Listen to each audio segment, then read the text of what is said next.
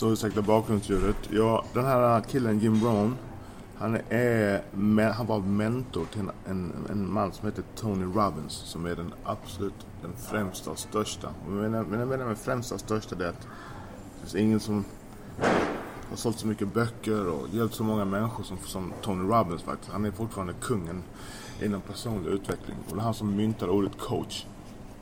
En fantastisk, fantastisk historia. Men detta är den här personen som han har hämtat, inte inspiration från, utan det var hans mentor. Eh, Jim Rohn. Och försök inte försök se förbi hur han ser ut och om han är cool eller vad det nu än är. Utan det här är alltså livsviktiga tips för, för hur man vill lyckas i livet. Och det är inte bara på ett finansiellt plan utan det är också på ett känslomässigt plan och dina relationer, hälsan etc. Du kan inte vara rik och tjock till exempel. Eh, eller vältränad och pank. Utan det som gör det så komplext, det här med framgång. För att ha, för att ha ett, ett, ett, ett, ett liv värt att leva så, så måste det vara triple double. Du måste ha, ha det, allt och jobba på alla håll hela tiden. Eh, ja, så eh, lyssna på denna. Ska du bara lyssna på den en gång och inte fortsätta med personlig utveckling så är det inte lönt. Då kan du bara skita i det. Utan lyssna på den. Jag hoppas den här, det, här, det här ska inspirera dig att fortsätta och bli en person som dagligen lyssnar på vad vi kallar för det som faller inom genren för personlig utveckling. Det som får dig att utvecklas. Varje dag matar ditt huvud, hu, dina, ditt huvud dina tankar, ditt medvetande. Så listen and enjoy. Alright, peace and love man. Let's go championess.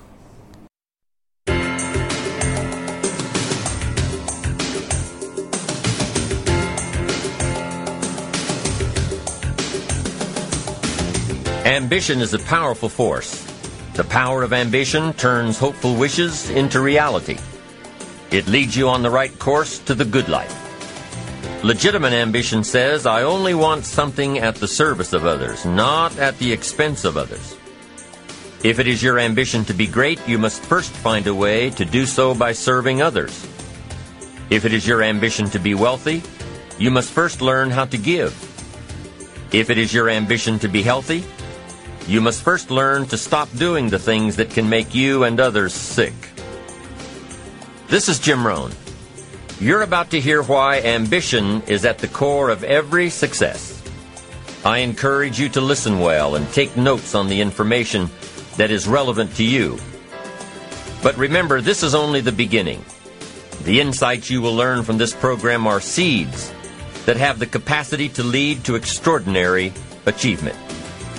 My hope is that you will cultivate these ideas with your own imagination and creativity. Water them with your faith. Intensify them with your activity so that they will grow and bear fruit. I'm always intrigued with the challenge of trying to put into words the ideas that can make a difference in a person's life. And now I have the pleasure of sharing these ideas with you. For more than 30 years, Jim Rohn has focused on the fundamentals of human behavior that lead to exceptional personal and business performance. And he has established an unparalleled reputation as a dynamic and memorable speaker. The power behind his message is not just in what you learn by listening, but in what you feel. For that reason, he is uniquely qualified to present The Power of Ambition in this program, Jim will guide you to the true source of ambition, the one that resides within yourself. His inspirational approach will help you develop your inner motivation and drive, and you'll discover the insights and strategies that can bring you to the highest levels of achievement. So let's rejoin Jim now and learn how you can harness the power of your own personal ambition.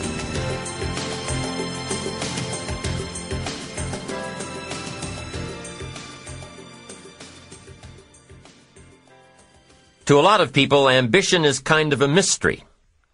The dictionary says it's an eager desire for distinction, power, or fame. But what does that really mean? Well, let's start with the word eager. All by itself, eager is kind of exciting. Kids are eager for their birthday parties. They expect to be the center of attention, get lots of presents, eat too much, I guess grown-ups are eager for birthdays too. Unless, of course, they're embarrassed that the number of candles on the cake outnumber their achievements. But we can be eager to see a ball game, eager to see our kids in a dance recital, eager to see an old friend, eager to shop for a new car. Eager sounds like a lot of fun. But do you ever hear people say they are eager to live a better life? Eager to have a better family? Eager to make a lot of money? Probably not. And that's a problem. Because how I see it, living a better life, having a better family, and making a lot of money takes an eager desire. We have the remarkable ability to get exactly what we must have. But there is a difference between wishes and desires. We've all heard people say, Oh, I wish I could just drop five pounds. I want to be a little lighter. And we've probably said it ourselves especially after a big holiday dinner of turkey and homemade pie and every other thing we can possibly stuff ourselves with in one eight hour period of time. And even though we may wish we could breathe a little easier in our clothing, we have to have the desire to exercise a little more and eat a little less. The I wish I could lose weight has to become I have the eager desire to lose weight. I'm also sure you've heard people talk about wishing they had more money to pay the bills, or take a vacation, or just to take a little pressure off of life. But before their lifestyle can change, their wish needs to become a desire. If they really desired change, they wouldn't spend their evenings just watching TV and wishing they were doing something more. The backbone of an eager desire to change is discipline. True ambition is disciplined, eager desire. It's that little part within us that says, if I want to be ready for that meeting tomorrow, I need to finish preparing for it today. If I want to make sure I can pay for my kids' college education, I need to start saving today. If I want a better life tomorrow, I need to start working on it today. Ambition is a minute by minute, day by day mentality to have the ambition to work towards a better family life, a newer car, a bigger house, a financially secure future, you have to live it every moment. If living a successful life was easy, I'm sure more people would be successful. If just being ambitious was enough, I'm sure all of the broke and perplexed people in the world wouldn't be broke and perplexed. While most people spend most of their lives struggling to earn a living, a much smaller number seem to have everything going their way. Instead of just earning a living, the smaller group is busily working at building and enjoying a fortune. Everything just seems to work out for them. And here sits the much larger group, wondering in awe on how life can be so unfair, complicated, and unjust. So what's the major difference between the little group with so much and the larger group with so little? Despite all the factors that affect our lives, like the kind of parents we have, the schools we attended, the part of the country we grew up in, none has as much potential power for doing good as the ability to dream. Dreams are a projection of the kind of life we want to lead. Dreams can drive you. Dreams can make you skip over obstacles. When we allow our dreams to pull us, they unleash a creative force that can overpower everything in our way. To unleash this power, though, your dreams must be well defined. A fuzzy future has little pull power. Well-defined dreams are not fuzzy. Wishes are fuzzy. To really achieve your dreams, to really have your future plans pull you, your dreams must be vivid. If you've ever hiked a 14,000 foot peak in the Rocky Mountains, one thought has surely come to mind. How did the settlers of this country do it? How did they get from the east coast to the west coast? By foot. Carrying one day's supply of food and water is hard enough. Can you imagine hauling all of your worldly goods with you? mile after mile, day after day, month after month. These people had dreams, big ones. They had ambition. They didn't focus on the hardship of getting up the mountain. In their minds, they were already on the other side. Their bodies just hadn't gotten them there yet. Despite all of their pains and struggles, births and deaths along the way, those who made it to the other side had a single vision to reach the land of continuous sunshine and extraordinary wealth. To start over where anything was possible, where everything was possible. Their dreams were stronger than the obstacles in their way. You've got to be a dreamer. You've got to see the future finished in advance. You've got to see California while you're climbing 14,000 foot peaks. You've got to see the finish line while you're running the race. You've got to hear the cheers when you're in the middle of a monster project. And you've got to be willing to put yourself through the paces of doing the uncomfortable until it becomes comfortable. Because that's how you realize your dreams. Our great country was founded with dreams. They've always been important. Dreams are what caused thousands of people to leave their homes and families and start over in a land where anything was possible. To this day, dreams continue to bring people to our land of opportunity. To a country where you can start with little and end up with a lot. To America, don't you sometimes wonder why so many immigrants who come to America can build a new life and a fortune while many of the people who were born here are barely surviving? They have a dream, a defined goal, ambition. Aside from the pioneers that crossed the prairies and the mountains to reach their vision of hope and future promises, there are other amazing examples of how ambition has shaped America. Take Ben Franklin, for instance. When most people think of Ben Franklin, they remember the kite and the lightning bolt and the discovery of electricity. What a lot of people may not know is that Ben Franklin was one of the first writers to address self-making. When Franklin started Poor Richard's Almanac in 1732, he used the blank spaces between the crop data and the weather information to insert clever bits of moral and practical advice. I'm sure you've heard the saying, fish and company start to stink in three days. Well, that was one of hundreds of Ben Franklin's comments on life. Another was, diligence is the mother of good luck. You know, it's amazing how hard-working, smart-working people have all the luck. We sometimes hear of a brand new musical group an overnight success. They must have been in the right place at the right time, knew the right people, had a friend to help them out. But if you've ever watched an interview with some of these folks, you'll probably hear that their overnight success took several years. Diligence is the mother of good luck. Now, in addition to these witticisms, Ben Franklin gave us three principles of success and ambition that have withstood the test of time. Number one, happiness doesn't come from big pieces of great success, but from small advantages hammered out day by day.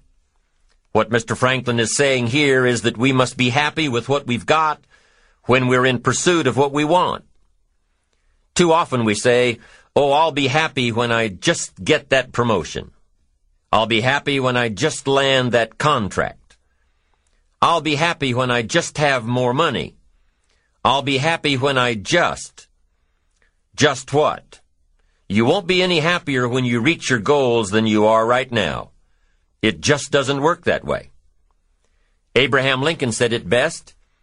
He said, You'll be as happy as you make up your mind to be. Right now, whether you're on your way, whether you've already gotten there, you'll be as happy as you make up your mind to be now. Right now. Being happy on the way doesn't mean you can't aim for great things. After all, look at everything Franklin accomplished in his lifetime. It means that big achievements come one small advantage at a time. It means that you've got to enjoy the journey. It means that you must enjoy and take pride in your little accomplishments. It means enjoying who you are becoming in pursuit of your eager desire every day every single day. Ben Franklin's second principle said that life is plastic. Within each of us is the power to mold, mold ourselves and mold our environment. It is up to each of us to begin this molding process with a final product in mind. And it is within our power to work it and form it every minute, every day, every month, every year. By using your mind and your abilities and your attitude to work a little each day on molding your life, You'll soon see how magnificent your power is to gain those small advantages each day. The little steps it takes to build up to success. Principle number three. Success is a pleasure. Success is a pleasure. If what you are doing today isn't satisfying, gratifying, guess what? You're really not successful. If you are not fulfilled with what you are doing today, you cannot possibly be successful. It doesn't matter how many worldly possessions you may have, how many cars, how many toys, how much money. If you're not happy with your life as it is, you cannot be successful. Now I know that success is a relative term. It means different things to different people. To a school kid, success may mean a star on top of his latest test. To a homemaker, it probably means that she has a well-run household and a wonderful family. To an outside professional, it's most likely the thrill of closing a major contract, or the pride in accepting a performance bonus, or being named the top producing salesperson. But the one thing you will hear from everyone who is successful is that they are happy with who they are and what they are doing. They are happy content, satisfied. Success is a pleasure. What have you done today that makes this day successful? Think about it and write it down. If at the end of the day you can jot down the things that have made it a good day, you will soon see patterns forming. This really is a good habit to get into. When you can see a pattern of pleasure, you'll know you're on the road to success. So take note of Mr. Franklin's three principles of success and ambition. Number one, big achievements come one small advantage at a time. One step at a time, one day at a time. Number two, you have the power to mold your life, to make it whatever you want, to shape it and reshape it. And number three, success is measured through pleasure. This is the key one. Success is measured through pleasure. You've got to be happy along the way. You've got to learn to give yourself a pat on the back. Good job, you need to tell yourself. I'm proud of me today. You've got to be happy. You've got to learn to enjoy the process. These are really common sense ideas. They're practical. And William James agreed. He's another American great one of the most notable philosophers and psychologists in our history. And he founded a philosophy called pragmatism. To be pragmatic is to be practical. To test the validity of a concept by its practical results. To actually question something and rate its usefulness by what it can do for you. To hear a method of doing something and figuring out if it's even worth your while one of the issues Mr. James dealt with in his lifetime was, what does it mean to be a success? A significant person? After years of pondering this question, William James described success as a combination of two things. Number one, an inner ideal which is followed persistently with courage. And number two, outer achievement related to that ideal. Let's go back to number one. An inner ideal which is followed persistently with courage. I take that to mean defining a goal and having the resolve to complete it. No matter what. I'll do it or die. Promise yourself you'll read the books until your skills change. Go to the seminars until you get a handle on it. Do it until it makes sense. Practice it until you've got it right. Don't give up until you get where you want to be, however long that is. Step by step, piece by piece, book by book, seminar by seminar. Do it until. Go for it. Until is a very important word. It's magic. It means that you'll never give up. Don't miss the chance to grow, to pay the price. Until you learn, change, grow. You'll discover some of life's great treasures when you pay that price. William James' second part to success dealt with the outer achievement related to that ideal. You need both aspects to really be a success. But what Dr. James realized about his philosophy of success was that the first part is indeed more important than the second. Going for it. As long as you're working toward your inner goal, your dream, then success is possible. But once you give up your inner vision, then you can never become successful. You never will become successful. Until doesn't even matter. Now, maybe the person who's been working on a project for 10 years can be successful in his own right, if he's honestly working toward it, doing everything to make himself worthy of reaching the dream, really happy with where he is, doing it until. Then maybe he is a success. It's a personal thing, going for it one step at a time going for small accomplishments along the way for however long it takes. So let's think about this for a moment. What outside evidence or results or proof can be seen when you accomplish your goals one step at a time? You'll start to see things change around you, little things, not major things, but little everyday things, things you may not even notice unless you are paying attention. If you're one of those who'd rather stay up late and get up late, only to discover that your workplace doesn't fit your schedule, and you roll out of bed cursing the alarm clock every morning, maybe you could start with the little change of going to bed half an hour earlier than normal. And maybe you'll see, in time of course, you can't train your body overnight, maybe you'll find out that you jump out of bed in a better mood, and that your day will start better and that you'll get more done, and that the people around you that caused you problems aren't so hard to work with after all.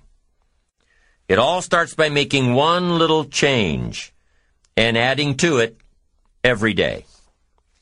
You see, you can't change what's going on around you without first changing what's going on within you. Start changing how you look at mornings, and sure enough, people will start changing how they look at you. When you start changing how you think, how you act, how you treat others, how you treat yourself, when you start responding instead of reacting to life, life will start responding to you. I'm telling you that you can do it with your lifestyle. You can do it with your sales career. You can do it with your management career. You can do it with any part of your life. If you are looking for equities unmatched, don't curse the only thing you have seed and soil, sunshine and rain, miracle and seasons. But start processing things like we're covering in this program, and change will take off for you. You cannot believe what can happen in such a short period of time. So you ask yourself, what small changes can I start making today? Well, you can start in your car on your way to work.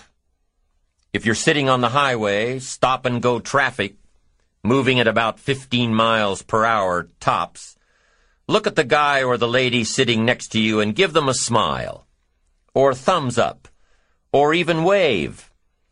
Now, some people might think you're a little strange, but hey, you'll feel better. And tomorrow, when you get into the office, how about a big cheery hello to the people at the front desk? And everyone you see on the way to your office?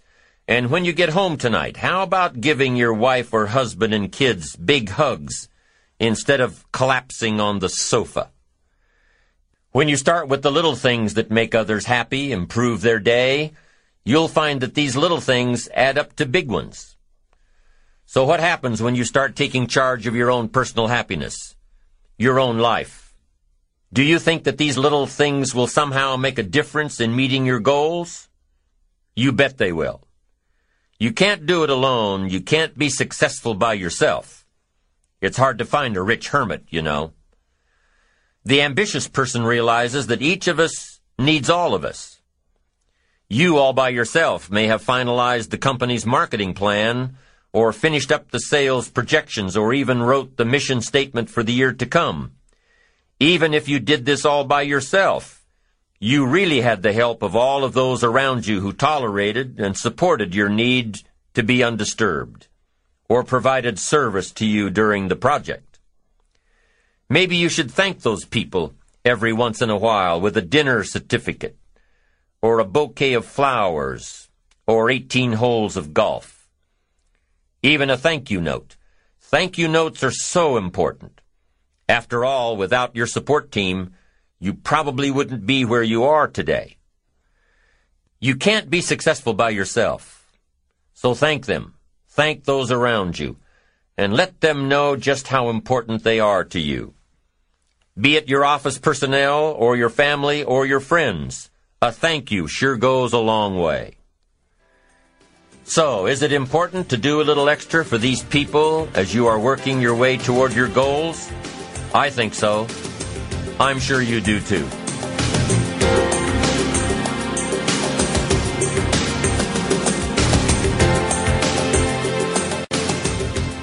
Once you've decided that you're going to set sail, go for it and let loose on your new charted course, you don't have to worry about the winds that will most certainly blow around you, the obstacles, the negativity that will stand in your way. You don't have to worry about what other people will say. You just have to keep your mind on your course. Those winds may blow fast and furious, but if you know your path, if you know where you are going, they will help push you toward the dreams and goals and treasures that you have already decided you're going after. Your goals will push you forward, ahead of the stormy weather. There are some amazing people around that we can learn from today. People who have already braved the storms and come out on top. People who are still alive today. People who started with nothing and ended up with something great. Famous people, not so famous people. Maybe even people you know, but don't know their stories. People who had an early vision and ambition.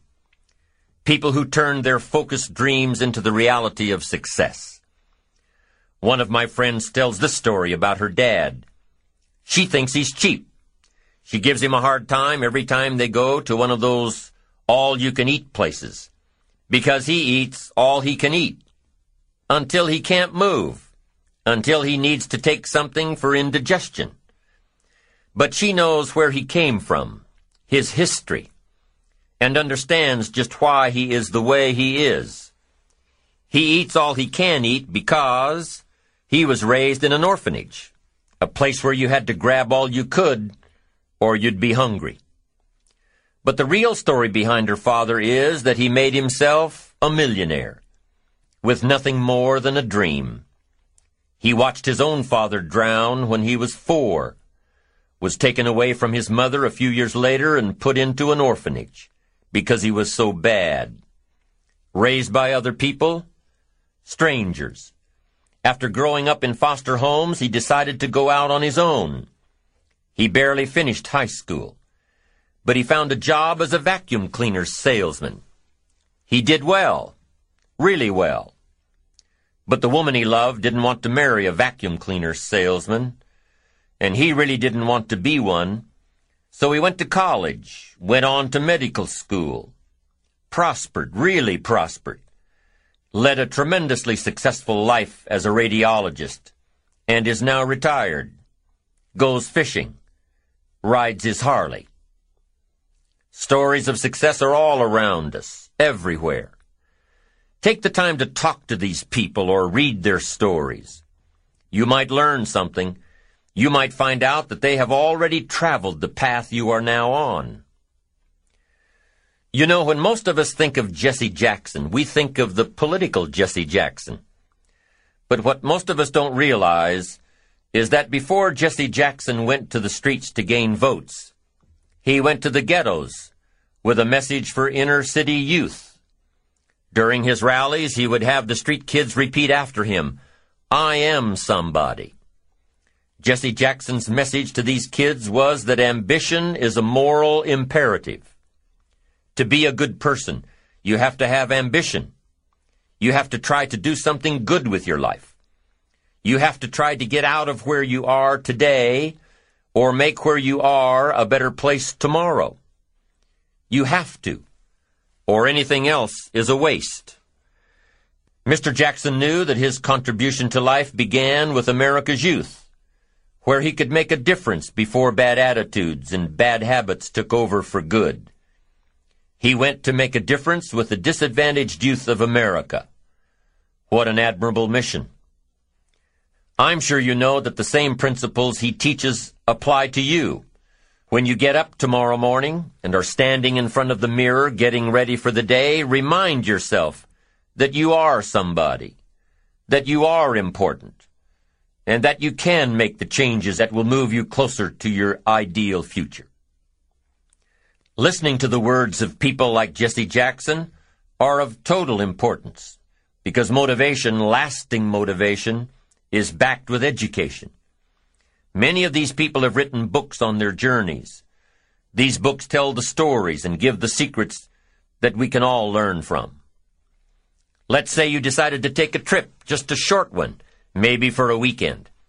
Let's say you want to go away to a place you've never been before. Wouldn't you want to find someone who had been there? Ask them a few questions? What's the best way to get there? The safest route? The quickest route? What do I need to bring to be totally prepared? What fun things should I look for on the way? What dangers do I need to avoid? By talking with someone who has already been there, It'll make your trip that much more enjoyable. It's the same thing with life. By listening to those who are farther along in the journey, the journey you are interested in taking, and learning from their successes and failures, you just might pick up something that will make your journey that much better. Listening to the stories of others can be motivating, captivating. They can provide that extra push you've been looking for. They can demonstrate what the power of ambition is truly all about. They've been there. Their knowledge is valuable. And when you use that knowledge and motivation to take action, you'll gain momentum. Eventually, you will find that the key to motivation, true motivation, is right there inside you. You won't have to look elsewhere to get pumped up, turned on, charged up. With the right knowledge behind you, you will learn how to motivate yourself. With the right knowledge, you will find yourself becoming inspired on your own, by your own learning, by your own discovering. You won't have to hope that somebody comes along to turn you on in the morning. They might not show up. You'll find that your journey of pursuit is the best alarm clock in the world. So let's go on to determine the six steps for building your ambition. We'll begin on side two.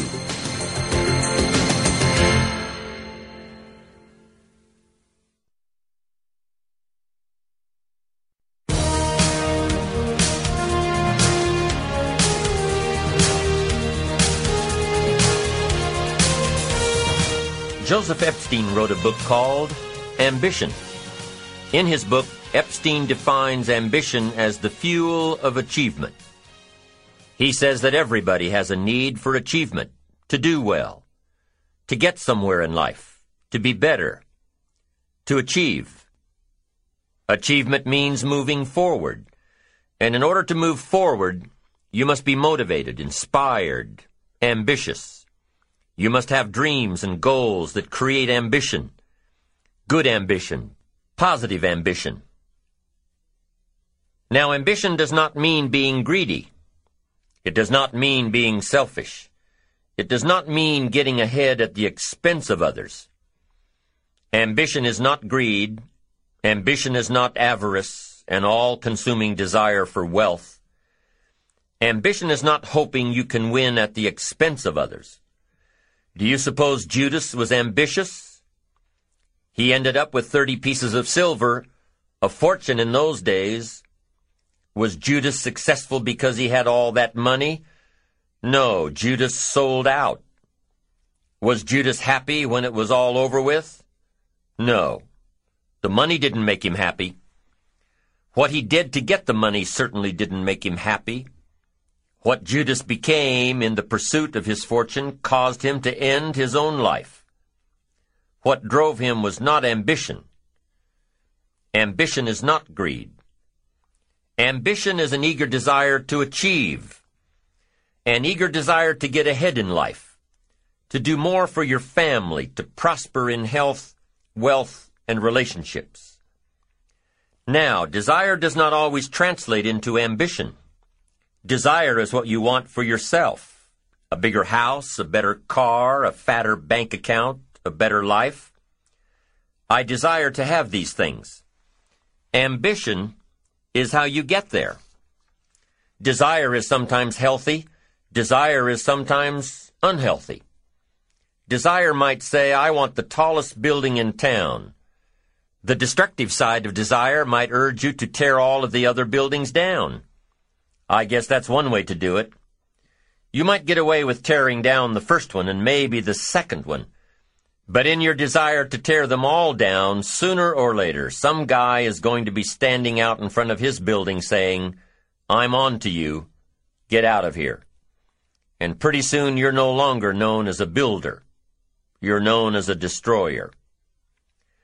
Now the second way to have the tallest building in town is to see it, dream it, and plan it, and put your team on it, work on it. Go through all of the steps to get there. Do it right. Have the ambition to be the owner of the tallest building in town. And go through all of the right steps to get there. If you really want it, and have the skills to do it, and the patience to weather all of the storms, your ambition will lead you there. Having the ambition to do what it takes to get you where you want to go is good. Ambition is creative and constructive. Ambition is an expression. It's something inside of you you want to express in a positive way. I'm sure you have dreams of accomplishing great things. Are you ambitious enough to realize these dreams? Are your dreams strong enough to pull you toward your future? Are they vivid enough to see the end result now? Are they worthy of doing until you get there? What are your reasons for creating these dreams? Reasons vary from person to person. I bet if you did a little soul searching, you could come up with a fairly strong list. The list of reasons.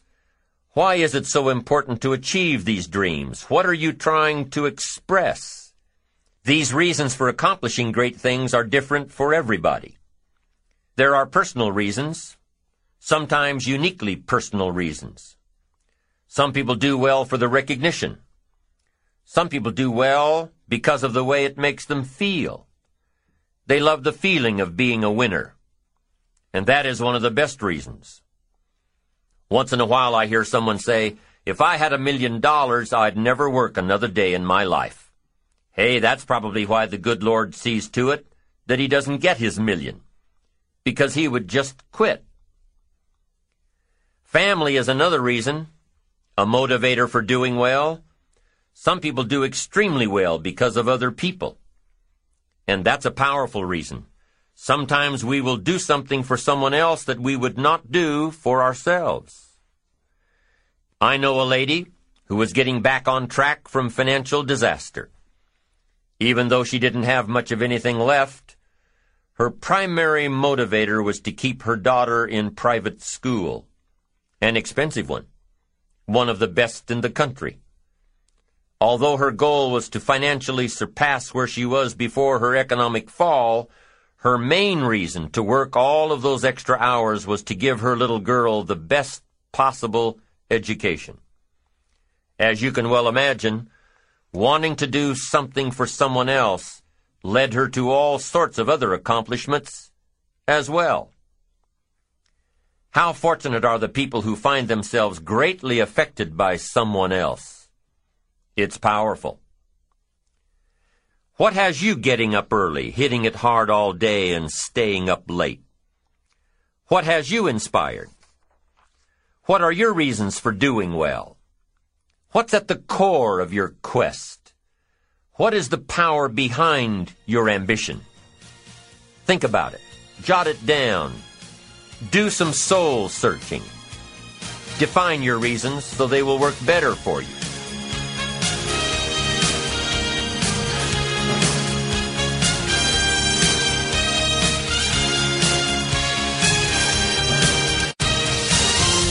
So now we have determined that it's in your best self-interest to be ambitious. Self-interest, self-preservation. As human beings, we can't help but be interested in our own self-preservation. We can't help but be self-interested. It's one of the strongest urges we have. Interested in our preservation, interested in our development, interested in our success, there's certainly nothing wrong with self-interest. But here's the clue. Self-interest must be enlightened as to what truly serves us best. When I found out that self-interest was okay, that was a big relief to me. Now, we're not talking about selfish. We're talking about self-interest. Self-interest needs to be educated, enlightened. Self-interest is willing to be benefited by service to others, not at the expense of others. Self-interest at the expense of others starts to be greed, evil, hoping you go up as someone goes down, hoping to attain while someone else loses. I win, you lose. We call that the beginnings of evil, the dark side of our nature, wishing to benefit at the expense of others. Enlightened self-interest wishes to benefit at the service of others. A friend of mine tells this little story about a person she hears from about every three months or so.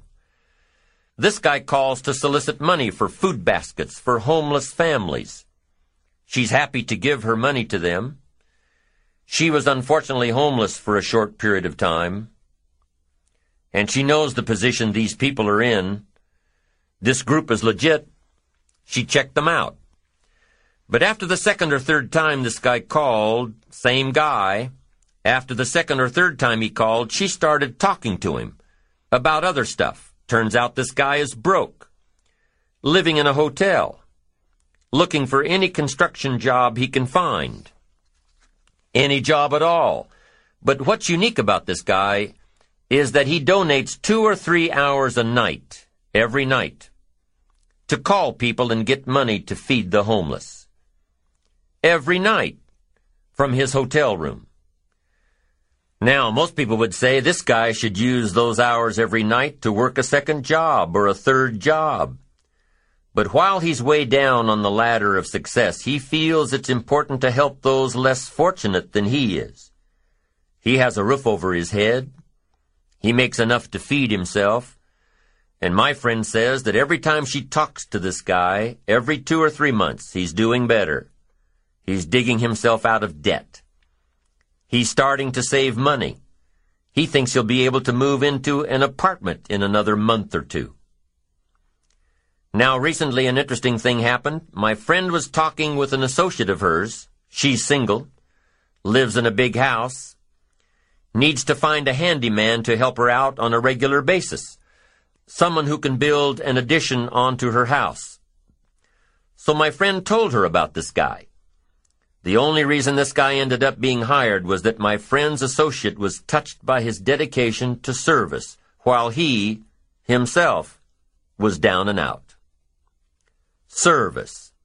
Success at the service of others. Now this guy isn't rich by any stretch. But through my friend's network, he now has constant work, doing things around several people's houses. And now he's in a place of his own. And guess what he does every night? He's still making phone calls to get money to feed the homeless. What great character this man has. Enlightened self-interest leads to wealth. Self-preservation leads to poverty. Somebody says, well, I can't be concerned about other people. I have to pay attention to myself. Well, then, you'll always have to. Somebody says I can't be concerned about other people's bills. I've got enough worries trying to pay my own. Well, then you'll have to worry about them for the rest of your life. The best way to get that monkey off your back is to turn your attention around. Once I understood some of this stuff, I'm telling you, it revolutionized my whole life.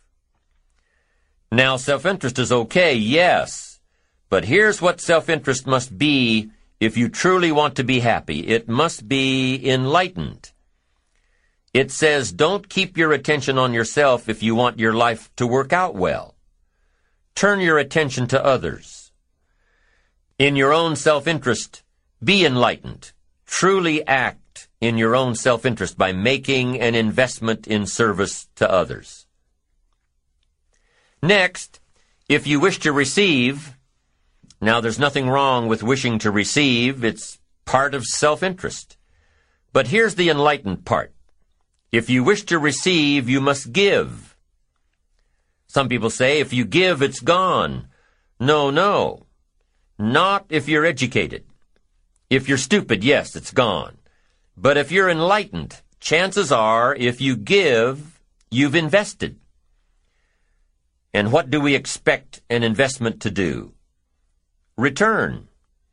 Get back what you put out? No. We expect it to return multiplied. Bigger. Greater. Better. My father taught me way back. Son, always do more than what you get paid for. Now, some individuals might argue with that. They'd say, no, you're going to mess up the whole program. I know they're wrong. In my own self-interest, I did what my father taught me to always do more than I got paid for. Why? To make an investment in my future. Do more than you get paid for to make an investment in your future, and it's paid off for me. If you're wanting that big promotion, are you going to go up to your boss and say, just give it to me? I'll work harder if you just give me that promotion. No, it doesn't work that way. You've got to do more in your current position so that you get noticed, so you stand out from everybody else. So the boss says, hey, we've got this position opening up and I think we should give it to Nancy. She does so much more than we expect. Just imagine what she'll do if we give her this promotion. You've got to do more than you're paid for. You've got to. It's an investment in your future. It's one thing to make a sale. I'm telling you, if you make a sale, you'll make a living. If you go beyond making the sale and serve people by keeping in touch, calling them before they call you, writing a thank you note, sales will lead to multiple sales. You can make a fortune. If the customer is well taken care of. People who are well taken care of will open doors you can't get through by yourself. All of us have found ways to make a living. What got interesting for me early on was to figure out ways to make a fortune. You'd say, well, Mr. Rohn, how would I deserve to make a fortune? It's easy. Render fortunes of service. People will do things you cannot believe for people who give them good service. Here's one of the greatest gifts you can give anybody, the gift of attention. In return, they will do extraordinary things for your career, take you by the hand, and lead you to more people than you could meet by yourself. Always do more than you get paid for. Next, in enlightened self-interest, life responds to deserve, not need. Life responds to deserve, not need. Life was not designed to give us what we need. Life was designed to give us what we deserve. What we deserve. Once you understand that little life principle in your own self-interest, I'm telling you, it's life-changing. The ancient law does not go like this. If you need, you will reap. No, it doesn't work that way. A lot of people out there are hoping it works that way, but no, it doesn't. The ancient law goes like this. If you plant, you will reap. If you sow, you will reap. Somebody says, well, I really need to reap. Well, then you really need to plant in your own self-interest. Your own self-interest needs to be educated in how to plant, how to do it so everybody wins, because life doesn't respond to need. You can't go to the soil and say, I need a crop. The soil just smiles at you. And here's what the soil says. Don't bring me your need, bring me some seed. Bring me some effort. Bring me some discipline. Bring me some interest. Bring me some service. Bring me these things, and I'll return to you multiplied by two times, five times, ten times. You can't come with need. You've got to come with seed. You've got to come with willingness. You've got to come with skills. You've got to be willing to learn, willing to change, willing to grow, willing to put yourself out, willing to stand up to the bad weather, willing to pull out the weeds, willing to nurture. That's the only way you get a return.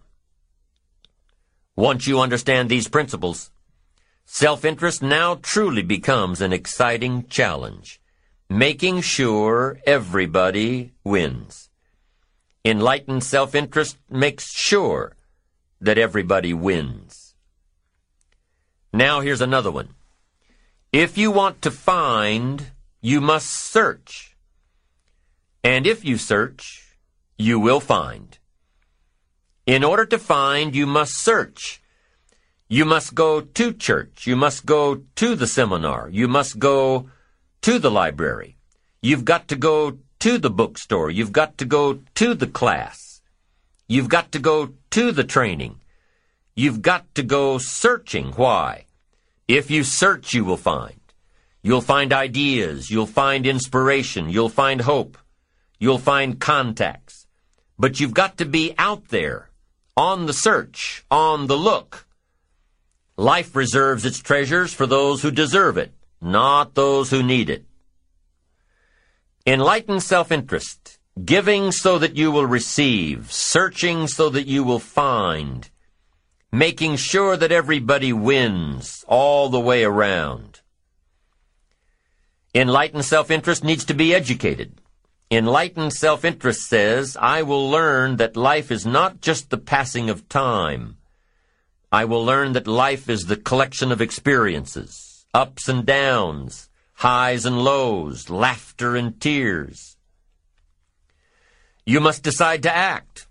You must have the discipline to act. Now here's what's important about discipline. One discipline affects another discipline. All disciplines affect each other. In fact, here's a good philosophical phrase. Everything affects everything else. Nothing stands alone. Don't be naive and say this doesn't matter. Of course it matters. It all matters. Some things may matter more than others, but everything matters. If you'd rather sleep in than go for a walk around the neighborhood, pretty soon it will matter. If you'd rather spend your money instead of saving it, pretty soon it will matter. If you'd rather put off a letter to an old friend instead of corresponding regularly, Pretty soon it will matter. If you'd rather work late every night instead of going home and spending time with your family, pretty soon it will matter. It all matters. Every letdown affects the rest. If you won't walk around the block, you probably won't eat right. And you probably won't buy the books. And you probably won't attend the seminars. And you probably won't spend your money wisely and after years of this, it all adds up. So the key to reversing this process is to start picking up the disciplines. It does matter. It all matters. Now, here's the positive side. Every new discipline affects the rest. Every new discipline makes a difference. That's why action is so important. The smallest action, the least action, the action that you won't think will matter. It all matters. Take it. Because when you start accomplishing and the value starts to return, you'll find inspiration to do the next one and the next one and the next one. If you start walking around the block, it'll inspire you to start eating right. You start eating right, it'll inspire you to get a book. You get a book and it'll inspire you to get a journal. You get a journal and it'll inspire you to develop some skills. Disciplines affect each other. Lack affects the rest of your life. The key is to diminish the lack. One of our greatest temptations is to just ease up a bit. To do just a little bit less than you're capable of. To take a little break. Somebody says, it'll just affect my sales. No, it'll affect your consciousness. It'll affect your philosophies. It'll affect your home life. It'll affect everything. No, you can't ease up a bit. That's what vacations are for. When you're at work, work. When you're on vacation, rest. Wherever you are, be there. If you think about vacation when you're at work, you'll surely think about work when you're on vacation. You'll just mess it all up. So be disciplined. Get involved. Do all that it takes to get the job done. Get your health back. Get your bank account where it's supposed to be. Get your family in order. Get disciplined, be disciplined every day. When you set up the disciplines that give your life structure, miracles can happen. Multiplied. And I'm telling you, anybody who wants to make a drastic change in their income can do it. I was broke at age 25 and a millionaire at age 31. Everything around me was the same. I changed. I refined my philosophy. I read the books. I took the classes. Started looking at life a little differently I'm telling you, it works. Now, there are six principles of building ambition that we will discuss as we go through this program. These principles work together, creating and directing energy. Directing your energy toward achievement. Directing your energy toward self-expression. Right now, we'll touch on the six principles in definition only, and later in the program, we'll get into each one separately. Here they are, the six principles of building ambition. Number one, positive self-direction. Knowing who you are and where you want to go. Accumulating the knowledge and being prepared for opportunities that come your way. Number two, self-reliance. Taking responsibility for your own life. Taking responsibility for whatever happens to you knowing that you have made the conscious decisions that are now affecting your life. That what's happening in your life is the direct result of your activity. Counting on you. Number three, self-discipline. Ambition at the daily level, knowing that you can reach your goals one step at a time, one day at a time, one activity at a time, and doing everything it takes to get there, every day. Number four, self-enterprise. Consistently being able to create opportunity and consistently being able to take advantage of it. Being aware enough to see it. Skilled enough to make it work for you. Number five, working with others. We must make ourselves stronger to benefit us all. We must succeed at the service of others learning how to take your skills, enterprise, reliance, and direction to the table to create true success. And the sixth principle of building ambition is self-appreciation. Appreciate your accomplishments. Appreciate your potential. Knowing that in one day you completed all you set out to do. Fueling your ambition by fueling your appreciation of yourself. Each of these principles, when activated correctly, help to develop your ambition, your eager desire to get more out of life, to gain wealth, to gain prosperity, to have a better family, to build a better business. All of these principles work together in creating and directing energy toward achievement and self-expression. All of these six principles are required to build the three cornerstones of a truly ambitious person. Focused concentration, resilience, and integrity. You'll know you have unlocked the power of ambition when these three qualities, the cornerstones, become words that best describe you. So when we continue, we'll get started with principle number one positive self direction.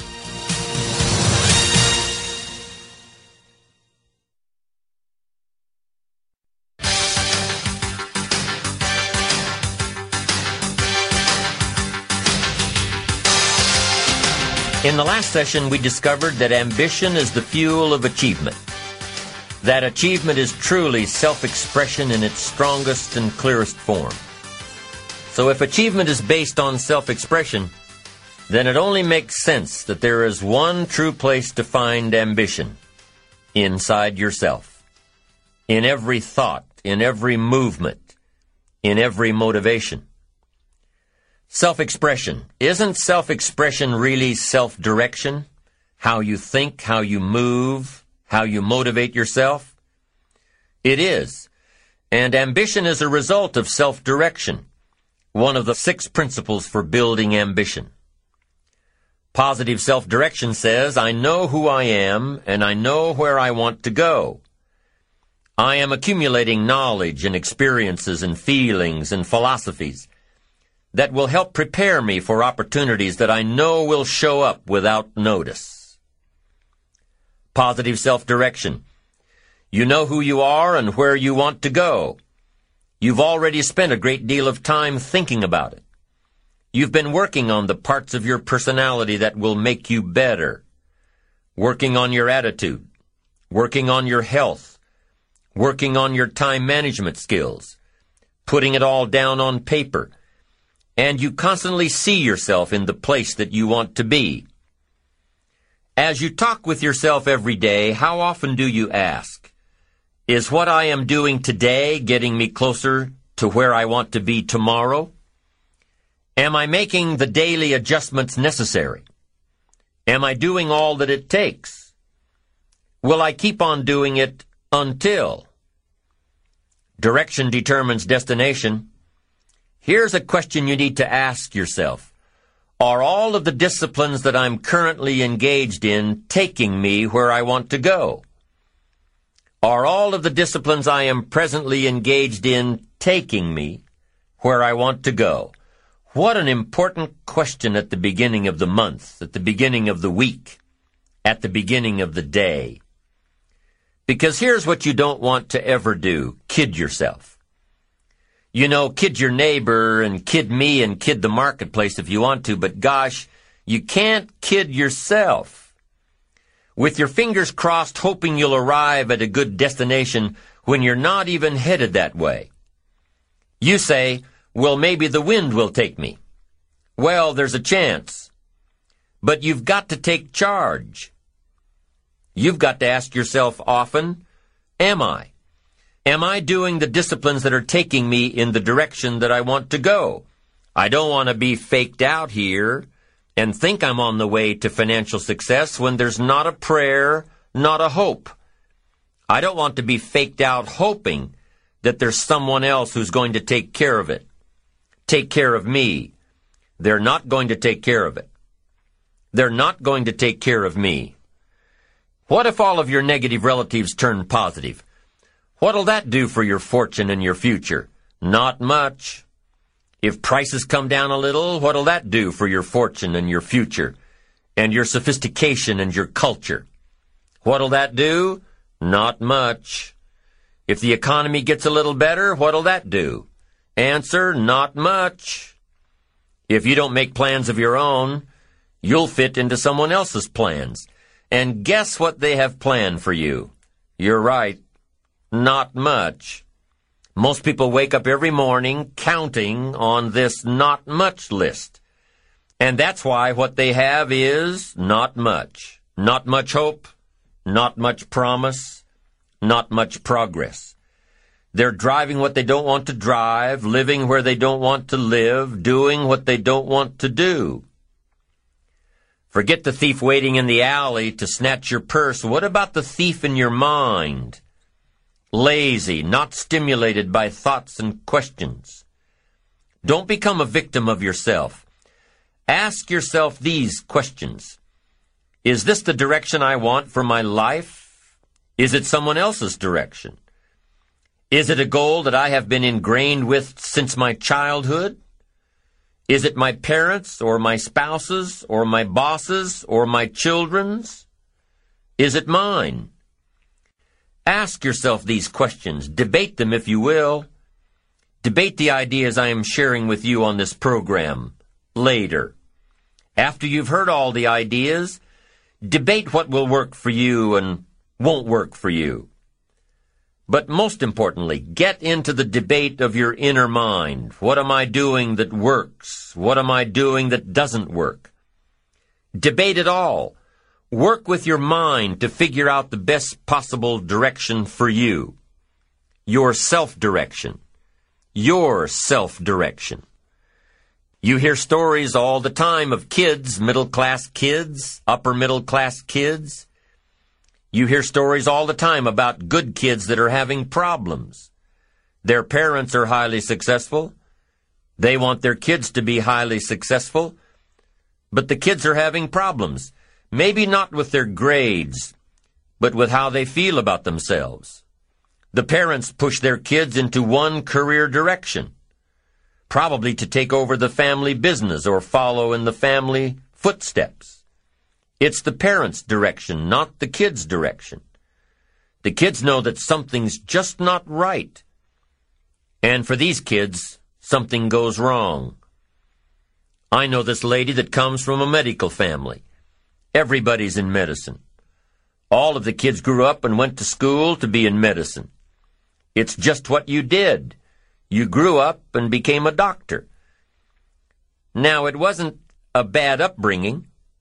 They had everything they needed, but they also had the extra push to go into medicine.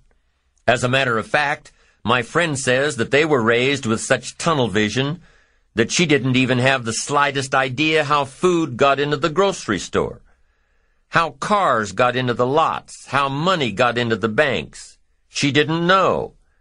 The issues were never brought up at the dinner table. She remembers back in the late 70s, the first time she went to look for a job to make extra money in college, that the best jobs in the paper, the ones for qualified people, were only advertising a monthly salary of $900. $900. She thought the average person on the street the average non-qualified person made at least $3,000 a month. What a difference. What a shock. To be so sheltered from real life, to be so far off in what the average person made for a living, it was a real revelation. So she started asking questions. I mean, if she was that far off in her judgment of average earnings, maybe she was way off on other thoughts in life, too. Maybe there was more to life than being in medicine. Maybe this wasn't what she wanted to do after all. Maybe she finally found the reason why she hadn't been happy through all of her academic achievements. Sure enough, she figured out that the medical goals were not her own, only those of her parents. And even though she was chastised by her family for not following through with the family goals, she is now much happier, following her own path. Direction must be your own, or it can end up being damaging. Damaging to your soul, damaging to your spirit, damaging to your health. Now there's one more part to my friend's story of growing up in a medical family. It's a part that nobody in her family talks much about, yet it happened. And it's an important part to tell. While my friend was pushing for perfection in school, she also pushed herself into an eating disorder. She ended up with this a few years before anyone really knew anything about anorexia. So there wasn't much help available. But a few years later, about the same time she started asking questions about life, she determined with the help of a specialist that this eating disorder had nothing to do with food or the lack of it. It had to do with control. It had to do with direction. Somebody else's direction for her. Direction has to be your own, or it can be damaging. So parents, be watchful of how you motivate your children. Give them all of the resources to make their own choices and back them up. Give them the freedom to discover their own direction. It may not be the direction you'd hope for, but it is their direction. And with their own direction, they will reach their own destination. It just doesn't work out any other way. Now, if you are one of those people who had the revelation that the life and goals you're pursuing are not your own, you can change it. Just like my friend did. But the change doesn't come overnight. The direction of life can come overnight. A new goal can reach out and grab you in one day, give you the push and the ambition and the momentum to change your course, where you want to be. But the final destination does not happen overnight. It still takes a lot of work. It still takes time for the plans to build, to grow, to run the course. It takes patience. Let's say you have a brilliant idea for starting a new company. What's the first thing you do? You write a business plan and a marketing plan and complete the financial pro formas. You don't expect to have an idea one day and a prospering business the next. No, it doesn't work that way. You've got to take all the right steps, give it care and nurturing and time. Lots of time for your investment to start reaping rewards. You've got to be patient. But here's what does happen.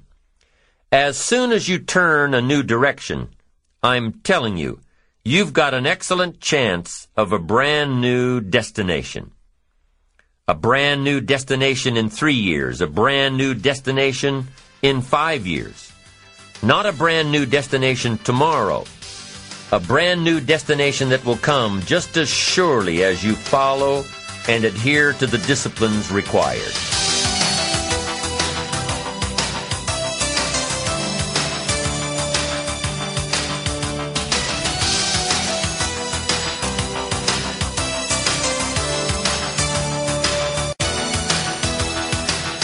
Now, there are two parts to self direction positive self direction. Part one self knowledge.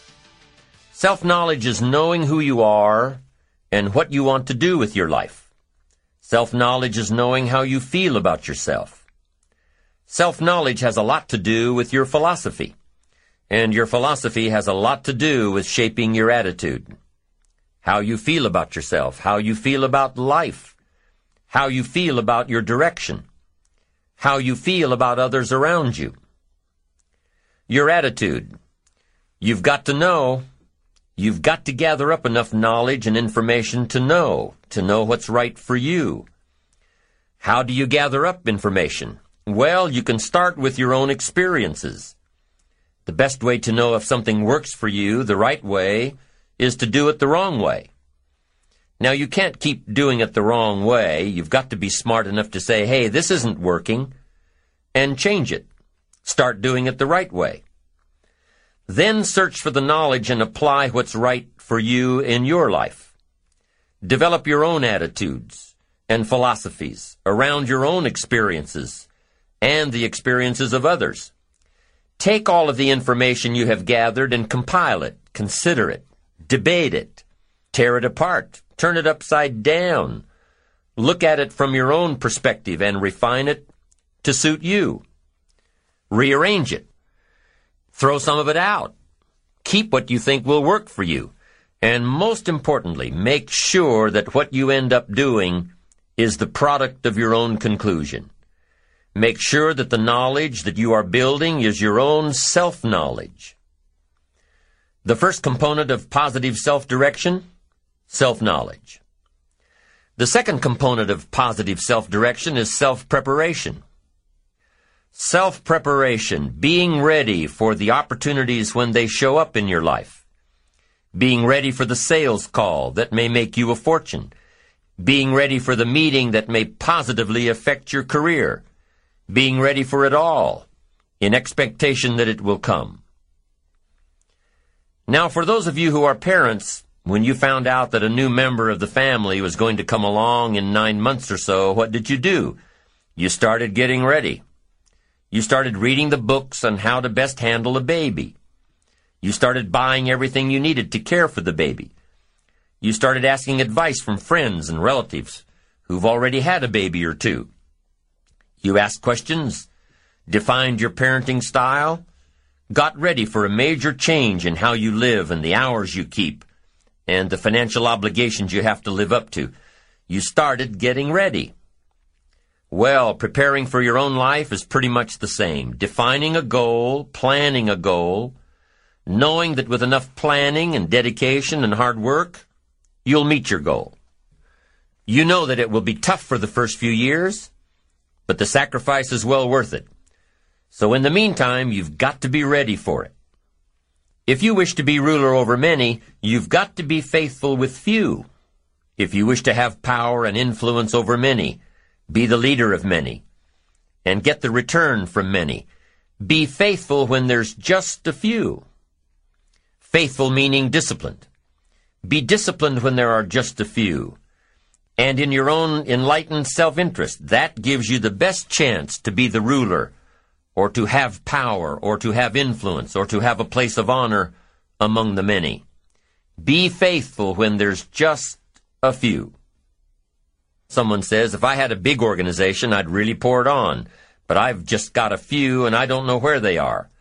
Come on. When you've got just a few, you could know where all of them are. What if we interviewed parents who had a fairly large family who have all grown up and gone? What if we said to them, what happened to all of your children? What if they said, I don't know, they just all wandered off? And we asked, well, where did they all go? And they say, who knows, they're just all gone. We're just going to have to have some more. No. If you've got a few employees, if you've got a few distributors, if you've got a few people, that's the time to sharpen your communication skills of being in touch, getting prepared, giving the most of your heart and soul. That's the time when you just have a few. In your own enlightened self-interest, set up the lines when there's a few. Be totally absorbed when there's just a few. Then you put yourself by reputation and by skill in line so that when a leadership position opens with the many, you'll be called. That's the key. Now the same thing goes with your money. Someone says, oh, if I had a fortune, I'd really take good care of it. But I've only got a paycheck, and I don't know where it goes. Wow, did you ever hear that expression, I don't know where it all goes? Did you ever hear that? Oh, we'd love to have you run our company. You don't know where it all goes? Wow, we'd love to have you run the world. It just gets away from you? It just disappears? Come on. Positive self-direction says, in your own enlightened self-interest, pay real close attention to just a few dollars. Really know where they come from and know where they go. Set up the disciplines when the amounts are small, and you'll be on your way to handling it when the amounts are many enlightened self-interest, positive self-direction, self-preparation. Be ready for tomorrow by doing all that you can today, setting your goals.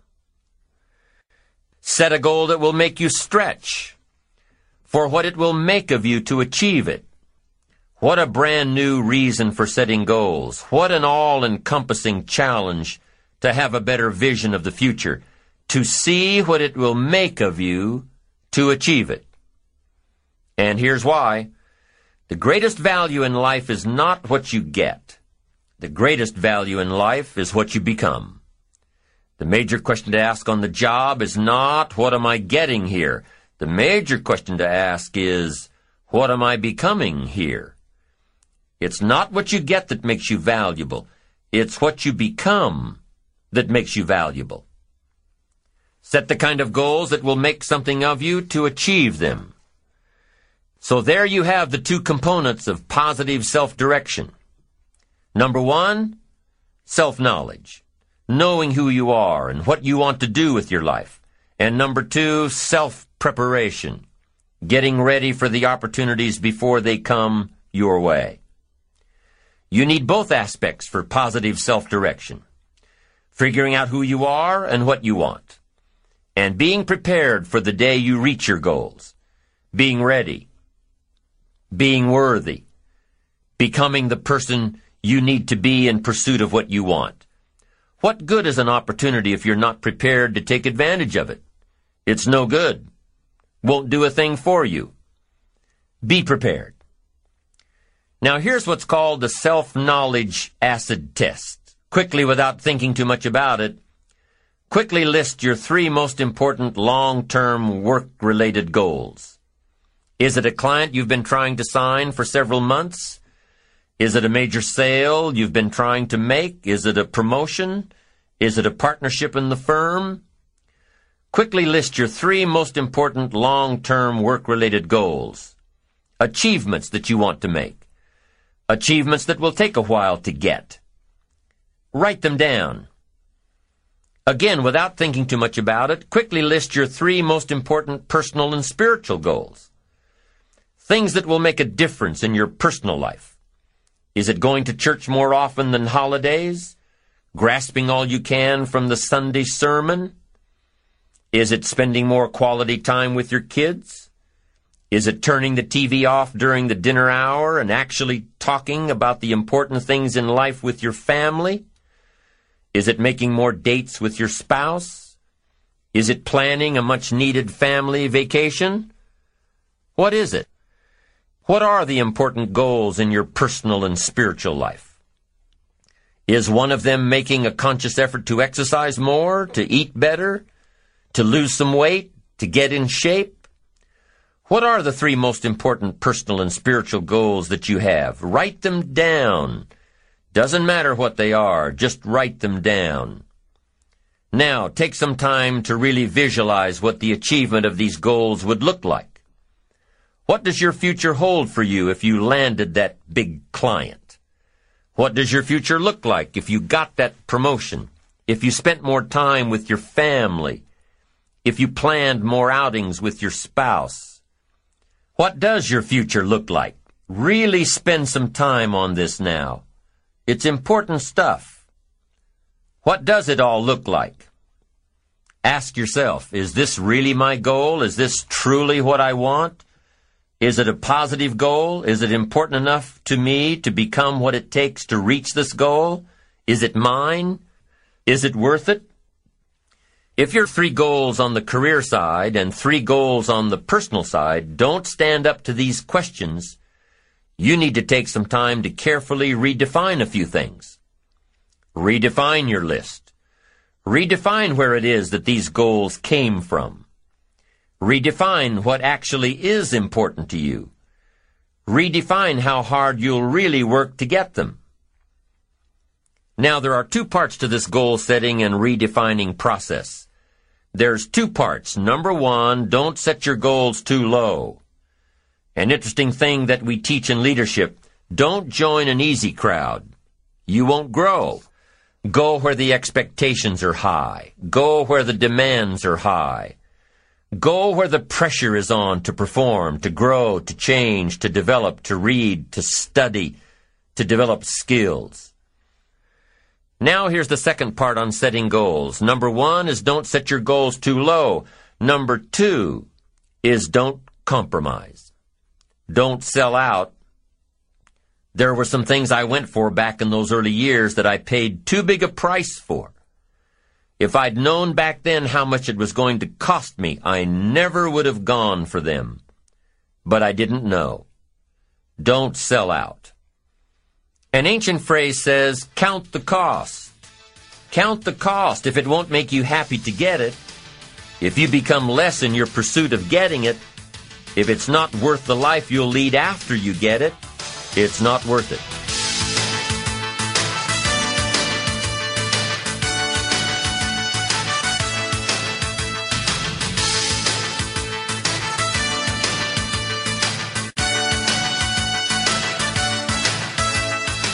Now let's talk a little more about self-preparation. Self-preparation has two benefits. The first benefit of self-preparation is that it moves you toward your goal. You've already got it in mind. You know where you want to go. You're getting ready for it. You're doing all the things you're supposed to do. And by getting ready to achieve your goals, you're moving closer to your goals. That's how it works. The second major benefit to self-preparation is that it refuels your ambition. Your activity refuels your ambition. The things that you are doing today are getting you ready for tomorrow. It's exciting.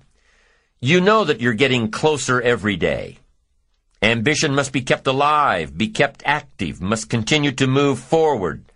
Otherwise, you're just daydreaming. You must keep active, keep moving forward so your ambition can fuel you, motivate you, get you where you want to be. Self-preparation.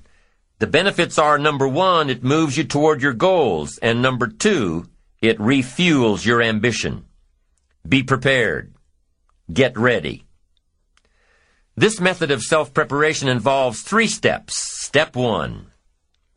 Carefully consider where the next opportunity for reaching your goal will originate. Where will it come from? Will it come from networking with your colleagues? Will it come from reading the last book that you bought?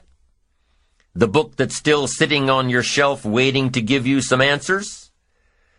Will it come from you taking the time to think it out? Where will it come from? the next opportunity that will push you forward. If you don't know, here's what you have to do. For each major goal of yours, the top priorities on your list, for each of these, take out a separate piece of paper, one single sheet per major goal, write down your goal at the top, and start listing all reasonable resources. Write down every possible place that you could find the opportunity to achieve this goal. And with each resource, classify them. Ask yourself, is this resource a sure thing? A good bet? About even chances? Unlikely? A long shot? Ask yourself these questions and classify all of the resources you have written down. That's the first step. The second step in this method of self-preparation is to make sure you know what you need to do to be prepared for your opportunities. Take your sure things first. Figure out what you need to do to be prepared when they happen. Break down your preparation into concrete steps. Make sure that you know exactly what you have to do to take advantage of the opportunity when it comes your way. Let's say that one of the top priorities on your career list of goals is to get this new client. Let's take it one step further to say that on your resource list for this goal is to have a lunch meeting with a friend who just happens to be the mentor of the client you're going after. Is this friend of yours a sure bet on your resource list? Well, let's say he is. I mean, you know this guy is a tremendous consulting source for the client you want. The client you want really listens to the opinions and advice of your friend. So you're getting ready to have lunch with your friend. What do you do? You've got to make sure that you're up on all the knowledge and the industry data that will impress your friend. Make him realize that he knows someone who could benefit from your knowledge and your vitality and your spirit and your experience. Impress him. Impress him so much that he goes back to his friend, the client you're after, and tells this prospective client of yours that he needs to do business with you. Be prepared. Go through your entire list of goals and resources and classify them. Break each resource into concrete steps of preparation. Start by working on the sure bets first, and then move down the line. The long shots will come through every so often, but start with the resources that will serve you best now. Get ready for the opportunities before they come your way. Step three in the self-preparation method is to do all you can to make each opportunity more likely to happen. After you've determined what you have to do to get ready, to be prepared, after you've determined this, see what you can do to expedite the process. What can you do to increase the likelihood of this opportunity? Go over it and over it and over it. Use these three methods again and again as you assess where you are now and where you have to go next to keep moving toward the achievements that are most important to you. Step one, consider your resources. Step two, determine what you have to do to get ready. Step three, expedite the opportunities. And by the way, this method of self-preparation works wherever you are in your journey, whether you're close to your goals or whether you're just starting your journey of self-direction. This method works. Have working knowledge to draw from. Continually work on yourself in preparation of where you want to be. Build a reservoir of thoughts and ideas and philosophies and experiences that are your own. Build, grow, change, get ready, be prepared. Be prepared for a life worth living. Now here are the four ifs that make life worthwhile. Number one, life is worthwhile if you learn. Nothing worse than being stupid. Life is worthwhile if you learn. Learn from your personal experiences. Learn from other people's experiences. Second, life is worthwhile if you try. Now you've got to take what you've learned and see if you can try your hand at it.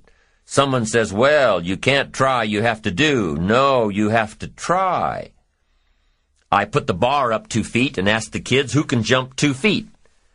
I can, some say. I can't, some say. I don't know, some say. How are you going to know? You don't. You've just got to try. Just back off and run at it. How are you going to know if you don't try? Now, what if you knock the bar down? Does that mean you can't jump two feet? No. You have to what? Try it again. Of course, you have to try. Try it another way, but try. Try your hand at it. When the record book on you is finished, let it show your wins and your losses, but don't let the record book show that you didn't try. Next, Life is worthwhile if you stay. You've got to learn to stay. Now, you don't have to stay forever. Just stay till you see it through. A guy builds a foundation and then he wanders off somewhere and builds another foundation. He's got these foundations scattered all across the country. I mean, no walls, no roofs, just a bunch of foundations. Not a good reputation. Stay. You don't have to stay forever. Just stay to finish something. Don't fall into the trap of less than refined sophistication. Stay till it's over. The fourth if that makes life worthwhile, one is if you learn, two is if you try, three is if you stay, and fourth if that makes life worthwhile is if you care. Caring is a unique human experience that is so vital and so powerful and so all encompassing and so far reaching. If you care at all, you'll get some results. If you care enough, you can get magnificent results. To lead a life worth living, you've got to learn, you've got to try, you've got to stay, and you've got to care. Develop your positive self-direction. Do these things we've discussed. Remember the four ifs, and you're on your way to building a life worth living.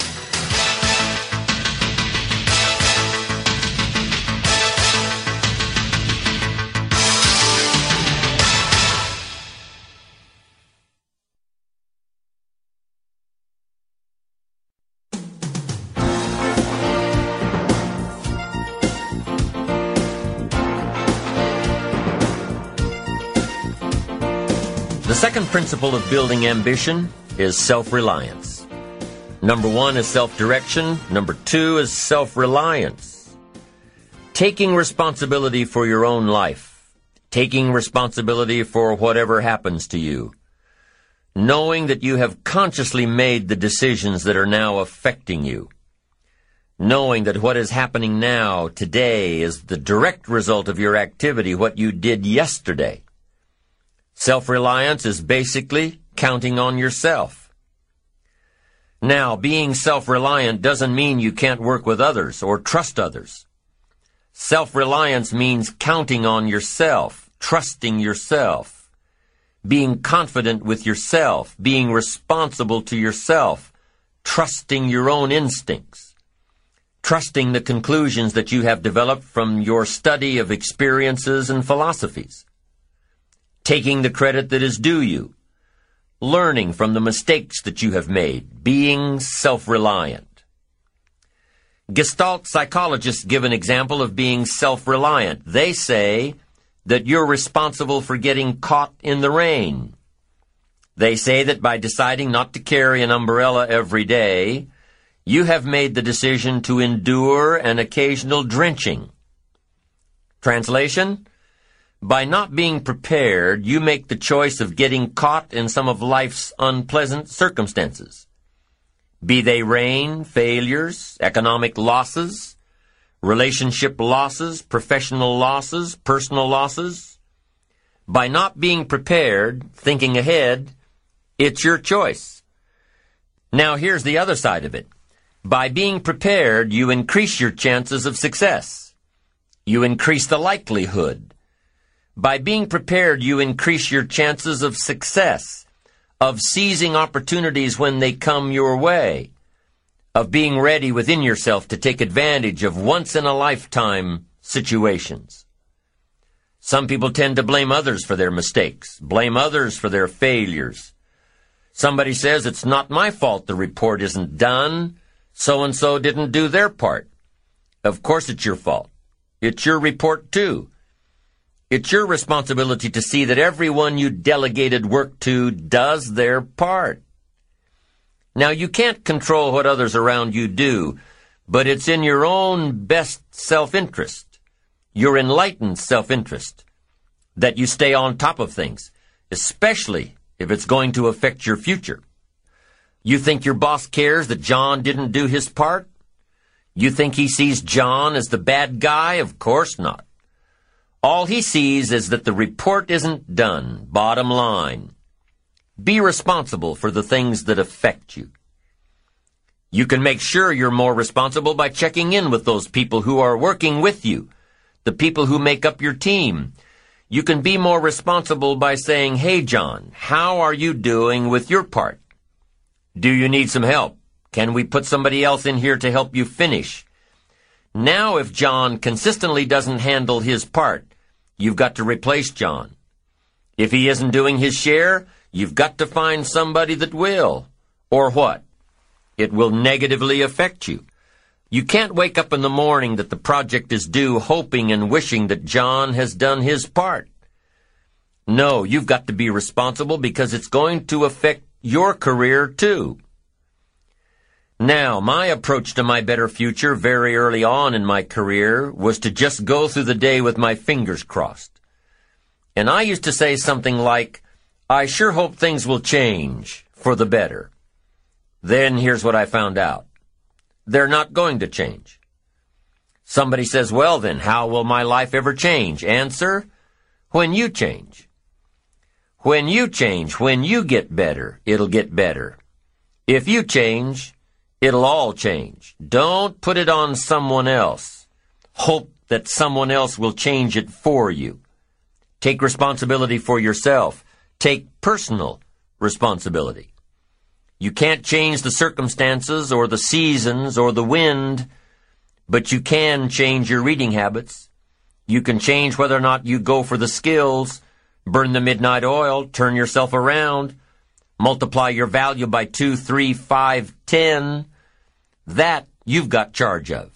That you have control of. You don't have control of the constellations, but you've got control over whether or not you go to night school, take adult classes, learn some new skills. You have control over that. And if you don't, that's your fault. You've got to take personal responsibility. You've got to be self-reliant. You, you, you. Nobody else can change your life, alter your ambitions, pave a golden road for you. But you can. It's up to you. Be responsible for yourself. Learn to reap the harvest without complaint. This is a sign of growing maturity. And here's where it comes from taking full responsibility. Take full responsibility for everything you do. Be responsible to yourself. It's your crop. Whatever your paycheck is, take full responsibility. You say, well, it's my employer. No, it's not your employer. You can become twice as valuable, three times as valuable. Burn the midnight oil, learn some more skills, bring more value to the marketplace. I'm telling you, whatever your harvest is, take it without complaint. Take it without blaming others.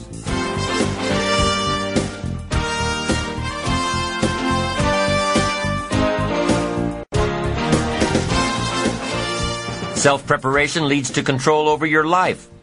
We discussed this in the last session. Whenever you prepare correctly, taking all of the steps you're supposed to take, doing everything in your power to stay on track, whenever your preparations lead to success, achieving your goals, you reinforce the disciplines that got you there. Success leads to reinforcement of the proper disciplines. If what you're doing is working, keep doing it. If what you're doing isn't working, change it. When you are doing all that you can possibly do and are successful at reaching your expectations, keep doing it. Success is a reinforcement. Psychologists call this positive reinforcement. We all know about positive reinforcement. That's how we train our dogs. That's how we teach our kids.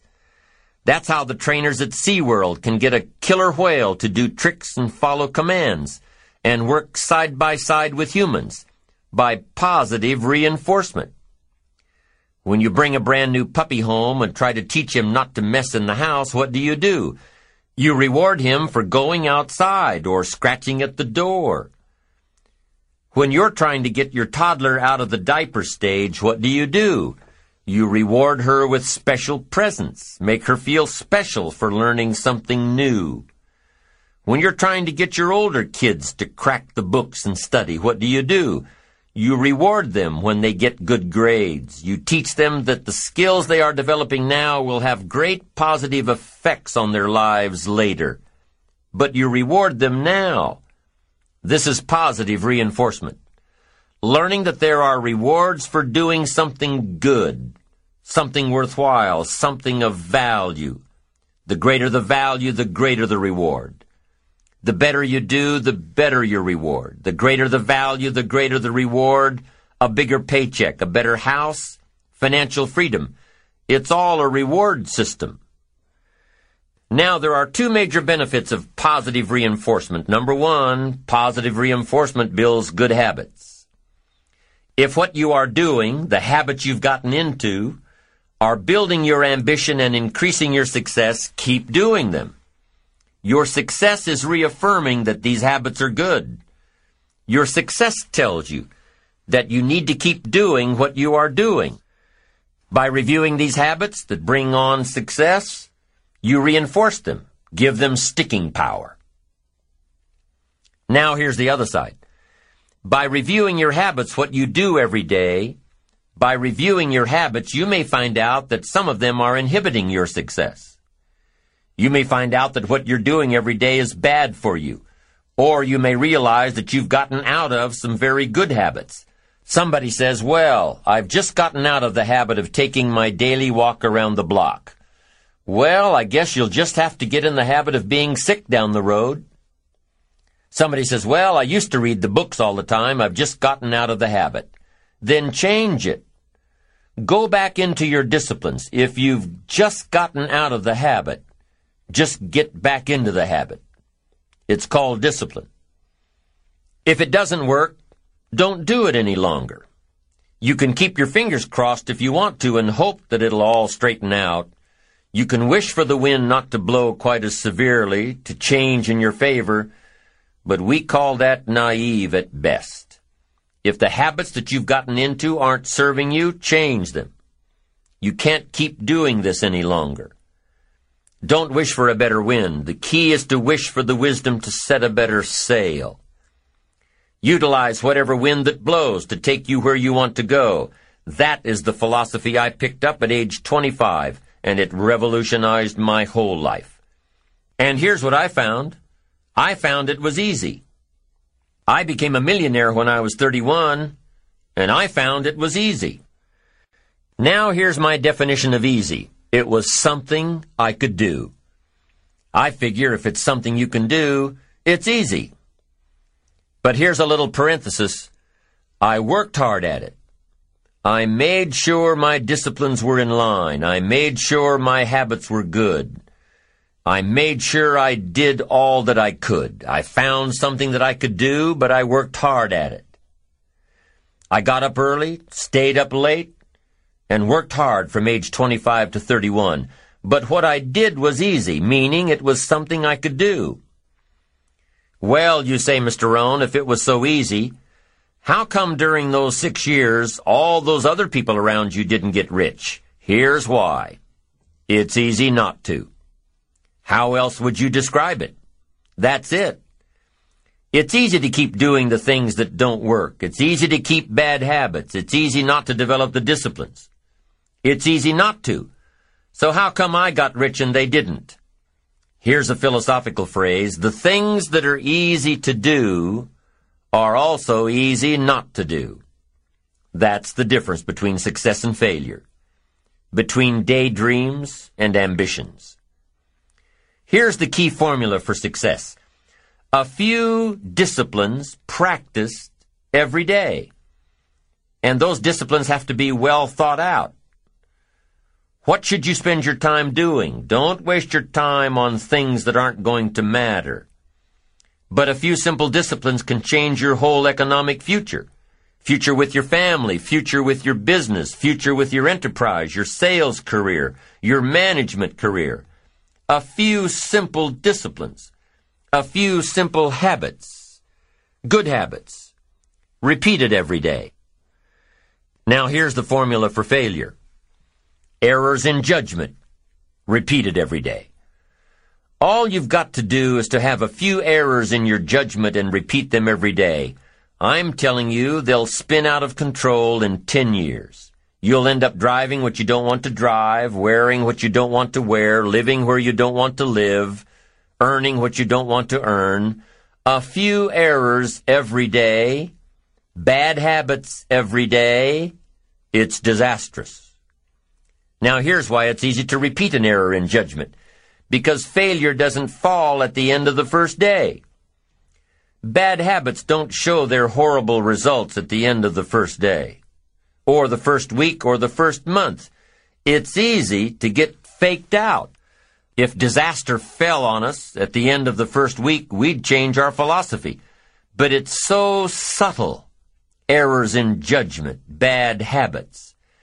They're so subtle. They get you a little off course, a little off course, a little off course. You keep drifting off course, and all of a sudden you're caught. So you've got the choice right now of one of two easies. Easy to do or easy not to do. I can give you in one sentence how I got rich by the time I was 31. I did not neglect to do the easy things I could do for six years. I did not neglect. That's the key. I found something easy I could do that led to fortune, and I did not neglect to do it. The major reason for not having more of what you want in America more health, more money, more power, more influence, more everything. The major reason is simple neglect. Neglect. And if you don't take care of neglect, it becomes an infection, and then it becomes a disease. So if you're in the habit of not doing it, doing all it takes to get ahead, get in the habit of doing it. Doing all it takes. That's the first benefit of positive reinforcement, building good habits. Now, the second benefit of positive reinforcement is that it creates the energy to fuel additional achievement. It gives you the drive to do more, to not only keep on doing what's right, but to do more of what's right. The disciplines that will help you grow and get ahead of it all. The knowledge that what you're doing is paying off creates more energy to keep going. How easy is it to get up in the morning when you know you're not doing all that it takes? It's not very easy at all. You can just lay there awake thinking, oh, what's a few more minutes in bed? It won't matter much anyway. Wrong. It does matter. It will matter. Now, how easy is it to get up in the morning when you're pouring it on, doing the best you can, anxious to get going, make progress toward your dreams? It's a whole different story. When you're resting to renew your reserves, it's much different than resting to avoid your day. When you're psyched up and excited for your life, when you're excited for what you've planned to accomplish for the day, it's amazing you'll wake up before the alarm clock even tries to startle you awake. Your successes fuel your ambition. Your successes give you extra energy. Your successes pave the way for more successes. It's the snowball effect. With one success, you're excited to meet another, and another, and another.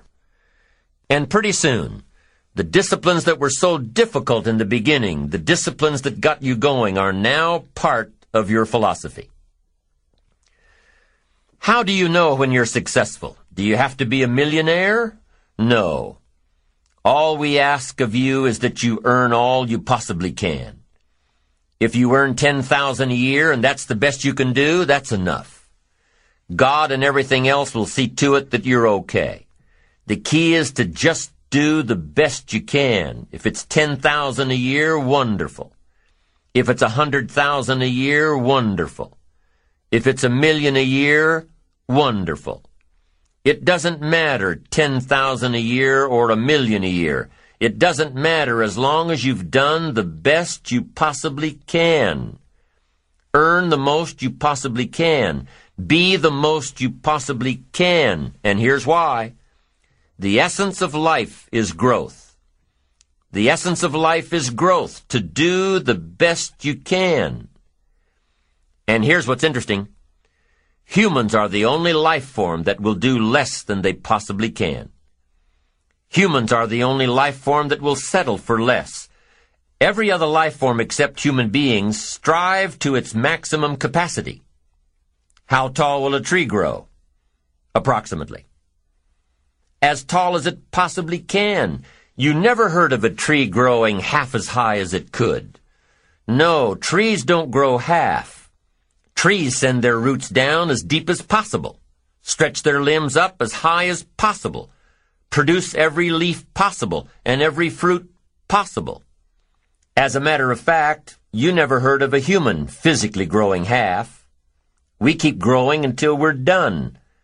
Now that's a part of life we can't control. It's genetically coded. And that's probably why we keep growing till we're done. Because we can't control that part. It's the rest of our growing that we control the growing of our minds, the expansion of our minds, that we can control. And that's what tends to get away from us. All life forms inherently strive to their max except human beings. Now, why wouldn't human beings strive to their maximum possibility? Here's why. Because we've been given the dignity of choice. It makes us different than alligators and trees and birds. The dignity of choice makes us different than all other life forms. And here's the choice. To become part of what we could be, enough to get by, or to become all that we can be. My best advice for you is to choose the all. Earn all you can, make all the friends you can, read as many books as you can, develop as many skills as you can, see as much as possible, do as much as possible, make as much fortune as possible, give as much of it away as possible. The max. There's no life like it. I'm telling you, once I got on track, I've never looked back. Pick up the challenge. Go for it. Take the best of the two easies. Take the route of it's easy to get ahead. It's easy to do all you can. It's easy to succeed. It's easy to have financial freedom. The more you do, the more you get. So the two primary benefits of positive reinforcement are, number one, to build good habits, and number two, to create more energy to fuel your ambitions, your desires, your achievements. How can you isolate what's working for you and what isn't? How can you make sure that you are reinforcing your positive disciplines? Well, if it isn't apparent, easy to see right away, if what you're doing is happening in such small increments that you're not sure if you're on track, then you need to be writing it down. You need to keep a journal anyway. But if you really aren't sure that what you're doing is making measurable progress, you need to keep a written record. You need to write down everything that may be relevant in your day. What you did, who you saw, what you felt, how it may or may not affect you now and in the future. The best way to track your activities of the day is to write them down. The best way to track your activities of the week is to write them down. The best way to analyze your progress through the year is to have written it down. Why? So you can look back on it. Because by keeping a written record of your life, you will be more accountable. By putting into writing the action steps that you have planned, you will easily see what works and what doesn't. Most people just try to get through the day never writing anything down, never keeping track of their progress along the way, never really knowing if they are doing all they can to reach their goals, to drive their ambition. But gifted people learn to get from the day. They don't let a day end without picking up some valuable experience, some emotional content, some idea that may positively affect their future. To get the most from a day, to learn the most from a day, you need to be able to reflect on the day. And how can you reflect on a day unless you record it in history? How can you possibly reflect on a week unless you can look back and analyze it? How can you learn from past mistakes and bask in the past successes unless you write it all down? There's something magical in writing out a problem. It's almost as though when you start writing it out, you start figuring out ways to make it work. Perhaps the magic is that when you write it down, you can now be objective. You can start to see objectively where you fit into the picture. You can start to see if you are being responsible, if you are being self-reliant. You are pondering it. You are trying to figure it all out. The fact that it is now on paper actually creates a space between you and the problem. And in this space that you have created, now solutions have room to grow. You see, writing about events that occur helps you to understand exactly what is happening. When we describe life to ourselves only in our minds, our imaginations tend to feed back false information about how things are, distorted information. Sometimes our creativity can create scenarios that really don't exist at all if we keep the information just in our mind. But by writing it all down, we now can become more factual, more accurate, more realistic, more logical. And then as we reread what we have written, we create a new picture in our mind. And once we see things as they are rather than how we think they are, we can see our way to make them better. It's all part of being responsible. It's all part of seeing things objectively in order to fully understand the steps that we must take to make things better. The steps we must take to better prepare ourselves for the opportunities that lie ahead.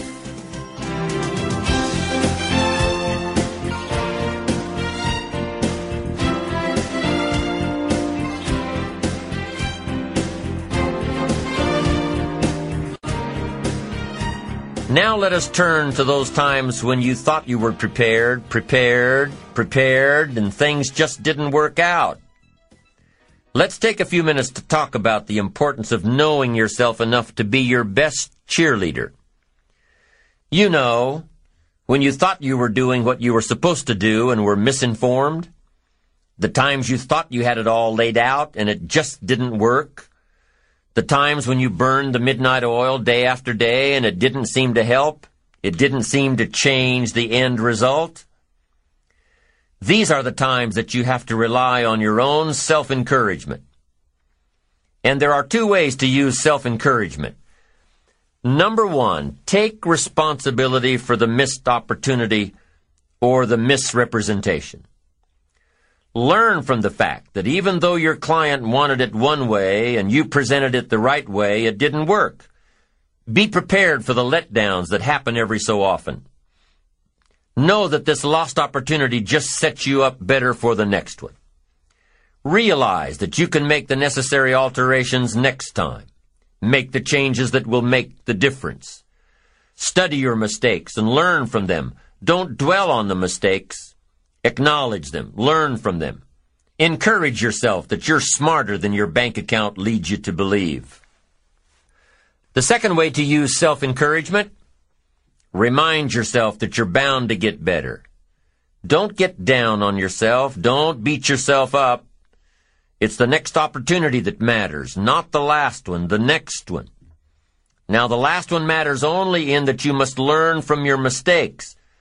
But the next one gives you the opportunity to show that you have learned from your mistakes. You can do it better next time. You just have to practice, practice, practice. Keep trying. Keep trying until. Until what? Until you've got it down. If you figured out what went wrong last time, then you know how to make it right next time. If you figured out what it was in your presentation that didn't work, don't say that next time. If you figured out that the reason you didn't close the deal this time was because you didn't have all the facts and figures in place, have all the facts and figures in place next time. Don't beat yourself for messing up. Pat yourself on the back for figuring it out. You need to encourage yourself. You need to pump yourself up. You need to be your own cheerleader. Why? Because you can't wait and hope that someone else will come along and cheer you up, make you feel better, tell you that you'll do better next time. You have to rely on yourself. You have to have faith in yourself and your ability to figure out what works and what doesn't, what's right and what's wrong. You have to have the inner belief that everything you're doing, you're doing for a positive outcome in the future. You have to encourage yourself with future successes. Number one way to use self-encouragement? Take responsibility for missed opportunities and study your mistakes. Number two, don't get down on yourself. Encourage yourself with your future. Encourage yourself with your goals, your dreams, your ambition. Knowing that you've got a plan. Knowing that you're taking the right steps. Knowing that you're going to do it until.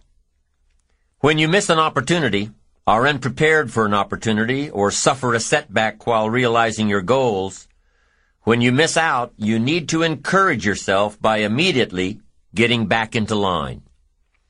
There's an old cowboy saying, fall off a horse seven times, and you're a real cowboy. If you fall off a horse, get right back on.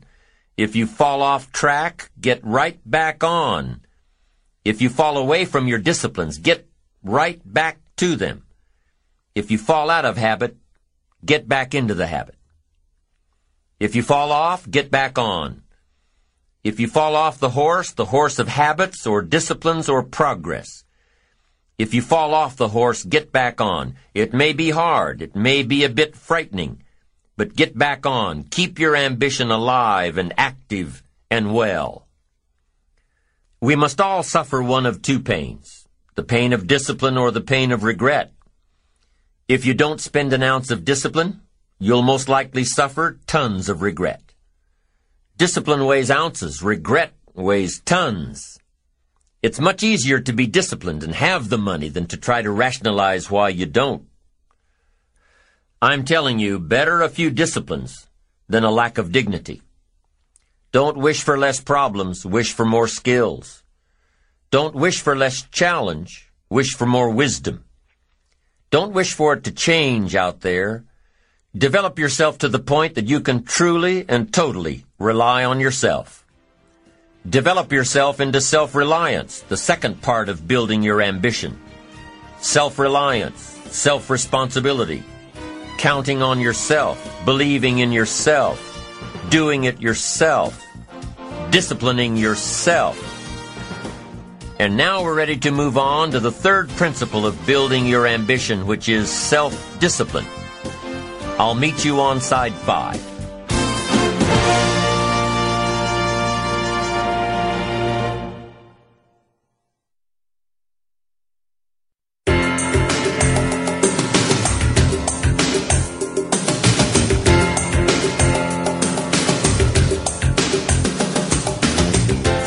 We have talked about the first two principles for building your ambition. Number one, positive self direction. Number two, self reliance. And number three is self discipline. The third principle for building your ambition is self discipline. Of all the subjects we've covered so far and are about to cover, none is more important than covering the disciplines for success. What's at the core of achieving the good life? The major key to the good life. The major key is not in learning how to set goals. It is not in learning how to better manage your time. It is not in mastering the attributes of leadership.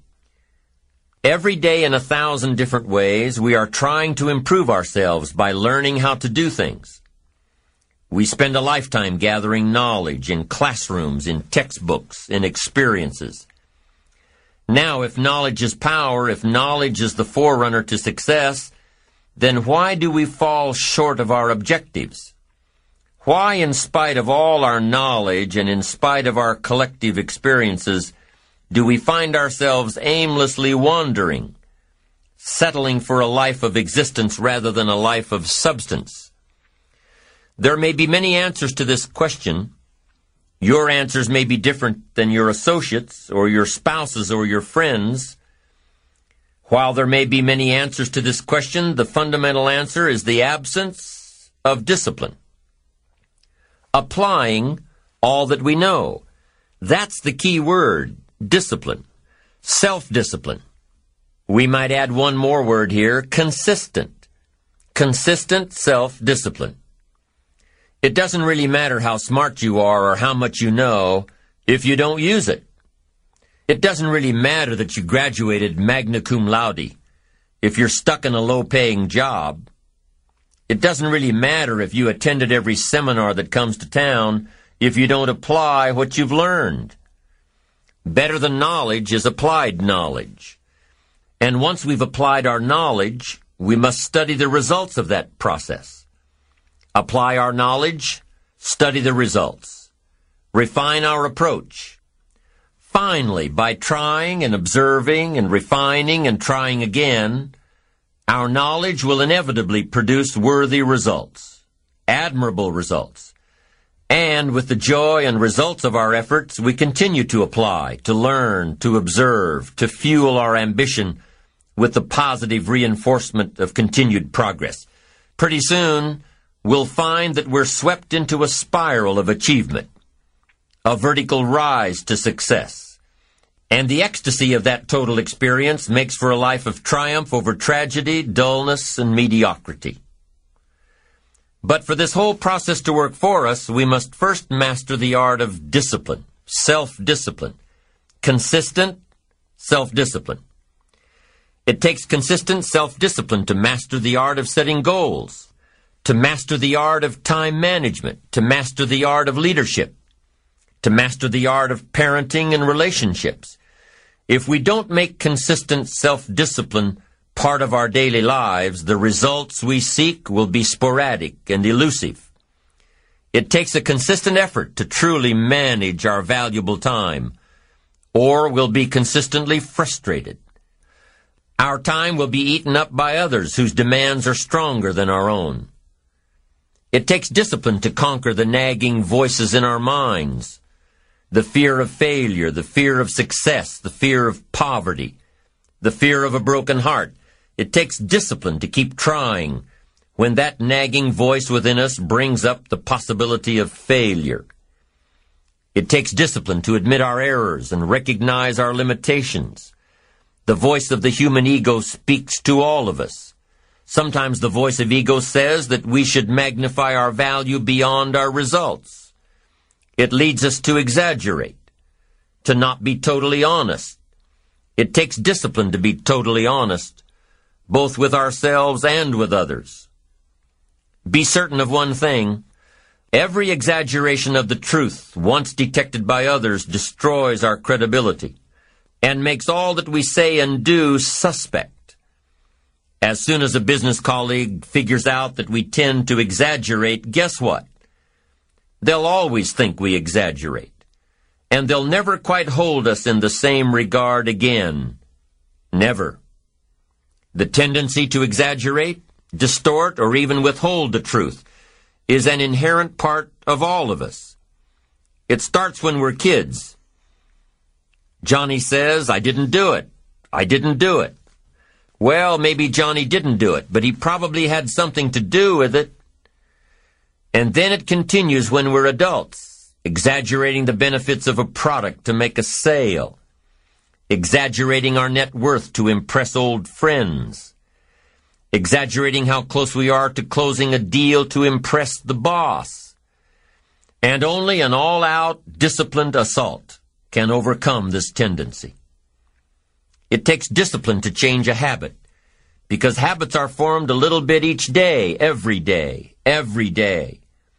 Once habits are formed, they act like a giant cable. They act like a nearly unbreakable instinct that only long-term disciplined activity can change. We must unweave every strand of the cable of habits slowly and methodically until the cable that once held us in bondage becomes nothing more than scattered strands of wire. It takes the consistent application of a new discipline, a more desirable one to overcome one which is less desirable. It takes discipline to plan. It takes discipline to execute our plan. It takes discipline to look with full objectivity at the results of our applied plan. And it takes discipline to change either our plan or our method of executing that plan if the results are poor. It takes discipline to be firm when the world throws opinions at our feet. It takes discipline to ponder the value of someone else's opinion when our pride and our arrogance leads us to believe that we are the only ones with the answers. With this consistent discipline applied to every area of our lives, we can discover untold miracles and uncover unique possibilities and opportunities.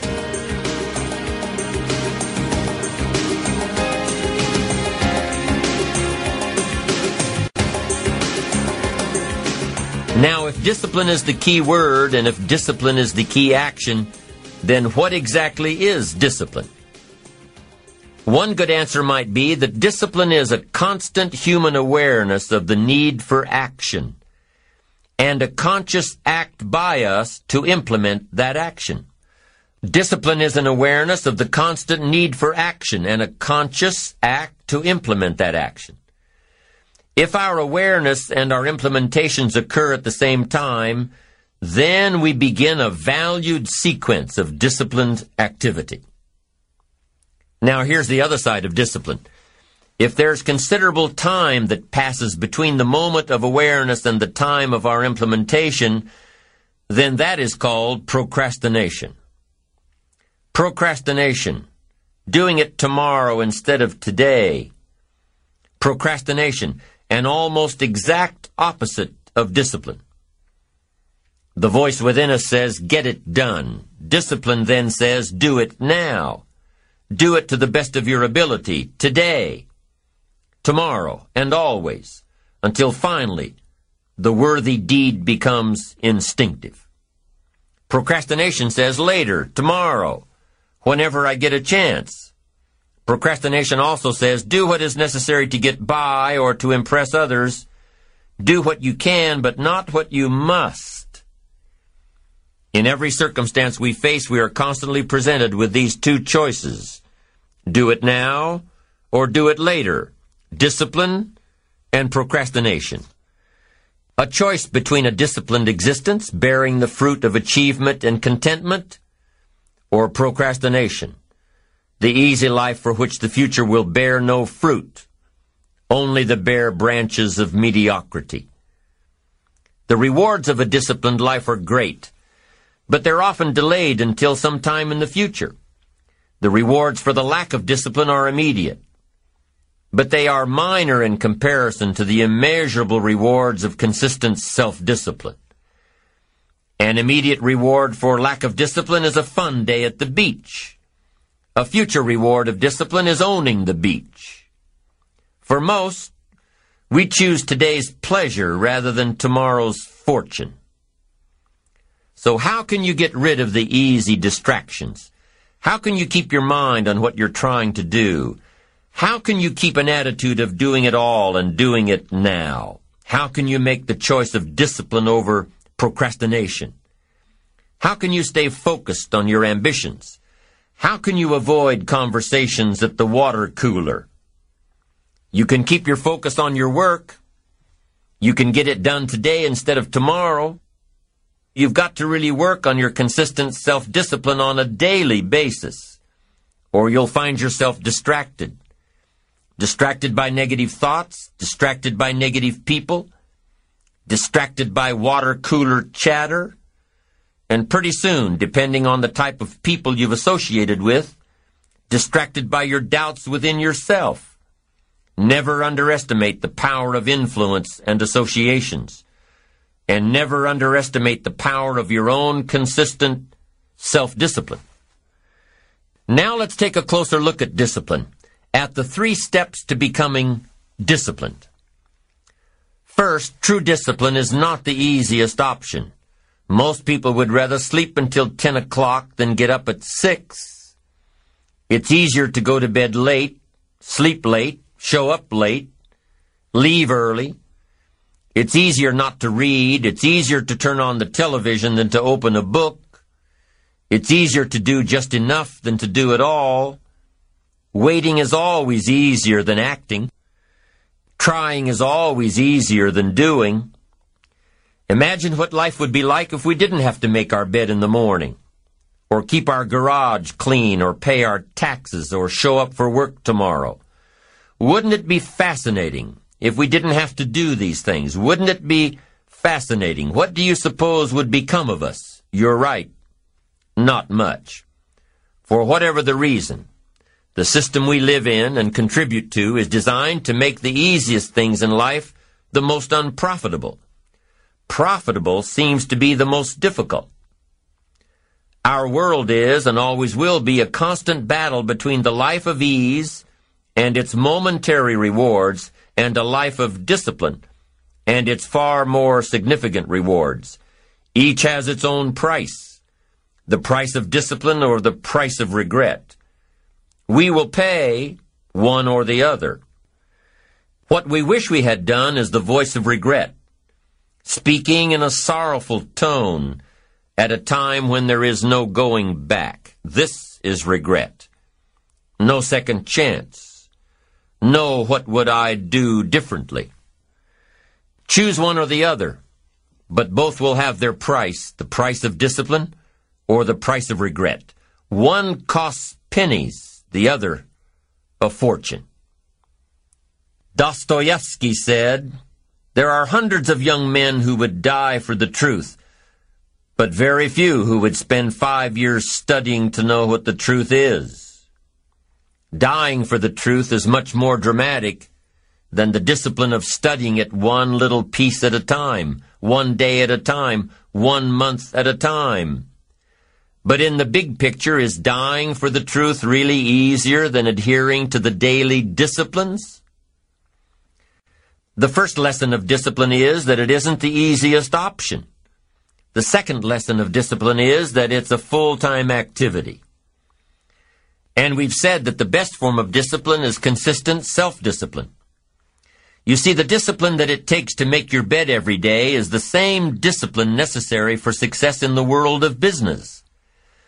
The discipline to organize your garage is the same discipline to organize your business. All disciplines carry through to affect all parts of our lives. If we're disciplined in just one area and lazy in another, guess what? Pretty soon the lazy side will creep in and destroy the disciplined side.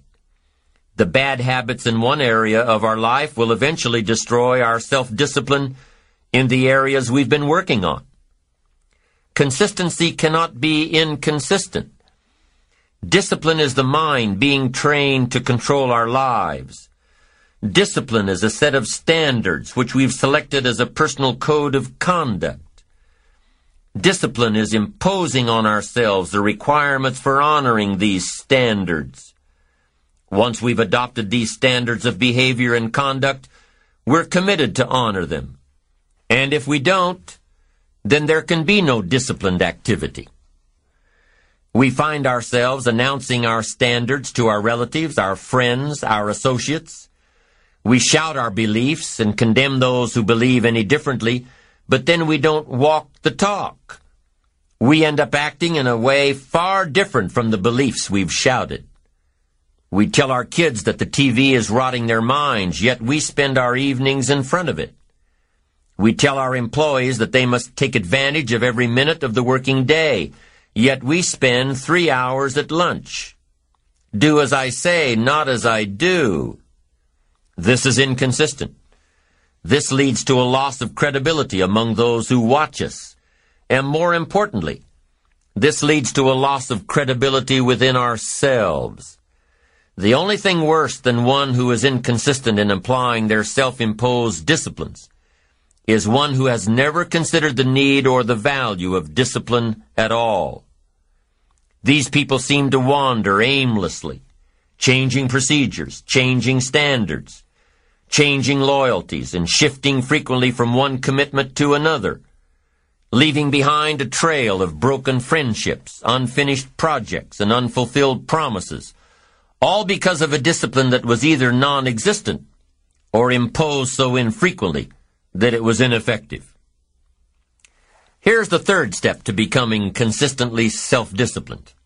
Number one is realizing that discipline isn't the easiest option. Number two, discipline is a full-time activity, day by day, every day. And the third step to becoming self-disciplined is really a philosophy that holds one of life's unique promises. Number three simply says, for every disciplined effort, there is a multiple reward. That's one of life's great arrangements. It's like the law of sowing and reaping. In fact, it's an extension of the biblical law that says if you sow well, you reap well. Now here's a unique part of the law of sowing and reaping. Not only does it suggest that we'll all reap what we've sown, it also suggests that we'll reap much more. Life is full of laws that both govern and explain behaviors. But this may well be the major law we need to understand. For every disciplined effort, a multiple reward. For every disciplined effort, a multiple reward. What a concept. If you render unique service, your reward will be multiplied. If you're fair and honest and patient with others, your reward will be multiplied. If you give more than you expect to receive, your reward is more than you expect. But remember, the key word here, as you might well imagine, is discipline. Everything of value requires care and attention. Everything of value requires discipline. Children require discipline.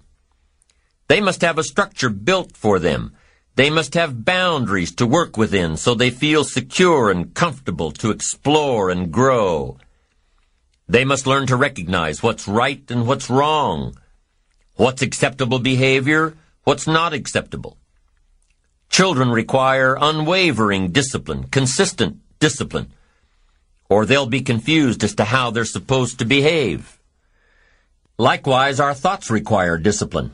We must set up our inner boundaries our codes of conduct, or our thoughts will be confused. And with confused thoughts, we'll end up being confused, hopelessly lost in the maze of life. And confused thoughts produce confused results. Look around you at this very moment in time. What might you be doing that needs attention? Perhaps you're listening to this program as you drive along in traffic blowing your horn at someone ahead of you who isn't driving at the speed you'd like to. Perhaps you're listening alone because you've had a disagreement with someone you love or someone who loves you, and your anger won't allow you to speak to that person. Wouldn't this be an ideal time to examine your need for a new discipline? Perhaps you're on the brink of giving up or starting over or starting out. And the only missing ingredient to your incredible success story in the future is a new and self-imposed discipline that will make you stay longer and try harder and work more intensely than you ever thought you possibly could. The most valuable form of discipline is the one that you impose on yourself. Don't wait for things to deteriorate so drastically that someone else must impose discipline into your life. Wouldn't that be tragic? How could you possibly explain the fact that someone else thought more of you than you thought of yourself? that they forced you to get up early and get out into the marketplace when you would have been content to let success go to someone else who cared more about themselves. Your life, my life, the life of each one of us is going to serve as either a warning or an example.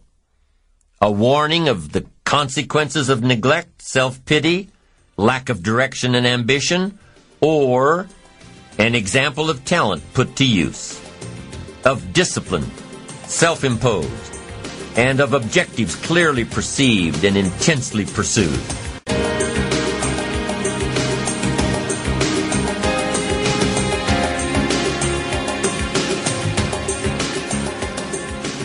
Now, can too much discipline be a bad thing? Can you possibly be too disciplined? Too much of anything is a bad thing. Life without balance results in an unbalanced life. Walking around the block every day is good. Walking or running six hours a day is bad. It's obsessive. Unless, of course, you make your living as a marathon runner. Then you're doing your job. Eating an apple a day is good. Eating only apples is bad. You won't get all the protein and vitamins and nutrients your body needs. Working hard, burning the midnight oil, doing it until is good working nonstop, never taking a vacation, never having any fun, never spending quality time with the people you love, working, working, working day after day, month after month, never taking a break year after year, is bad. If you've got your nose to the grindstone all the time, how are you ever going to spot new opportunities, consider new ideas? It doesn't work that way. You've got to stop and ponder where you've been and where you're going. You've got to reflect so you know if you're even on the right track. Everyone has heard the story of Willy Loman in the play Death of a Salesman. Willy was a workaholic. He typified the old-fashioned concept of success. After all, if you're always working, you must be successful. No, it doesn't work that way. For workaholics, there's never enough work. They can work 10, 12, 14 hours a day, take two jobs, work them back to back. The only satisfaction is fighting off sleep, denying life's pleasures, getting more tasks done. Some people are impressed with this type of behavior. But just because a workaholic spends too much time working, that doesn't mean he or she ends up with the most money. These people are generally more task-oriented than results-oriented. They're busy being busy, not busy being productive. Workaholics generally end up alienating their families, losing their health, facing a crisis of values. Now, wouldn't you prefer a life of productivity rather than a life of tasks? Of course. When you schedule your time and take advantage of your time, you can work smarter instead of working longer. And you'll probably end up getting more done than the workaholic. And still have time for other things in life. Enlightened self-interest says, I will look for new ways to work smarter by focusing on doing more per hour instead of doing more hours. It says I will run my day so my day doesn't run me. Enlightened self-interest also says that a life worth living comes from a life of balance and moderation. Too much of anything, even good things, will sooner or later throw you off track. Now, here's a key technique that you can use in your life to help keep you on the right track. This technique is called visual chain thinking. Ambitious people don't see each step toward their goals as a singular step. Each discipline as a singular discipline. Each project as a singular project. Each sale as a singular sale. With everything they do and with every discipline they adhere to, they see it all as part of a chain. A link in the chain of events and actions that will lead them to their final destination. Every action and every discipline today is a link in the chain. Every action and every discipline tomorrow is a link. Every action and every discipline in the future is a link.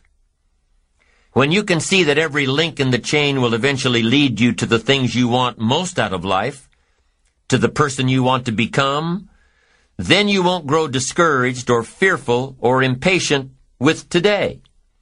When you can see where you're going through visual chain thinking, even on the toughest days, you'll keep building your ambition by knowing where you're going, not just where you are today. Part of this visual chain thinking is built when you decide on your direction, when you can see where you're going to end up before you get there. When you can see California while staring at the east side of a 14,000 foot mountain. And building your visual chain of thought begins when you have well-defined plans for your career, your family activities, your investments, and your health. Your plans and goals are your visual chain, knowing where you're going before you get there. Develop a plan, a game plan, it's ironic how we all understand the importance of mapping out a strategy for a football game or a basketball game. Not one professional team in the world begins a game without a complete strategy. But few of us take the time to map out a strategy for our lives, a game plan. But it's important. Here's the first rule for your game plan of life. Don't start your day until you have it finished. Don't begin your activities of the day until you know exactly what you plan to accomplish. Don't start your day until you have it planned, and do this every day. I know all this writing takes time and a disciplined effort, but remember that value is the fruitful result of discipline, not hope. Once you've mastered the art of planning your day, you're ready for the next level. Don't start your week until you have it finished. Don't begin your activities of the week until you know exactly what you plan to accomplish. Don't start your week until you have it planned. Just imagine what life would be like if you took time out of every Sunday to plan your week. Come Friday, you won't be saying, boy, did this week fly by. Where did it go? What did I do? No, if you plan your week before you start it, you'll know exactly what you want to do what you want to accomplish, what you need to work on. If you learn to plan your days as part of your overall game plan for the week, the parts will fit much better. Your days will be better, more effective. You'll be working smarter, not harder. And when you've learned to plan your week, guess what? You've got to plan your month. Don't start your month until it's finished by developing a game plan for your days, your weeks, your months. By developing and following your game plan, your days and weeks and months all become part of a bigger plan, a bigger design, a long-term view of your life, a visual chain. You'll start gaining a greater perspective of it all because you are planning. It takes great discipline on your part, but it will soon lead to a new habit, a habit of mastering your time, a habit of discipline that will lead you to the good life. Now, if visually seeing the future is new to you, if you've never developed a game plan before, let me offer a few tips.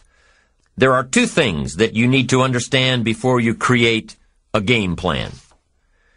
Number one, a game plan, a visual chain of your future is like a spreadsheet. Instead of listing numbers, you list activities. It's like a to-do list. And number two, the technique of developing a game plan can be used for a single day, a single project, or a variety of projects that are happening simultaneously. Here's how you do it. First of all, you need to buy a pad of graph paper. Game plans work best on graph paper. So take a sheet of graph paper and make vertical columns of the number of days this plan is to cover. Then on the left-hand side of the paper, write the heading Activities. Under this heading, list all of the activities to be accomplished within your time frame. Let's say, for example, that you've got one week to finalize a marketing plan. It's an overwhelming amount of work to complete, but it's got to be done. So break it down piece by piece. The best way to start is by listing all of the individual components on the left-hand side of the page. Now, some of these things need to be completed before others can be started. You need to have your market research results in before you can determine your target market. You need to know your target market before you can develop your marketing strategy. You need to have your marketing strategy before you can create a budget for collateral materials and so on. When you break down the project piece by piece, deadline by deadline, you can be more effective in delegating the appropriate pieces of the puzzle. And you can be more effective in doing your own work while orchestrating the rest. The final result of developing a visual chain, your game plan, is a clear visual presentation of the tasks before you. Keep your game plan in plain sight. Put it up in your office where you can easily look at it. Have a copy of it at home and tape it to the refrigerator. Keep a copy in your journal for quick reference. Your game plan will serve as a constant reminder of all that you need to do to get where you want to go. If you're doing all that you're scheduled to do, game plans are very rewarding. And the discipline of developing and following a game plan is exciting. Day by day by day, week by week by week, month by month by month, you'll see the magic of your dreams and plans turning into reality. It's an incredible feeling of being in charge of your life, your surroundings, your future. It's like creating a work of art on the biggest canvas imaginable. It's creative. It's beautiful. This is powerful stuff to dream a dream, plan for the dream, and then to watch your dream turn into reality. And what's really powerful about creating game plans is that you can see your future right before your eyes. So on those days when your energy isn't up to par, your enthusiasm is a little low, your ambition isn't pulling you and your attitude isn't on the high side, on those days, use your game plan to see how far you've come and take time to realize just exactly where it is that you're headed for. On those days, it's your discipline and visual chain of the future that will pull you ahead. It can't possibly set you back. It'll pull you ahead. Develop a game plan for your life and make sure that it includes more than work projects. Make sure that your game plan includes time for recreation, time for reflection, time for exercise, time for health, time for spirituality. Let's say you've developed your plan and you've penciled in writing a report from 9 a.m. to 10 a.m. Well, what if you don't do your best report writing this early in the morning? What if you do this kind of work best at 3 in the afternoon? Then juggle your projects around a little. Know yourself well enough to know what you do best at different times of the day, of the week, of the month. Know the best time for you to accomplish a certain type of task and schedule it during those times. You have to work with your game plan in order for it to best work for you, and you have to maintain the discipline of working your plan until, until what? Until you've got it down. In the end, it is your own discipline that acts as the magic catalyst to give substance and depth to your ambition.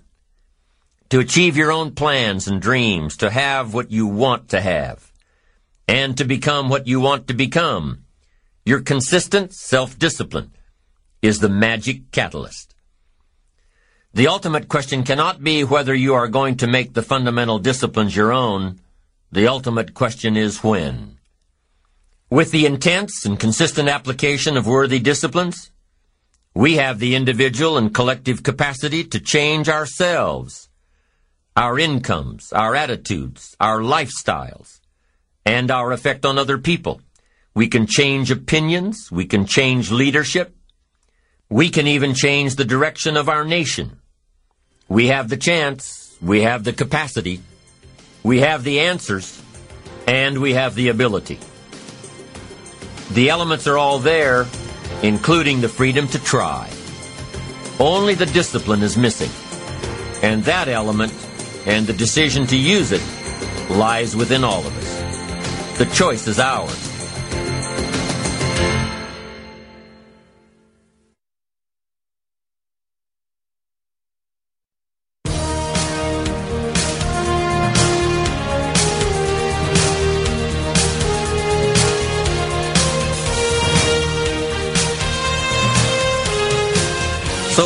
We've discussed the three principles of building your ambition.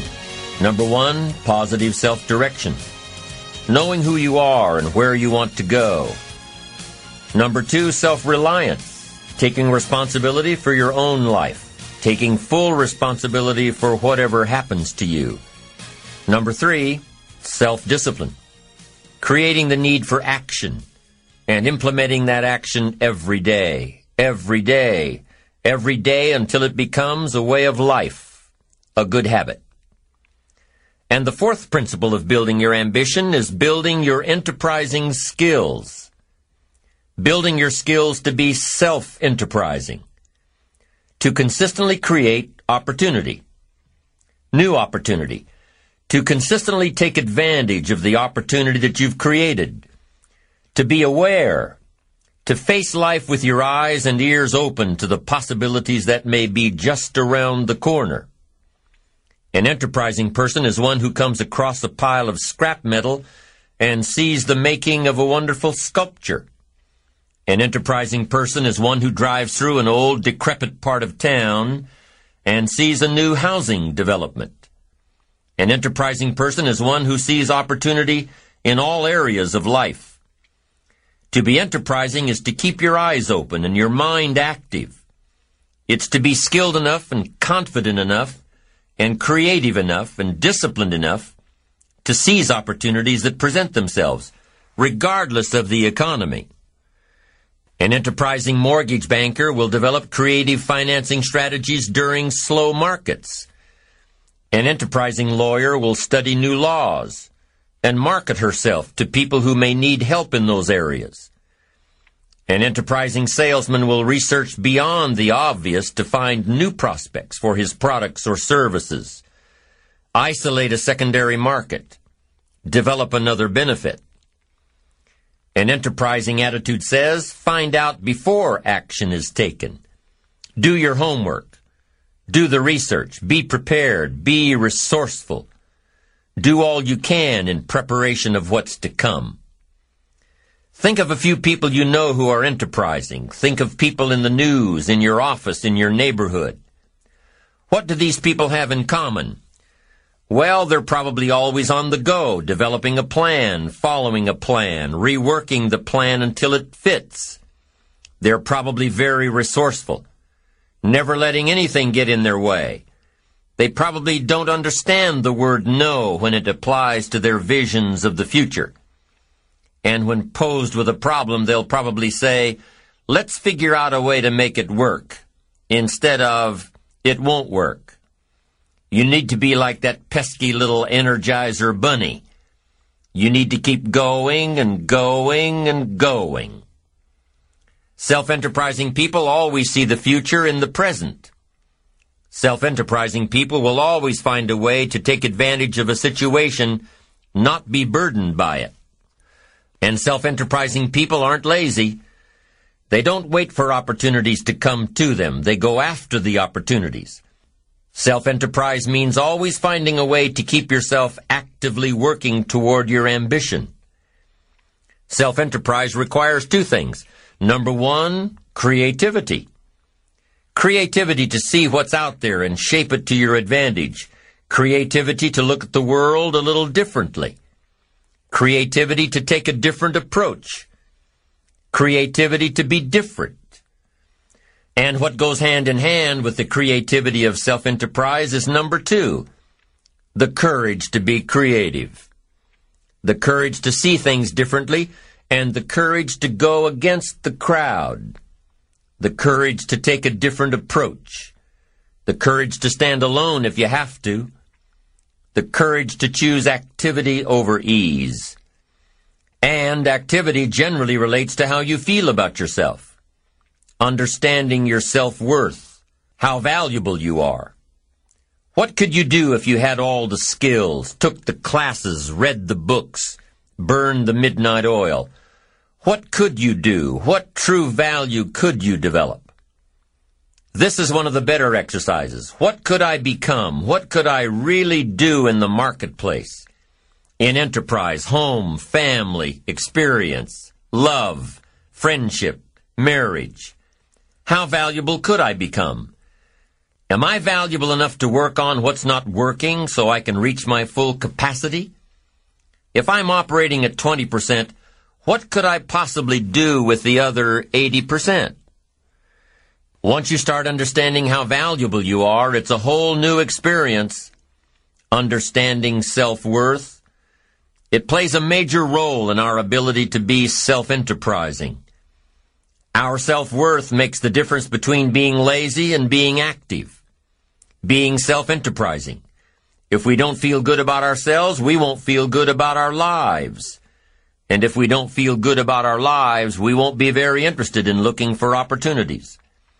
So you see, being self-enterprising doesn't just relate to the ability to make money. Being self-enterprising also means feeling good enough about yourself, having a great enough self-worth to want to seek advantages and opportunities that will make a difference in the future. Enterprise is always better than ease, Every time we choose to do less than we possibly can, it affects our self-confidence, our self-worth. If we keep doing a little less every day, a little less, a little less, every day that we keep doing a little less, we are also being a little less. Can you imagine what you'd end up being after 10 years of doing a little less every day? It's devastating. Think about it. Doing less could ruin your life. Now, you can reverse the process of doing a little less, doing a little less. You can reverse this process by using your self-direction, your self-reliance, your self-discipline. You alter the course by doing a little more each day. A little more, a little more, a little more. And pretty soon you'll develop a new habit of doing rather than neglecting. And days and weeks and months of doing a little more will ultimately do what? It'll increase your confidence and your courage and your creativity and your self-worth. In the end, it's how we feel about ourselves that provides us with the increased courage and creativity for self-enterprise. It's how we feel about ourselves that provides the greatest reward from activity and enterprise. It's not what we get or what we accumulate that makes us valuable. It's what we become that makes us valuable. Success isn't in the having. Success is in the doing. It's the process of doing that brings value. It's the activity that transforms our dreams into reality, that converts ideas into actuality. Self-enterprise is found in the activity, for without activity we'll miss the opportunity. Let me tell you what I think most messes with the mind. I think that simply doing less than you can messes with the mind. It causes all kinds of psychic damage. I think being less than you can be, trying less than you could try, doing it with less enthusiasm than you could do it, messes with the mind. It somehow damages the mind. It damages our self-image. Because here's what I've discovered happens. The minute you turn this around and start extending yourself, you'll see immediate rewards. Maybe not monetary ones, not yet, but it's how you feel about yourself that's the greatest value. You see, it's not what we get that makes us valuable, it's what we become. Discover all you can do, see how much you can earn, how much you can share, how much you can start, how much you can finish how far you can reach, how far you can extend your influence. Some people out there would have us believe that positive affirmation is more important than activity. Instead of doing something constructive to change our lives, they would have us repeating slogans and canned affirmations like every day and in every way, I'm getting better and better. Well, getting better and better doesn't just happen from wishful thinking. Getting better and better only happens with the discipline of doing better and better. Discipline is the requirement for progress, and affirmations without discipline are in reality delusions. Now don't get me wrong here. There's nothing wrong with affirming the good life as long as we are disciplined enough to take action. Affirmations can be effective as long as we remember two very important rules. Number one, we should never allow affirmation to replace action, activity, enterprise. Feeling better is no substitute for doing better. And number two, whatever we choose to affirm must be the truth. If the truth happens to be that we're broke, the best affirmation would be to simply say, I'm broke. Wow, face it, accept it, be responsible for it, and change it. By admitting that you're broke, by saying it out loud, you'll probably be disgusted enough to start the thinking process on how to change it. Anyone saying I'm broke with conviction will most likely be driven from ease into action. Confronting harsh realities has an incredible effect. Confronting the truth and then applying the discipline to express the truth instead of disguising it inevitably leads to positive change. And reality is always the best beginning. You see, within reality lies the possibility to create our own personal miracle. Our own personal miracle. And the power of faith starts with reality. If we can bring ourselves to state the truth about a situation, then as the saying goes, the truth will set us free. Here's another old saying. Faith isn't faith unless it's all you're holding on to. If your life and circumstances have resulted in a situation that is ugly, call it ugly. If you've lost it all, admit that you've lost it all. Be responsible to it. And if faith is all you've got left, use it. Create your own personal miracle. Once we understand and accept the truth, the promise of the future is freed from the shackles of deception. Once we accept the truth, the promise of the future will pull us. Here are some creative techniques that'll help keep you on the right track toward that promising future. Remember, creativity is the first requirement for self-enterprise. Number one, think on paper. You can't take a trip to somewhere new without a roadmap. You can't build a house with the plans in your head. You can't build a company with the business plan in your head. You can't seek venture capital with the financials in your head. But here's what you can do. Put it all on paper. Your roadmap, your blueprints, your business plan, your financial projections. When you put it on paper, you can analyze your path, solve your problems, and isolate what works and what doesn't. You can use this for your life as well. If you're faced with a mental roadblock, Put it all down on paper. Like we talked about before when you put a problem on paper. You take the emotion out of it. With the emotion gone, you can look at the roadblock objectively. You can figure out what you did right, and you can figure out what you did wrong. You can figure out how to change it. So here's what you do. Pick a problem out of your head and pull out a piece of paper. Then draw a line down the middle. On the left-hand side, jot down the problem. Just what is the problem? Write it out. We've got so much going on in our heads that we can't figure things out until we take a piece of it out and put it on paper. What is the problem? This is the problem. State it the best you can. The doctor says, oh, you look good. Come and see me in a year. And you say, no, doc, I'm hurting here. He says, no, that's negative. Just be positive.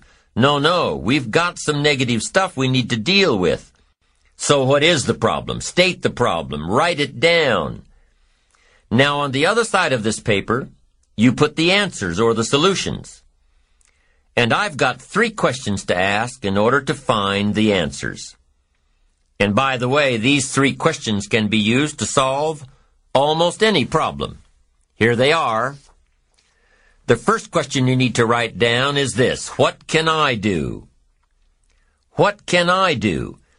Because you don't want to go any further than that if you can solve it yourself. What can I do? Then what you do is develop working papers. You start jotting down. I could do number one. I could do number two. I could do number three. Here's some alternatives. Then you start analyzing them. Let's see, number three. No, that one would take too long. I haven't got that much time. Okay, number two, not sure. Okay, let's look at number one. Maybe this is my best one, the one I thought of first. Now, if that won't work, here's number two. What could I read? Maybe there's a book on my problem. Somebody spent a lifetime trying to figure out this problem. Maybe it's written out in concise language somewhere to give you the instant benefit of someone's advice. You don't need to reinvent the wheel. Do your homework and find the solution. And then you start developing some working papers on what you're reading. Book number one, this guy's crazy. Book number two, this guy's too shallow. Book number three, this guy's got some interesting things to say about this problem. I'm telling you, if you want to solve a problem, the best questions to ask are number one, what could I do? And number two, what could I read? Don't miss the book that could help. So I'm asking you, don't sell yourself short here. You can find some answers. Now first, try to find them yourself from your own experience. Then second, if you can't find them yourself, now ask, what could I read? Go to the library. Go to the bookstore. Search your own library. Go back through your own journals to find the stuff that's been helpful and valuable to you. And see if maybe you've made some notes that could be helpful in your situation. Now, if that doesn't work, then ask question number three. And question number three is, who could I ask? Now, guess what you're prepared with when you ask somebody to help you? You've got your working papers to show them. You say, you know, I've got my working papers. I've tried my best to figure it out myself. And that finally left me short. Here are some of the books I've read. I've researched this material and I'm still short. Now could I possibly ask you, and could you possibly help me? You can't believe how willing somebody will be to help you. If first of all, they've gotten the idea that you were willing to help yourself. So if you've got a problem, pull it out of your head and put it down on paper. Then ask yourself, what can I do? And if that doesn't work, ask yourself, what can I read? And if after researching all you can, you still can't come up with the answer, ask yourself, who can I find to help me?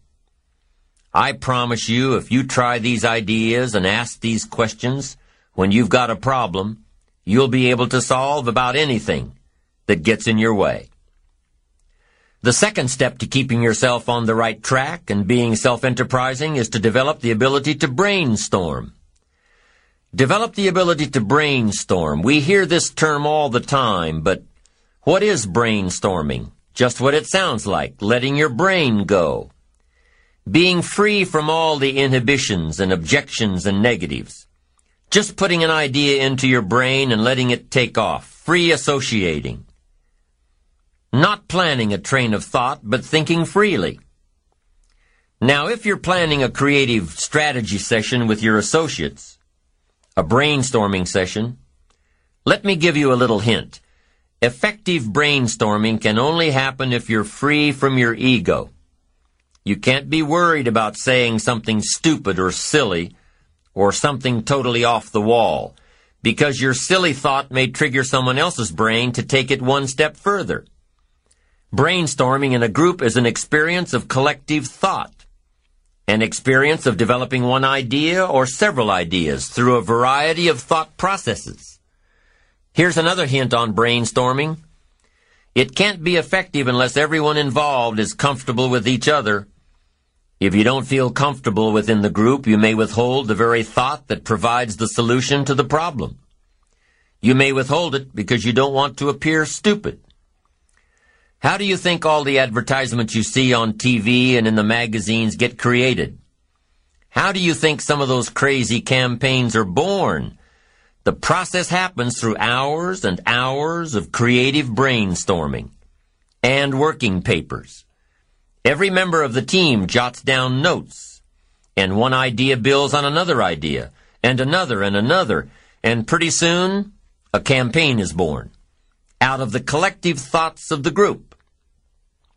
Now, I don't believe that the best decisions are made by committee, but great ideas are often created by committee. That's number two to keeping on the track of self-enterprise. Finding answers through brainstorming, whether you're letting your brain go by itself or whether you're part of a group, brainstorming can often lead you to solutions. Solutions you'd never have thought of if you'd imposed parameters on your thought process. Here's number three for creatively keeping on the track of self-enterprise. And it's really an extension of number two.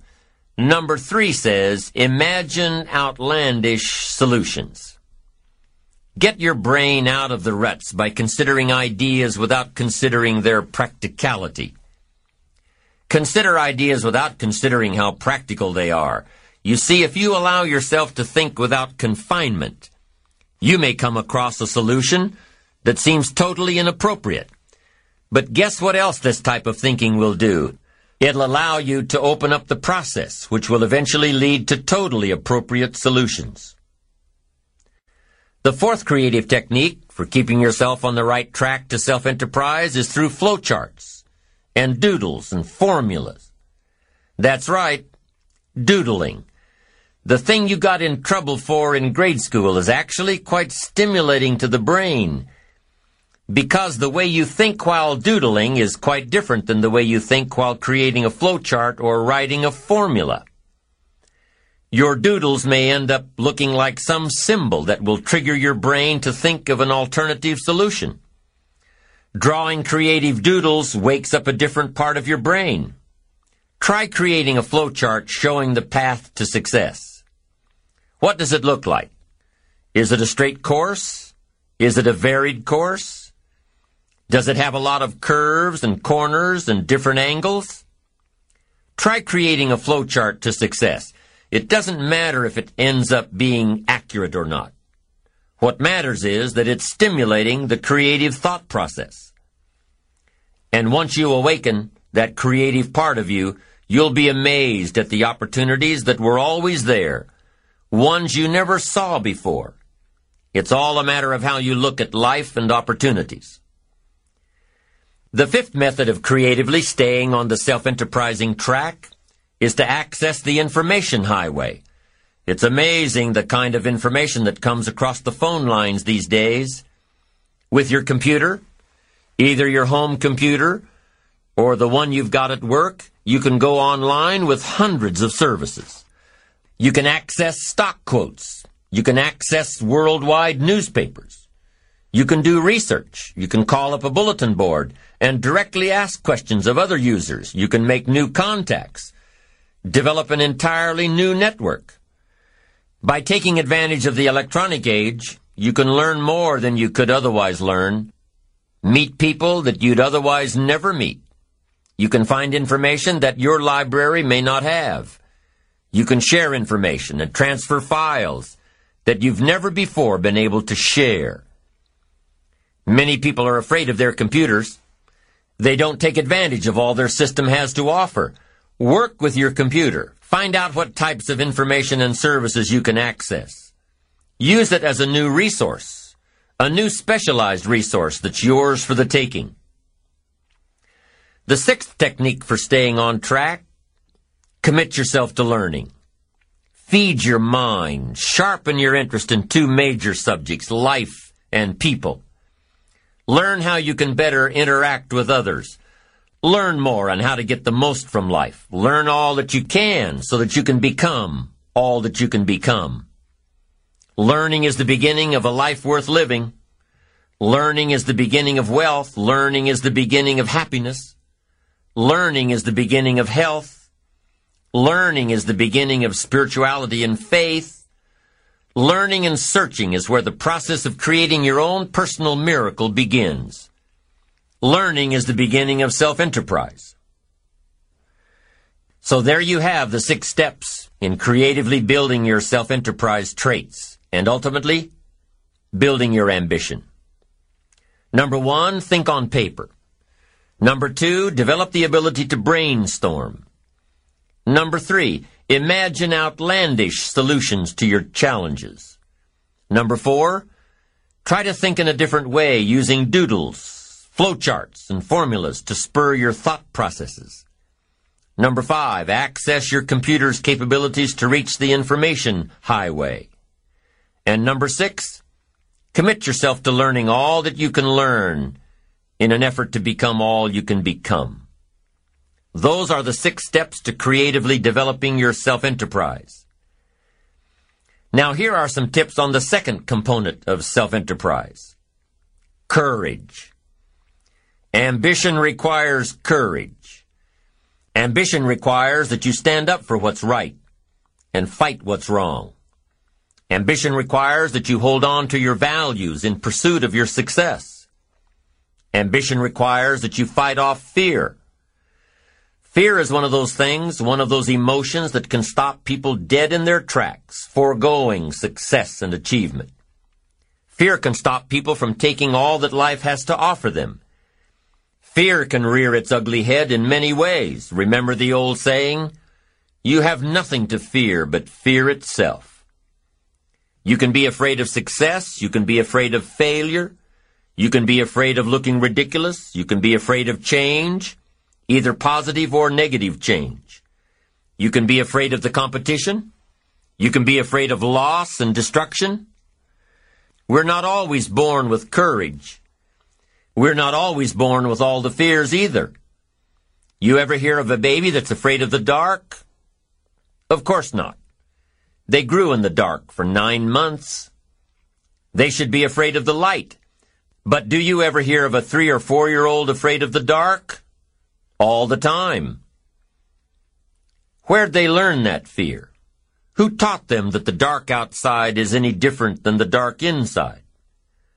Where'd they learn that?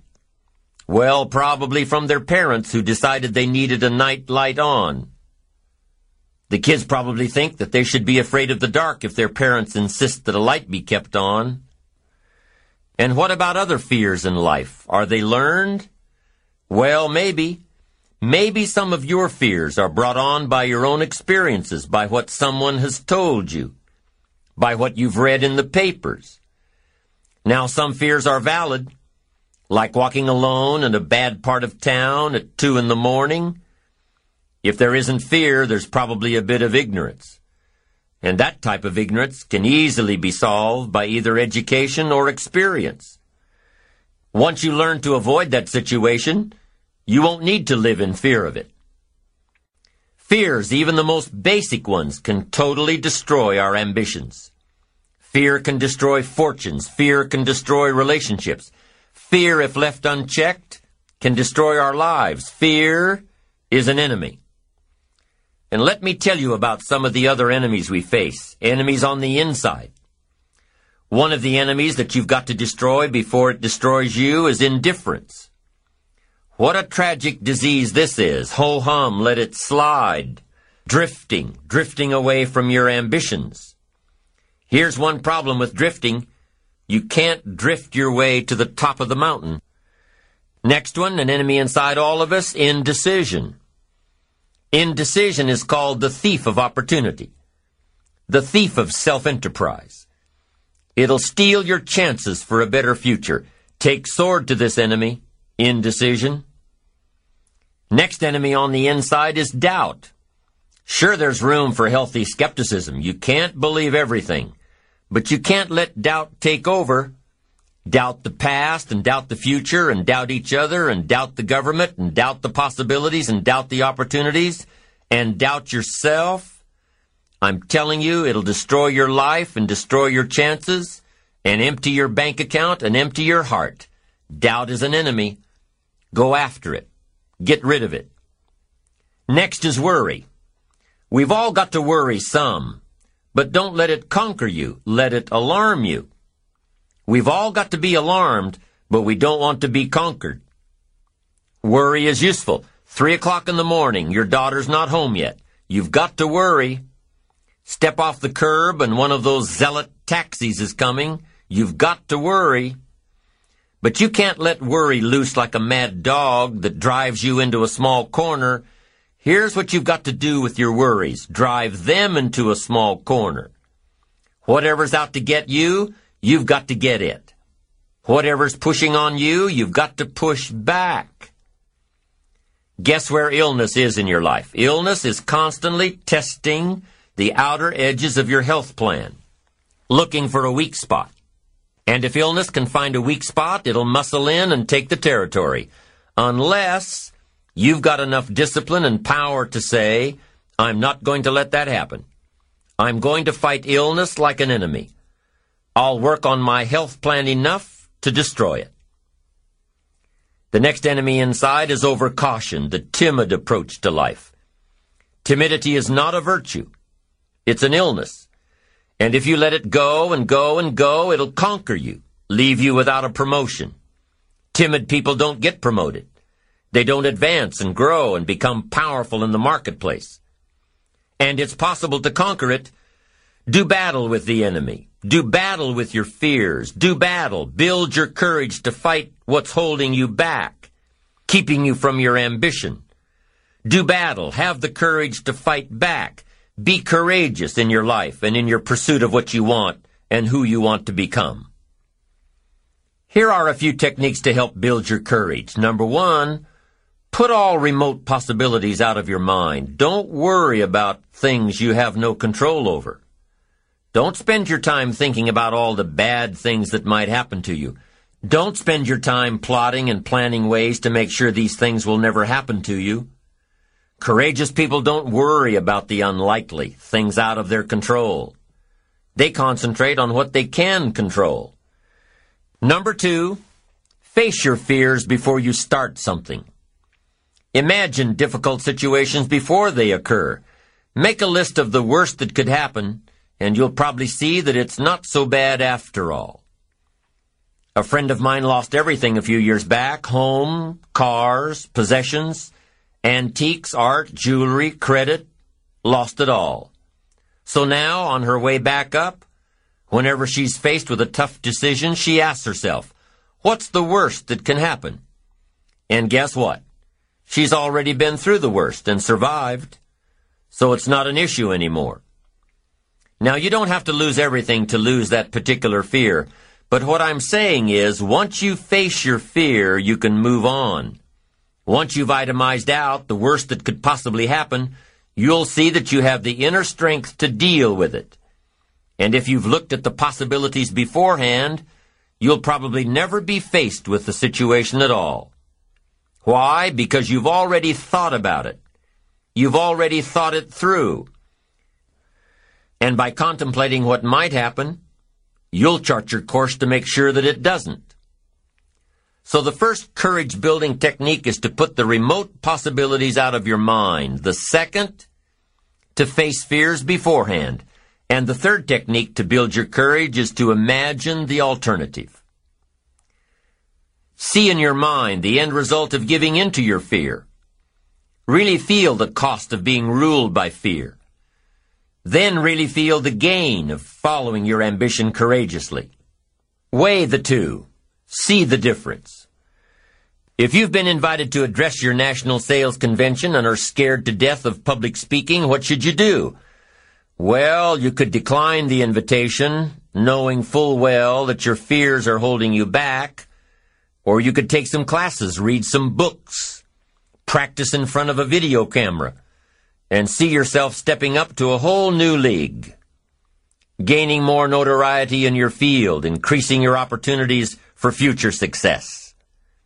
Once again, it's your choice. Be fueled by your fears or face your fears. It all depends on how you can live with yourself, always afraid of taking the next step. When you plot out your course for success, you know that there'll be some touchy moments when fear may get the best of you. But remember, if you use your visual chain thinking, if you can see your future ahead of you, if you really want what you're going after in pursuit of what you'll become, if you really have ambition, then you know that true success comes from taking the enterprising route.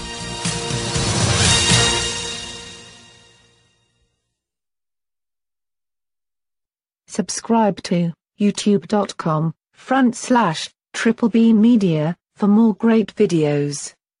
Thank you.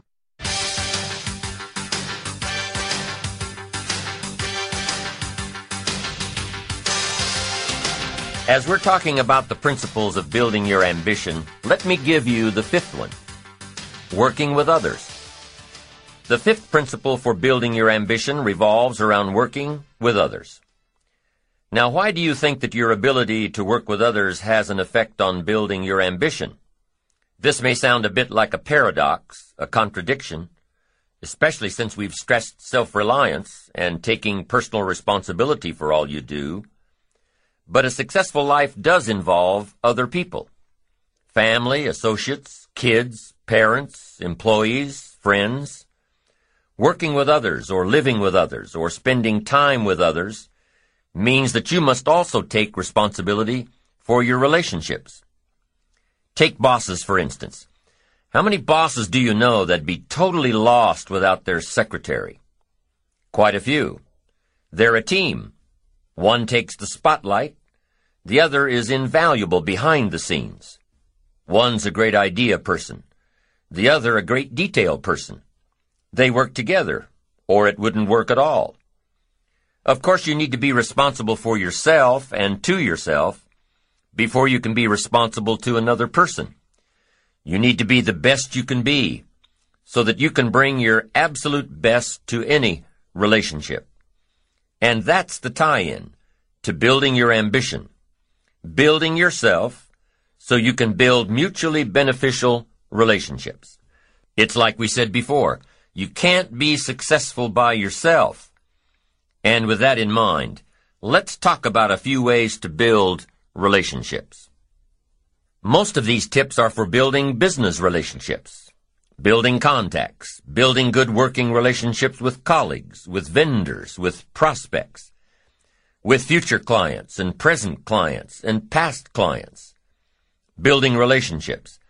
But remember, we are all people, regardless of our profession, and many of these tips work well for building other relationships too. Let's start with kindness. How kind should you be?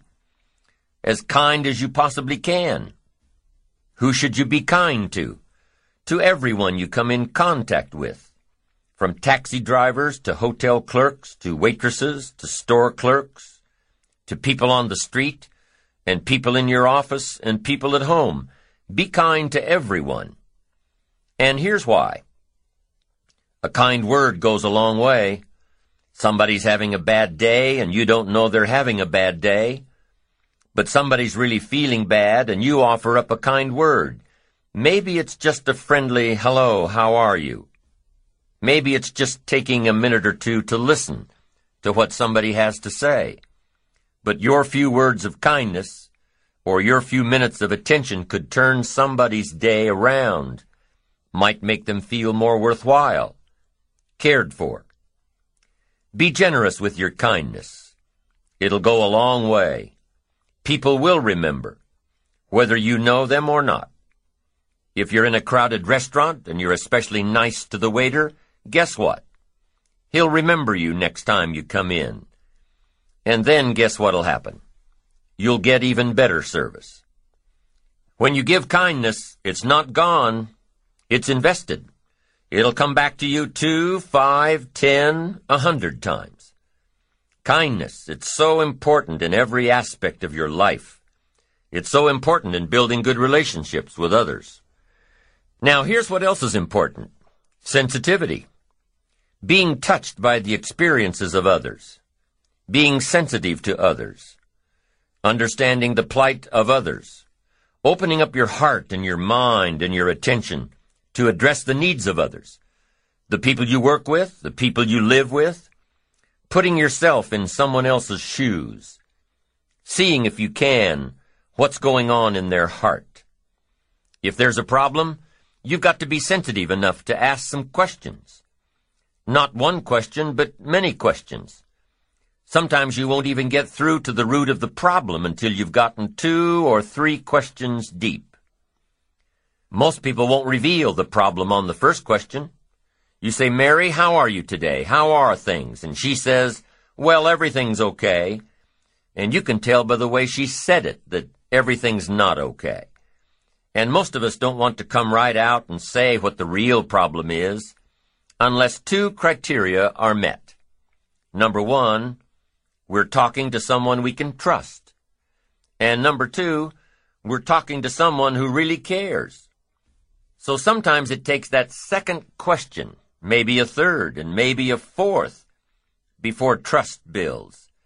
And the person finally understands that you do care. Then they're willing to tell you what's really going on, what's really on their mind.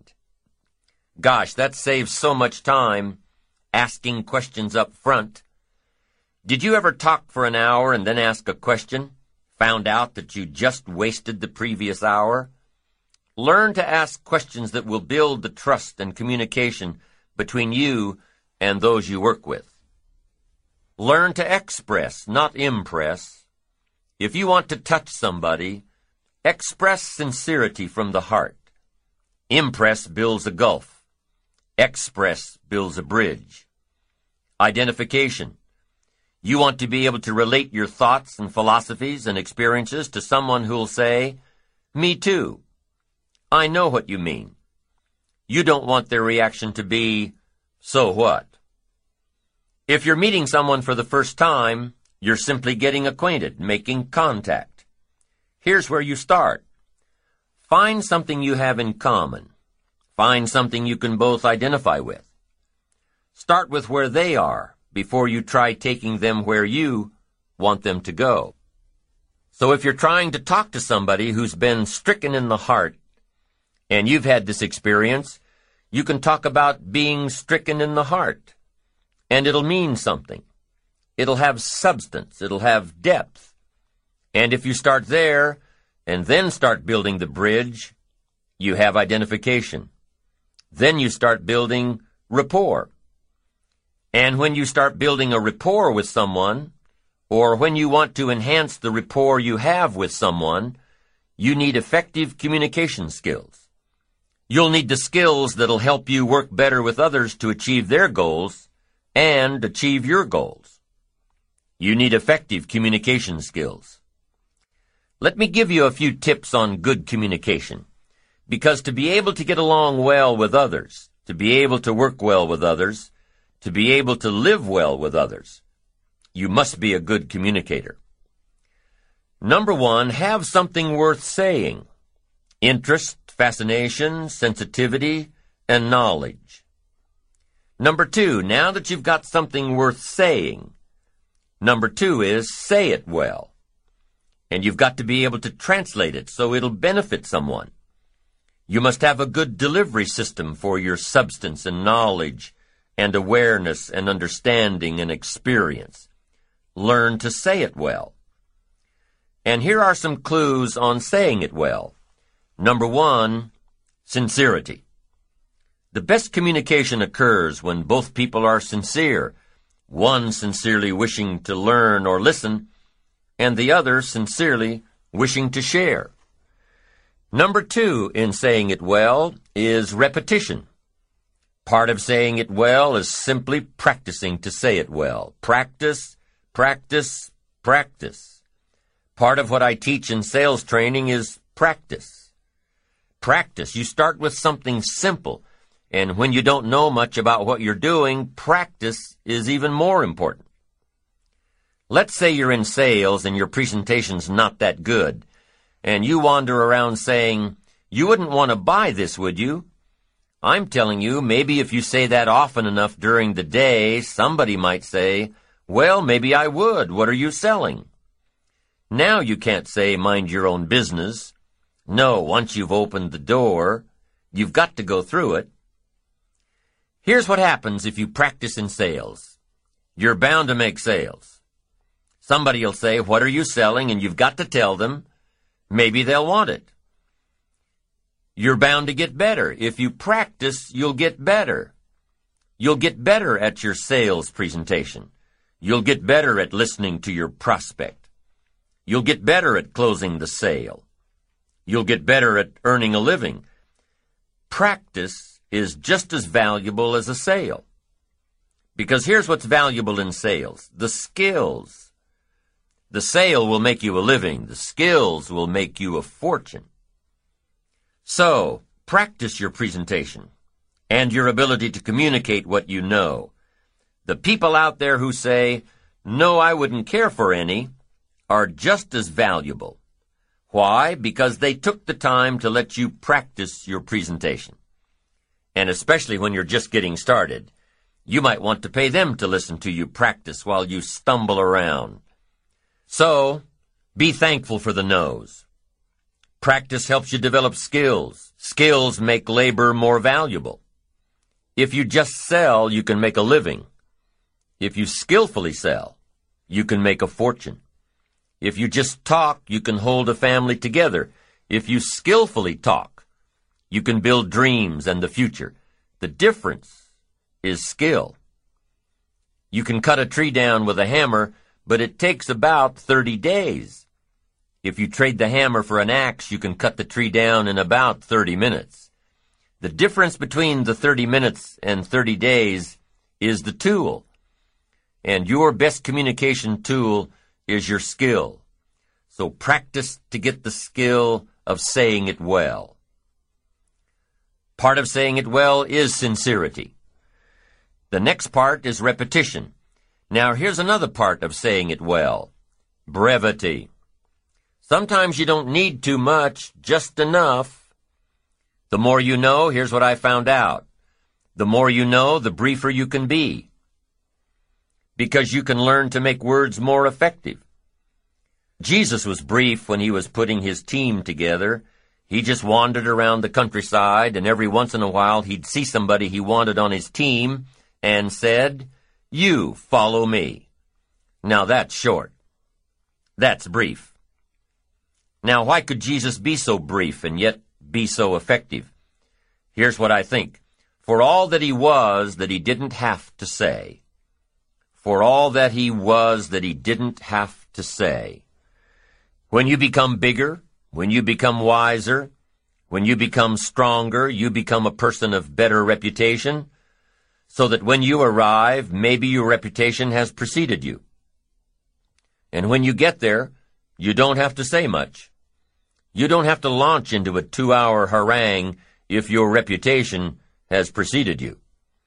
Your reputation will get a lot of the job done for you before you ever arrive. Next is style. Part of saying it well is style. Be a student of style, a variety of styles. Then make sure you develop your own. Be a student, but develop your own. Don't be someone else. Let someone else influence you, but don't become them. Develop your own style. Here's another tip on saying it well, vocabulary. You've just got to have a good vocabulary to say it well. Vocabulary. We can only translate for other people with the tools called vocabulary. If you're lacking in vocabulary, then you're lacking in tools to describe some problem or some answer. Words, vocabulary. You can't communicate without them.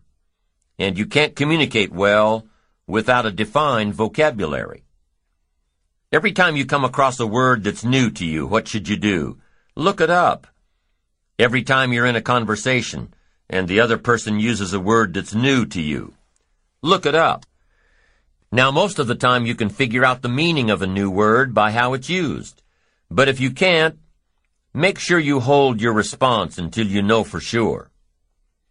Several years ago, some of my friends took a survey among prisoners, some rehabilitation program they were working on, And they weren't looking for this, but here's what they found. There's definitely a relationship between vocabulary and behavior. Interesting. This is what they found. The more limited the vocabulary, the more the tendency to poor behavior. Wow. When you stop to think about it for a moment, it makes sense. Vocabulary is a way of seeing. It gives us insight, and only with your present vocabulary can you see. You can't use tools you don't have to see, to create light, understanding, awareness, comprehension, perception, vision. You can only have as much vision as your present vocabulary will give you. And if you're limited in vocabulary, then you can't see very well. What if a person could only see the world through a little tiny hole? Can you imagine the mistakes he'd make in judgment? He'd say, here's how it is. You'd say, no, that's not how it is. Here's how it is. The guy says, but I can't see it. How come he can't see it? He doesn't have the vocabulary to understand the translation. Now, vocabulary is also what we use as a tool to express what's going on in our heart, what's going on in our head. Translate our questions, translate our answers, our perceptions, what we see, to be able to say it. And I'm telling you, if you have a limited way of translating and expressing what's going on in your heart and what's going on in your head, you'll fall way behind. So you'd have twin problems without a good vocabulary. Number one, you wouldn't be able to see. Number two, you wouldn't be able to express. And your world would keep getting smaller and smaller and smaller not having the vision, not having the tools. Finally, you wouldn't need a place much bigger than 10 by 12 to live. Why? That's about as big as some people's world is. That's all they've got, this little narrow world. Making mistakes every day. Why? They can't see. Getting it wrong every day. They can't comprehend. They can't understand. No tools with which to translate. For good communication, number one is having something good to say. Number two is saying it well. And number three is reading your audience. You've got to read what's going on between you and the people you're talking to. Should you say what you're saying a little softer? Should you say it a little stronger? Should you explain it more? Should you be more clear and concise? Should you quit? A lot of the decision making that's going on during a conversation with someone depends on how well you can read. How well you can tell what's going on in the minds of those you're trying to reach. Doesn't matter if you're looking into the face of a child or the face of a colleague or a thousand faces in an audience. You've got to read what's going on. You've got to pay attention. So let me give you some ways to read. The first one is you've got to read what you see. You've got to read what you see. Search the face of a child and see if you're coming across. See if they look perplexed. See if they're getting it. See if they can't get it. Body language tells us a lot. Look at how the people you're talking to are sitting, what they are doing with their hands, their eyes, a guy's got his arms crossed, legs crossed, chin tucked down and frowning. You've got your work cut out for you. This guy's not going to be easy to reach. The lady's standing up from behind her desk. You've got to hurry. She's not going to listen to much more. You've probably got to pick up the pace and get down to it. So the first one is read what you see. Here's the second one. Read what you hear. You've got to be a good listener to be a good communicator. Get some feedback. Listen. To be a good parent, you've got to be a good listener. To talk well, you've got to listen well. That's so valuable. Get the feedback. Now what you hear may help you change gears. Be a little stronger. Be a little softer. Find a different illustration. This one isn't working. Search for another way to say it. Become sensitive to someone else's words. not just by preparing to talk when the other person's through. Listen. Pick up those signals that the feedback of words gives us. Now, here's the third way to read your audience, and that is to read how you feel. Emotional signals. You've got to learn to pick those up. Pick up those feelings. Women just seem to have this part built in. Men can learn it, but women have it. Woman says it doesn't feel right. It just doesn't feel right. Man says, what does that mean? It doesn't feel right. She says it's something. He says something, something. What is this something? She says, I'm telling you, something doesn't feel right. Now men can learn it, but women have it. Learn to read your emotion. Learn to read what others are feeling so you can adjust your communication so you can adjust your approach, so you can get your message across, so you can communicate well. Communication, having something to say and saying it well. Communication is one of the key ingredients in being able to work well with others, in being able to build our ambition by working well with others.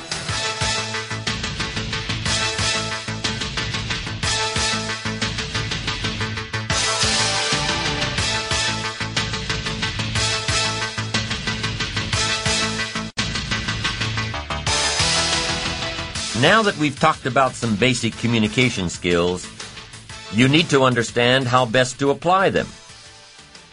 What you can do and cannot do in the marketplace.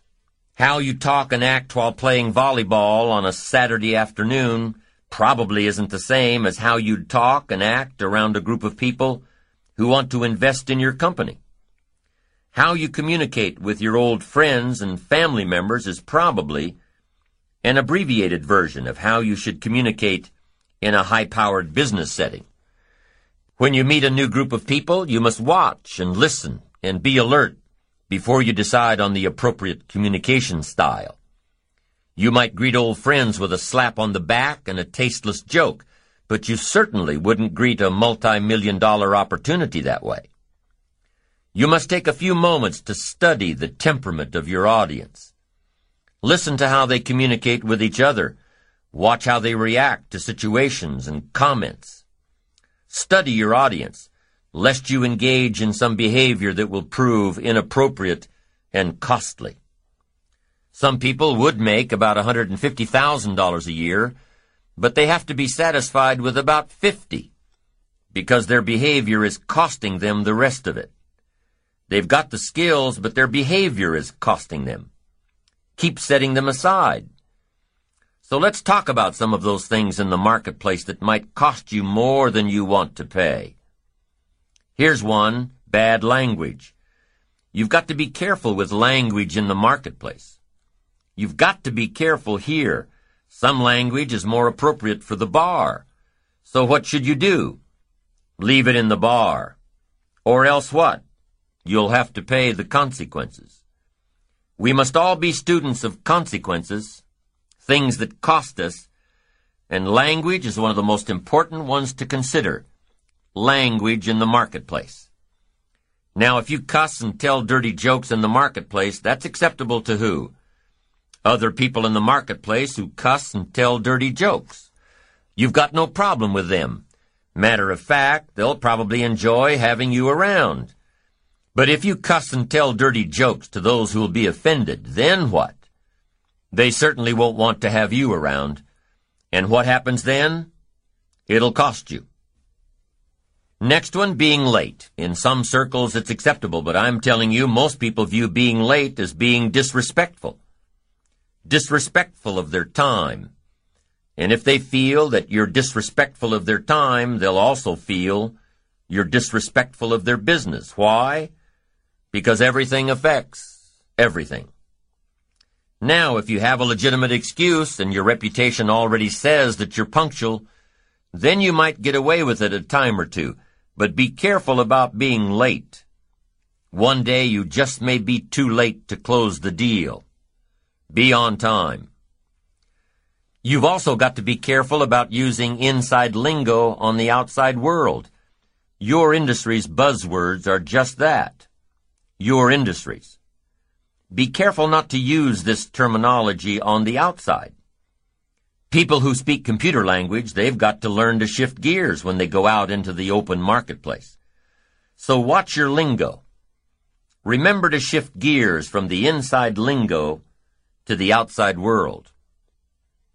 You've got to become a good judge of character. Why? To protect yourself. There are shepherds, and there are sheep, and there are wolves. And we must be wise and understand that some wolves are so clever, they've learned to dress up like sheep. But do not miss the story of the full drama of life called good and evil. Awareness, sensitivity, understanding, knowing the scenario and being on alert for what is called the inevitable. We must learn to be a good judge of character and here's something else we must learn to do to work well with others. We must learn to deliver criticism and express anger in a safe way. It's inevitable, during the course of working with others, it's inevitable that you'll come across some situation that'll result in anger. Or criticism needs to be handed down. It's just a part of life that you delegate some responsibility, and through either a lack of good communication or a lack of good listening on the other end, it's inevitable that some situation will get you all hot and bothered. Now what do you do with your anger? You can't lash out, you can't lash out at your children or your friends or your colleagues, but here's what you can do and here's what you must do. Lash out at the problem or the situation. Honey, you say to your teenager, you know I love you, but what you did was wrong. I hate it that you took the car without asking first. And I especially hate it that you got a speeding ticket. What were you thinking? So whatever the punishment might be, make sure you're punishing the bad deed, not the person. Your assistant ends up sending the contract to the seller instead of the buyer. Make sure your assistant knows that you appreciate him, but you don't appreciate the wrongdoing. Whatever criticism you hand down, whatever anger you're processing, make sure that the one to receive it knows full well that you care about the person, but hate what they did. And if you're too steamed up to be this rational about it, make sure to keep your mouth closed until you've cooled off a bit. In Dale Carnegie's book, The Leader in You, he describes the attributes of kind criticism. He quotes Andres Navarro's technique of kind criticism as the three for one rule. If you don't like something about the way someone works, write down the problem. But before you confront that person with criticism, discover three good things about the person. Noticing three good things gives you the right to criticize one bad thing. Interesting thought. Criticism after appreciation. With well-delivered words, well-chosen words, you can admonish the doing without admonishing the doer. This is important. You love the person. You hate the act. Make sure they know the difference. You don't have to couch the words. You don't have to hide your anger or disappointment. But you do have to make sure that your communication is effective so that the wrongdoing will never be done again. And the more you care, the stronger you can be. This has to do with intensity now. The intensity of your communication to those you work with, those you live with, those you're close to. The more you care, the stronger you can be. If you really care for someone, I'm telling you, they'll give you room to get right on their case. They'll give you room to use some powerful language. They'll give you room to go right after them. If they feel, if they know that you really care. You can solve some sticky problems. You can attack the dark side and the bad behavior. They'll give you room if they know how much you care. And the more you care, the stronger you can be.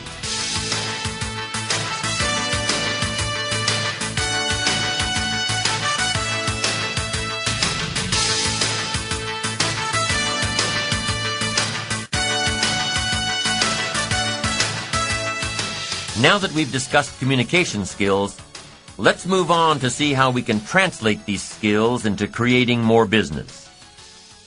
Networking. Working within a group of people that we know and or working within a group of people that we want to know. Let's quickly go through some techniques for effective networking. Number one, when developing relationships through networking, remember that they must be mutually beneficial. The favor you do for someone else is expected to be returned someday. For each contact you give someone else, you expect one in return. For each tip you give out, you expect one back. Or as the law of sowing and reaping says, it'll come back to you multiplied. That's number one. Make sure your networking relationships are mutually beneficial. Number two, keep the relationship active. Schedule quarterly lunches. Plan to meet at Chamber of Commerce networking events.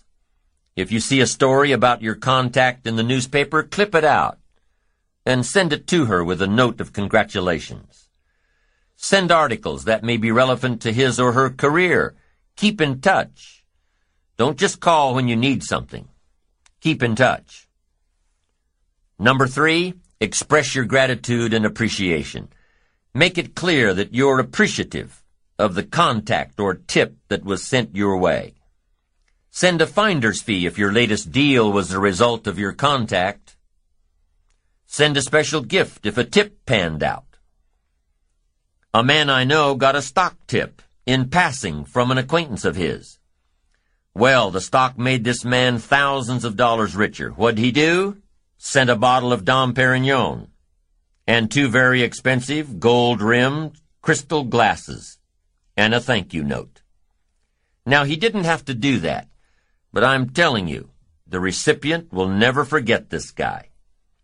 Number three, don't forget to express your gratitude and appreciation.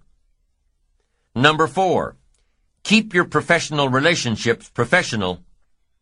If it looks like jealousy is rearing its ugly head, firmly but politely cut it off. When the relationship no longer serves you, no longer is mutually beneficial, step away from it. If the relationship you're building through networking appears to be harmful, take a sword to it.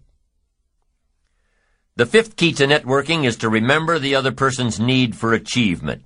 This is an important tip to keep in mind especially when you're dealing with someone who's not as advanced in their career as you are. By respecting this need, by providing guidance and leadership, by sharing some of your personal experiences with this person, they'll end up bringing opportunities to you. Why? Because they value your insight. They value your experience. And most of all, because they value the time and the knowledge you've shared with them. Acknowledge those who are on their way up. You may just find out one day that it was your extra effort that gave them the boost they needed. So, with your communication skills in place, you'll increase your ability to work well with others. Listen, talk, share, sympathize, empathize, and when you extend your reach to work well with others that you know, You'll be able to extend your reach to work well with those you don't. You'll be able to develop networking skills. And once you do, you'll find that networking is an incredible way to increase your opportunities, tip by tip, contact by contact. And now recall the laws of sowing and reaping, of giving and receiving. The more you give of yourself in an attempt to communicate well with others and work well with others, the more you give, the more you'll receive as you strive to build your ambition. And here's the last but most important key to working well with others. Learn to work with others that deserve it, not those who need it.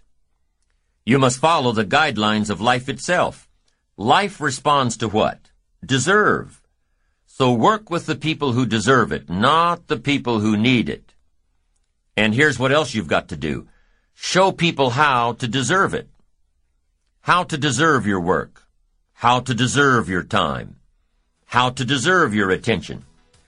Show people how to make small steps of progress and reward them along the way. And show them how to deserve it one step at a time. One step at a time until finally they work themselves out of need and into deserve.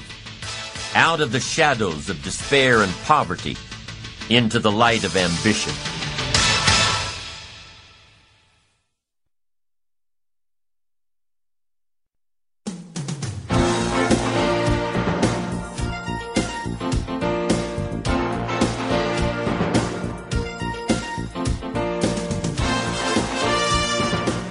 Self appreciation, the sixth step to building your ambition. Self appreciation says, acknowledge your accomplishments, appreciate your potential. Know that your appreciation of yourself and your achievements will continue to fuel the fire of ambition. Self appreciation is an integral part of success. You must develop a strong appreciation for your own style, your own methods, your own process. There is no stereotype for success. There is no model for success. There is no such thing. So what exactly is success? Success is the steady progress toward your personal goals. Your own personal goals. Designed by you, not by the latest number one bestseller on the book list. Not by some philosophy that's imposed on you. Success is the steady progress toward your own personal goals. Success is not an amount of money. Success is not a bank account.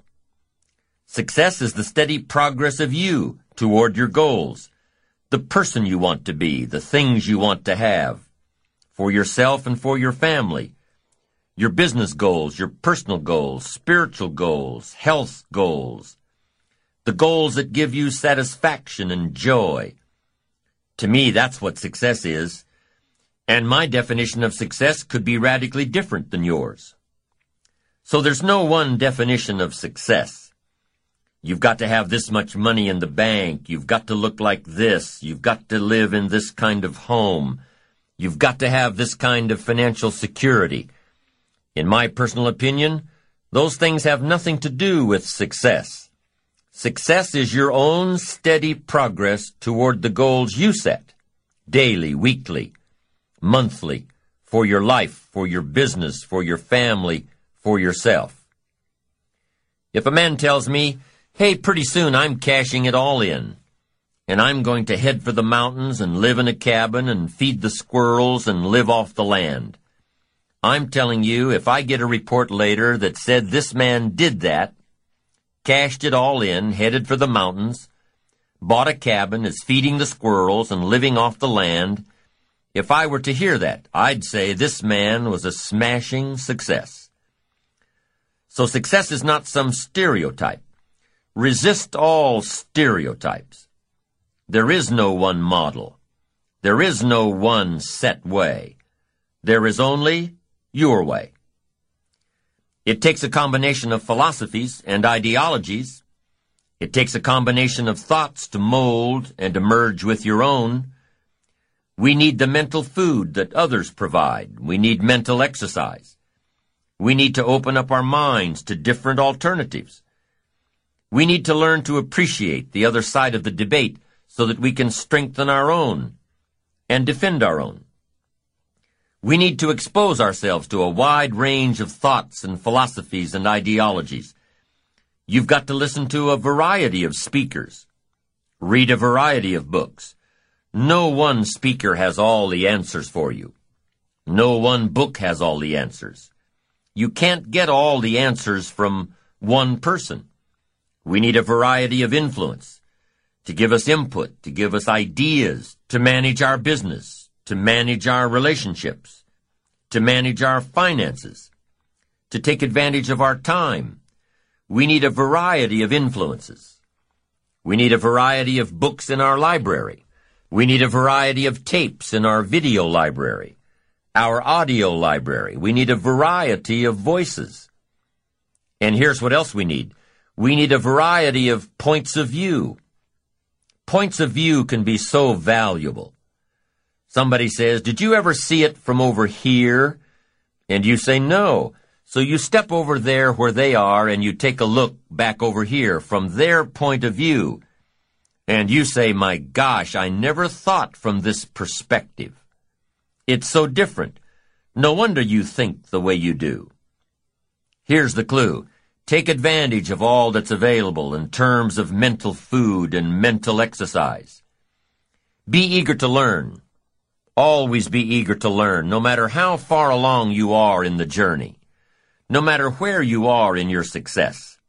Keep that eagerness to learn. Gather up as much knowledge as you can. And then what? Debate it. Put it all on the table and look at it. Dissect it. Turn it around and stare at it. Ask questions. Make statements. Don't take it for granted that one person has all the answers you're looking for. Take their knowledge, but don't take it as the only knowledge.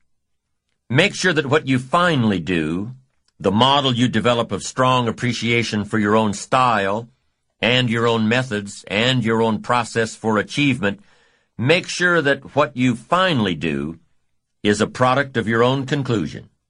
That's what's valuable. Not to just go do what someone says without debating it. Consider the source, and then do it your way. You can take an interest in what someone says, digest it, take notes on it, but then debate it, look at it from all angles. Be a student, not a follower. Building your ambition is a process unique to each and every one of us. Gather all the knowledge that you can. Then develop your approach as a product of your own conclusions. Your own conclusions, not someone else's conclusions. Your own conclusions. You can't fall for other people's philosophies. They may not be right. As you collect knowledge, you must sort through it and find out what's valuable. Then you can develop your own philosophy. And your own philosophy becomes the most important of your guidance systems. One of your guiding lights. So develop your own plan, lest you get into trouble with someone else's. And debate the plans of others, the philosophies of others, the achievement styles of others, the way others appreciate themselves. Debate all this. Why? Because it affects everything. The value you place on your plan, the value you place on yourself, the value you place on life in general affects everything around you. It even affects how you respect time, the 24 hours a day given to each of us to do with as we please. There's a connection between appreciating yourself and appreciating and respecting time. People who appreciate themselves understand and respect the use of time. Here's what I call the best kept secret of the rich. Interesting discovery that I made one day. I couldn't believe it when I found out that rich people have about 24 hours a day, and poor people have about 24 hours a day. Wouldn't that drive you mad until you found out what the difference was? I'm telling you the difference is in the management of the time. A few simple disciplines practiced every day, and your whole life can change. Your future can change, your income can change. But the rest of it is getting a handle on the management of time. Now, we invested one whole session in this series to proper self-discipline. And guess what? Discipline shows up again here, as it does everywhere. Discipline is also important in how you manage your time, the 24 hours given to you every day. So I want to give you a few things that might help you to get a handle on the management of time. Here's the first one. Ignore the subject. Ignore the subject. That's not a bad suggestion. Somebody says, well, I've been behind all my life. Doesn't look like that's going to change. Forget it. I like that approach. At least it's honest. Nobody's ideas of success and time management are right for you unless they can be applied by you. We've already said that it's important to resist all stereotypes for success, to resist all models of success. So here's one alternative to time management. Ignore the subject. Don't let somebody pressure you by saying, here's what you've got to do with your time. Resist all that. Take advice. but don't take orders. Let somebody give you their opinions and then accept the ones you want to accept. And the ones you don't want to accept, don't accept. Resist all attempts to pressure you into becoming the model of success. Resist all that. Do it on your own time, the time that's right for you. Now here's another alternative to time management. Step down to an easier task. Step down to something more manageable. Something that doesn't require that much time, that much effort. That's an alternative. Some people in sales are promoted to being manager. They say, oh, now I've got to be a manager. Heck with this, it takes 14 hours a day, worrying about everybody. I'm getting back out in the field. Get my sales job back. And that's a good alternative. Somebody works for a company and says, Oh, I'd love to own one of these companies. Then they find out what it takes to own one of those companies. What kind of pressure, what kind of hours.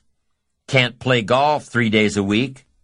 And finally says, Hey, you know, I've had it up to here with all the headaches and trauma and dealing with all these people's lives and running a company and being responsible for all the stuff. I'm going to step down. And that's a good alternative. It really is. Don't let yourself be pressured when stepping down might give you a better lifestyle. Little girl complained that her father never played with her. She said Daddy comes home, got his briefcase full of papers, says hello to me, pats me on my head, and disappears. She said, How come my daddy can't play with me when he comes home? And her mother explained and said, Look, your daddy works very hard. He loves you very much. But at the office, he's got so much to do that he can't get it all done. So he has to bring the rest of it home. So that's why your daddy can't play with you. And the little girl says, Why don't they just put him in a slower group? Not a bad idea. And I offer that here if you're too busy to play with your kids. You need to join a slower group. You've got to have time for your family. I went for some things that cost me too much in those early days. If I'd known how much it was going to cost, I never would have paid the price. So you've got to weigh the consequences. How to make everything fit. Sometimes that extra money isn't worth it if it pressures you into losing touch with somebody you really care about. So family must be considered here as well. But here's the best alternative to time management, and that's to get more out of you. If we just get more from ourselves, we can make an hour as valuable as 10 hours used to be.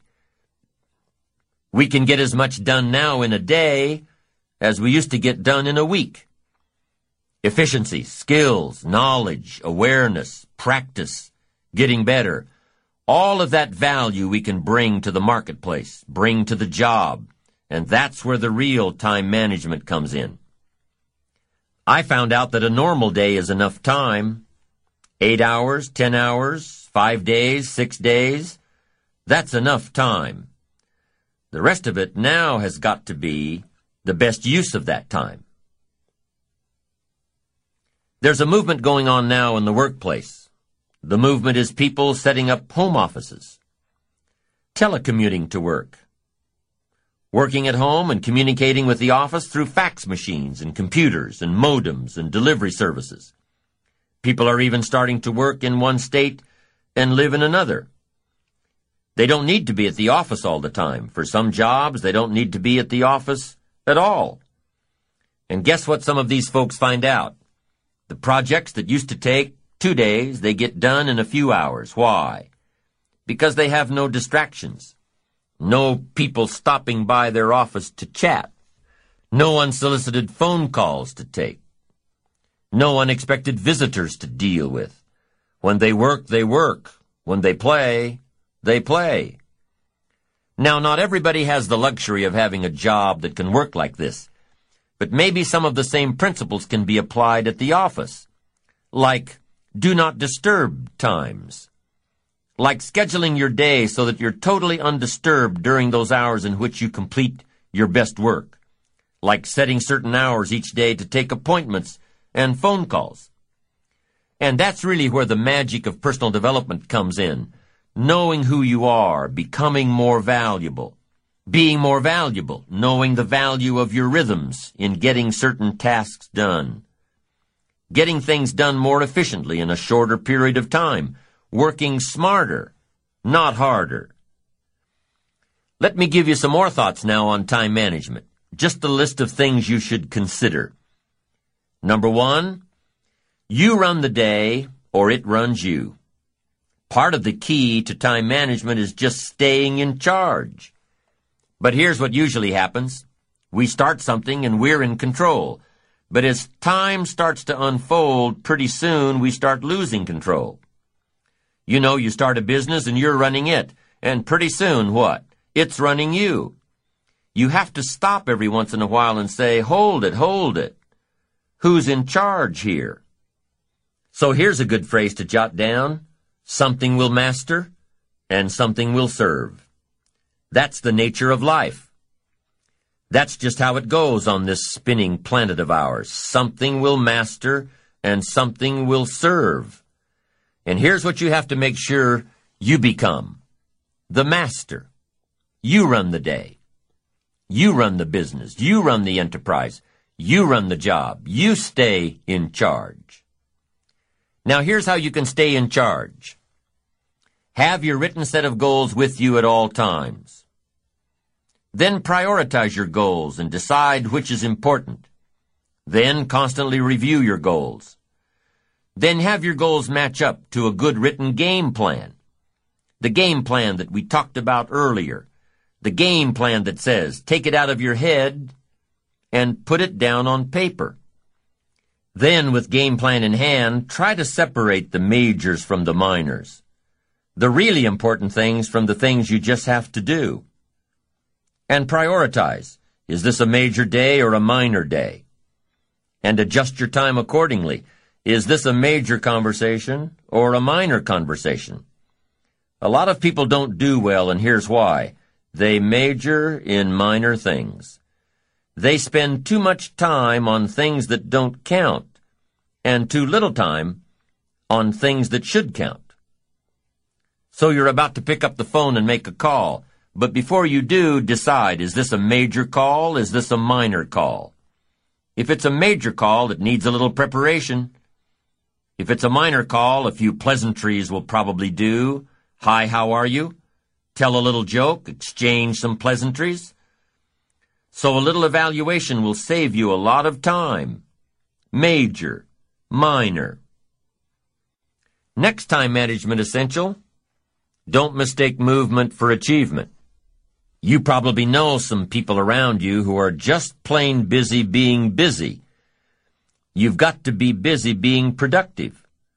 It's easy to get faked out by being busy. Guy comes home at night, flops down in the easy chair, says, I've been going, going, going. But the real question is, doing what? I mean, it's the doing what. That's the real key. Not the going, going, going. Some people are going, going, going, doing figure eights. They're not making much progress.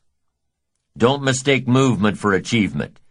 Evaluate the hours in your days and see if there's not a lot of wasted time in there that you could manage better. Do more with. The next key to good time management is good concentration. Focus. You've just got to zero in on the job at hand. Concentrate. Don't start your business day until you get to the business. I used to start my business day in the shower. I'm trying to compose a letter in the shower. The cobwebs haven't been cleared out yet. I'm not awake yet, and I'm trying to compose a letter. Found out it doesn't work.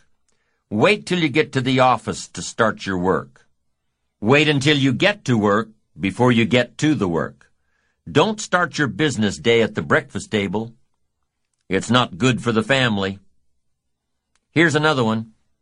On the way to work, don't think about work. It's dangerous. There's a lot of cars out there on the highway. Can you imagine if everybody was driving to work thinking about work? It'd be a mess. Accidents everywhere. Here's what you've got to do. On the way to work, concentrate on the way. In the shower, concentrate on the shower. At the breakfast table, concentrate on the family. Wherever you are, be there. Don't be somewhere else. Give whatever you're doing the gift of attention. Give people the gift of attention. The gift of attention. Concentration. Next time management essential, learn to say no. Boy, it's easy in a social society to just say yes, yes, yes too much, over obligate yourself. Then it takes all those phone calls and all that time to back out of it and redo it. Don't say yes too quickly. Better to say, I don't know if I can make it, but I'll give you a call. Better to say you don't know than to say yes, yes, yes too quickly, trying to be nice and then having to back out.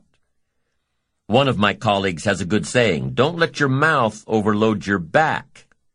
Committing too soon, too quick. Being too eager to please. Appreciate yourself, your time, appreciate your own limits. Know when your commitment to someone else will end up taking time away from yourself and from your family. Have self-appreciation for your special time alone and with those you love and those who love you. This is especially important for charity work volunteer work as well. A group of entrepreneurs I know have been very successful in their business, getting a lot of press. Pretty soon they're swamped with requests to do pro bono work, do their stuff for free. They must get a couple of offers a month to sit in on one charity board or another. But here's how they handle it. They take all requests, weigh them for time commitments, evaluate them for opportunities, then they take a collective vote on which two they'll accept during the next 12 months. You can't immediately say yes to offers that sound prestigious. You can't immediately say yes to social functions. Things that sound like a lot of fun. You've got to say maybe and take time to evaluate what's an important contribution to society and what'll just take time away from your ambitions and your family.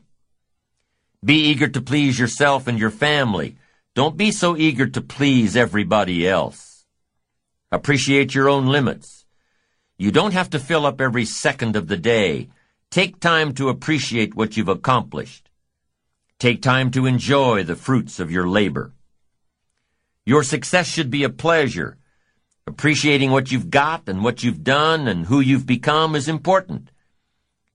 It's an important component in fueling your future achievements.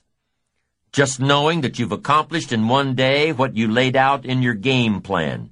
Just knowing that you finished all you started out to do that day. That's encouraging.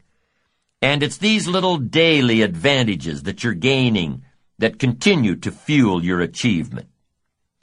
Let's say you're figuring out tomorrow's game plan tonight, and tomorrow looks pretty light.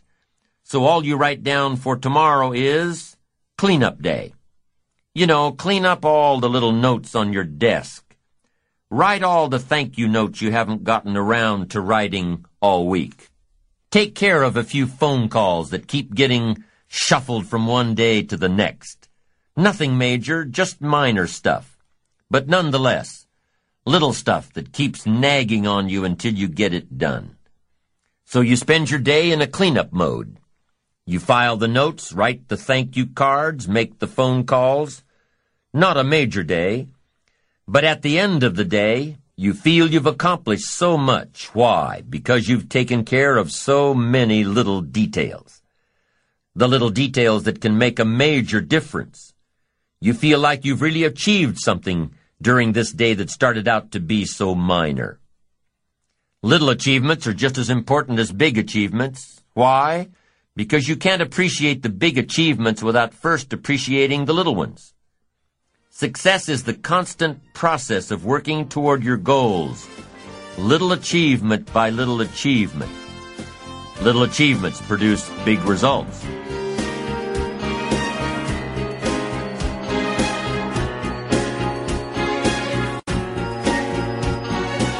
George Leonard, in his book Mastery, talks about enjoying the plateau. Enjoying the plateau. Now this is an important point because so often we find ourselves racing to get ahead, thinking about our next achievement so much that we can't appreciate the time in between. Happiness is not in the getting, happiness is in the becoming. Happiness is a universal quest. Happiness is a joy that most comes as a result of positive activity. It has a wide variety of meanings, a wide variety of interpretations. Happiness is both the joy of discovery and the joy of knowing. It's the result of an awareness, an awareness of the full range of life, experiences, sounds, harmonies, dreams, goals. And it's the joy that comes from designing a life that practices the fine art of living well. Happiness is being able to explore all that life offers. Happiness is quite often found in having options. Options of doing what you want to instead of doing what you have to. The option of living where you want to instead of living where you have to. The option of looking like you want to instead of settling for what you have to. Happiness is receiving and sharing, reaping and bestowing. Happiness is found in taking time to enjoy what you've accomplished, in enjoying the plateau, in giving yourself credit when credit is due, in patting yourself on the back for a job well done. Happiness is here and now. Happiness isn't the end result. Happiness is part of the journey. There's an old saying that goes like this, the road to heaven is heaven.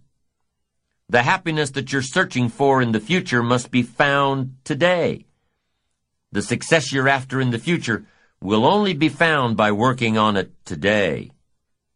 Success is the balance between the need for active achievement and the satisfaction in taking the time to acknowledge what you've already achieved.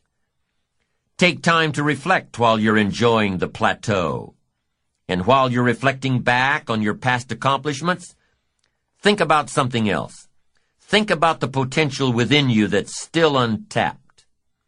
Consider these two questions during your time of reflection. Number one, what could I have achieved in the past had I been more diligent? Could I have been more disciplined? Worked smarter instead of harder? Said no more often to social functions? To community commitments? What could I have achieved in the past had I tried a little differently? Only you can answer this question.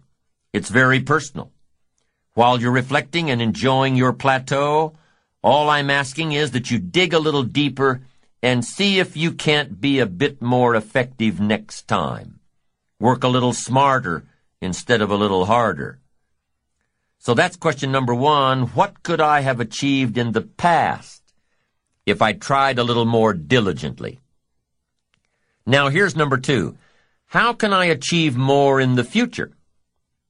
Well, if you take some quality time to thoughtfully answer question number one, you'll probably have a clue as to what's needed in the future.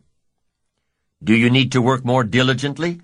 Do you need to be more disciplined? Do you need to work smarter instead of harder? Do you need to say no more often? Do you need to manage your time better? That's one of the keys to reflection. You can put down on paper what worked for you in the past and figure out ways to translate this information into the future. You can design your better future if you can learn from your past. You can face your future with more excitement, more anticipation, when you design a future worth getting excited about. You can see your future and have it pull you, but don't forget to appreciate yourself for what you have done so far, for what you have done today. Take a self-appreciation inventory. Ask yourself a few questions. Start with number one. What have I achieved in the last four days, the last two weeks, the last six months, the last year, the last ten years? What have I achieved during these time periods? Write it down. Take a self-appreciation inventory of all you've done and all you've accomplished and all you've become. Take inventory of yourself. Now compare this list to your goals. Have you accomplished all you set out to do in the last four days, two weeks, six months, one year, ten years? Compare your list. Maybe you've been so busy trying to reach your goals that you haven't taken the time to sit back and reflect on where you've really been. Look back at your list and say, wow, I really have been through a lot. I really have learned a lot. Look what I've done. Look what I've become. I wasn't like this ten years ago, or even one year ago. Look at me. I'm doing okay. Building your ambition takes little steps. One step at a time, one day at a time, one week at a time. And it's like taking your family to a reunion where people haven't seen your kids for six months, or even a year. They say, my, look how you've grown. Well, you know your kids have grown, but when you see them every day, it's hard to notice. So write down all your accomplishments and see where you've been and what you've done and who you've become. You'll say, Oh, look how I've grown. And that's step one in taking a self-appreciation inventory. Now here's step two. What could I have achieved that I didn't? Be honest now, this is your inventory. Nobody else has to see it. What could you have achieved over the last week, the last month, the last quarter, the last year? What could you have achieved that you didn't? Would a game plan have made a difference? Would your direction have made a difference? Would greater preparation have made a difference? Would more discipline have made a difference? In how you changed your habits, changed your life? Would time management have made a difference? Major time over minor time. Ask yourself, what could I have achieved that I didn't? Now, take this one step further with number three. What do I want to achieve in the next four days, the next two weeks, the next six months, over the next year, over the next ten years? What do I want to achieve? Well, all this falls in line with your goals. What you could achieve has to fall in line with what you want to achieve. What you could do has to line up with what you want to do. And what you could become has to meet what do I want to become. Everything affects everything. And through the proper disciplines practiced every day, every day, every day, through the proper disciplines, the what could I do has to match up with what do I want to do. And here's number four. What can I do to achieve this that I'm not doing now? What could I do to achieve my goals that I'm not doing now? What things do I need to work on that I'm not working on now? Remember, it's easy to do the disciplines, the little things every day, and it's easy not to. It's easy to, it's easy not to. Look back at the self-knowledge inventory that you took on side three of this program. The session on positive self-direction. Look back at the list you made of your three most important work-related goals. Look back at your list of the three most important personal and spiritual goals. How are you doing with these? Are you making progress a little each day, a little each day? Are you appreciative of the progress you've made so far? It's important that you take time out to acknowledge yourself, your achievements, what you've done so far, where you've come, who you've become. Self-appreciation is a stage in building ambition that takes a little more maturity, a greater resolve, knowing that you'll do it until, until you get it done, and taking the time out to acknowledge yourself for doing it.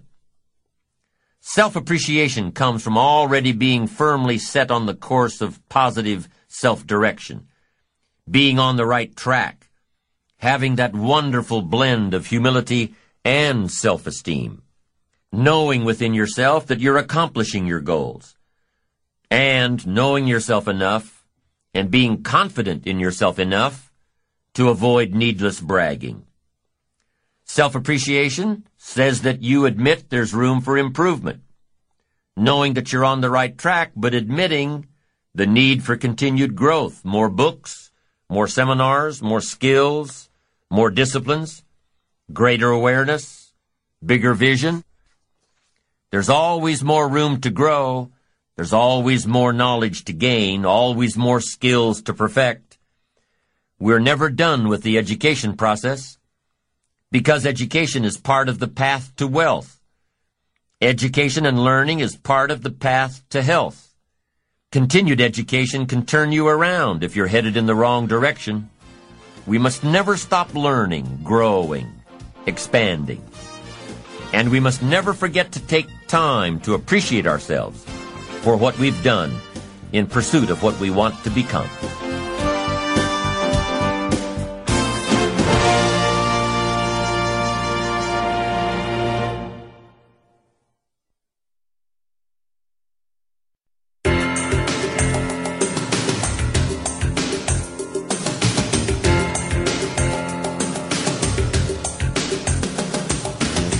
Far in this series on the power of ambition, we've addressed a brief history of ambition in this great country of ours. And we've talked about the six steps of building our ambition. Before we go into how ambition affects our personal lives, let me just review the steps we've covered so far. Step one, positive self-direction. Knowing who you are and where you want to go with your life. Step two is self-reliance taking responsibility for your own life and taking responsibility for all that happens in your life. Step three, self-discipline. Addressing ambition at the daily level. Doing all you can every day, every day, every day, and doing it until you get there. Knowing that the pain of discipline weighs ounces and the pain of regret weighs tons. Step four is self-enterprise keeping your eyes and ears open at all times, being aware of opportunities around you, and being able to create opportunities that'll keep you on the road to success. Step five in building your ambition is working with others, learning how to effectively communicate with those around you, learning how to maximize your networking abilities, and learning to work with those who deserve it, not those who need it. And step six is self-appreciation, fueling your accomplishments tomorrow by acknowledging your successes today. Each of these six building blocks works together in creating energy, directing energy to fuel our ambitions. So as we talk now about ambition and how it affects our personal life, let's make sure to remember the building blocks that we've already discussed. Balancing your personal life with your professional life is key to making your ambition work for you. Home life, work life, they must work together. Making sure that what you're going for in your career complements your home life. Making sure that what goes on at home complements your career. One won't work well if the other doesn't. Lady gets into work early in the morning, is the last one to leave every night. This keeps going on week after week, month after month. Doesn't seem like she gets that much more accomplished than everyone else. Matter of fact, it seems like she's using the office to escape from home. Something's wrong here. Better fix it. Chances are that whatever's bothering her at home is affecting her work anyway. A guy's always late for work. Always takes off during the middle of the day to go home. There always seems to be some sort of emergency to tend to at home. He takes long breaks, leaves early to go home. He's not getting his work done in record time. He's not getting anything done at all. Chances are he's using the emergencies at home as an excuse to stay away from the job. If something's wrong at work, fix it. If you can, or look for your solution elsewhere. If something's wrong at home, fix it. If what's going on at home is the result of neglect, admit it and fix it. Pay greater attention. If you need to go to counseling, go to counseling. Talk with your minister. Talk with a trusted friend. But remember that whatever the problem is at home, it probably didn't happen overnight.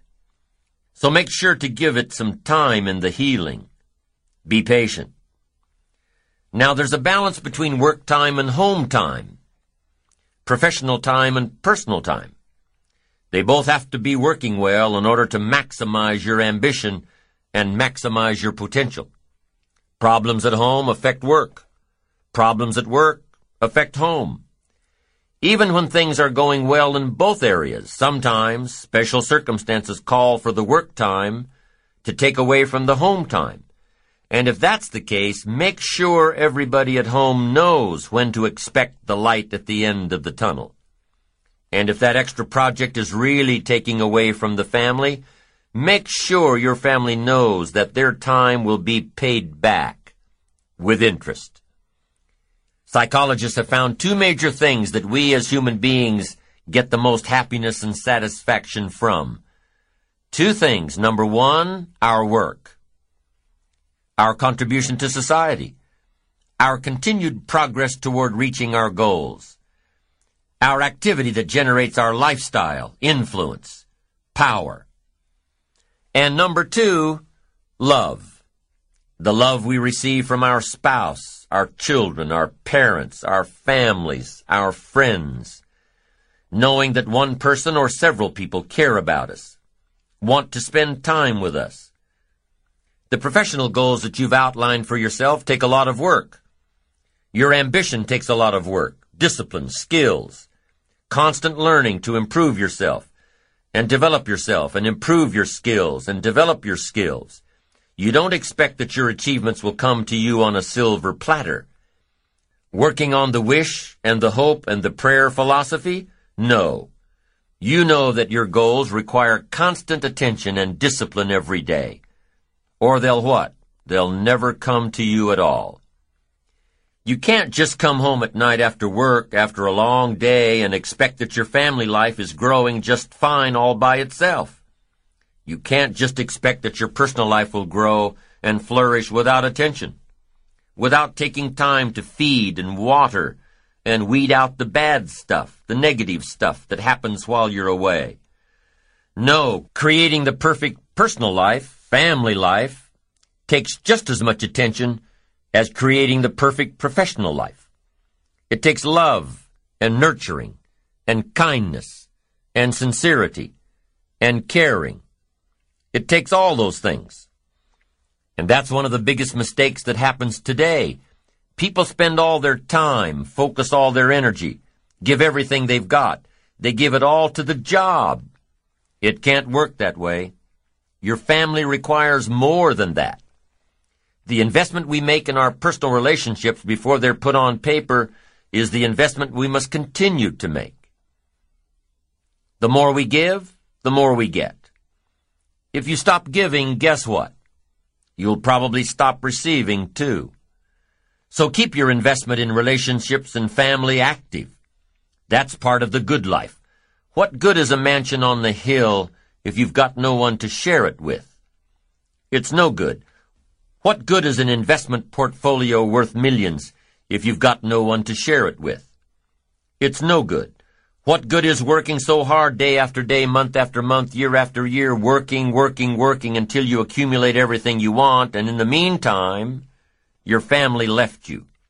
It's no good. It all loses its value. Life has to be balanced. Work hard, play hard. Work six days, take one day off. Work three months, take one week off. Life has to be balanced, or your lifestyle will suffer.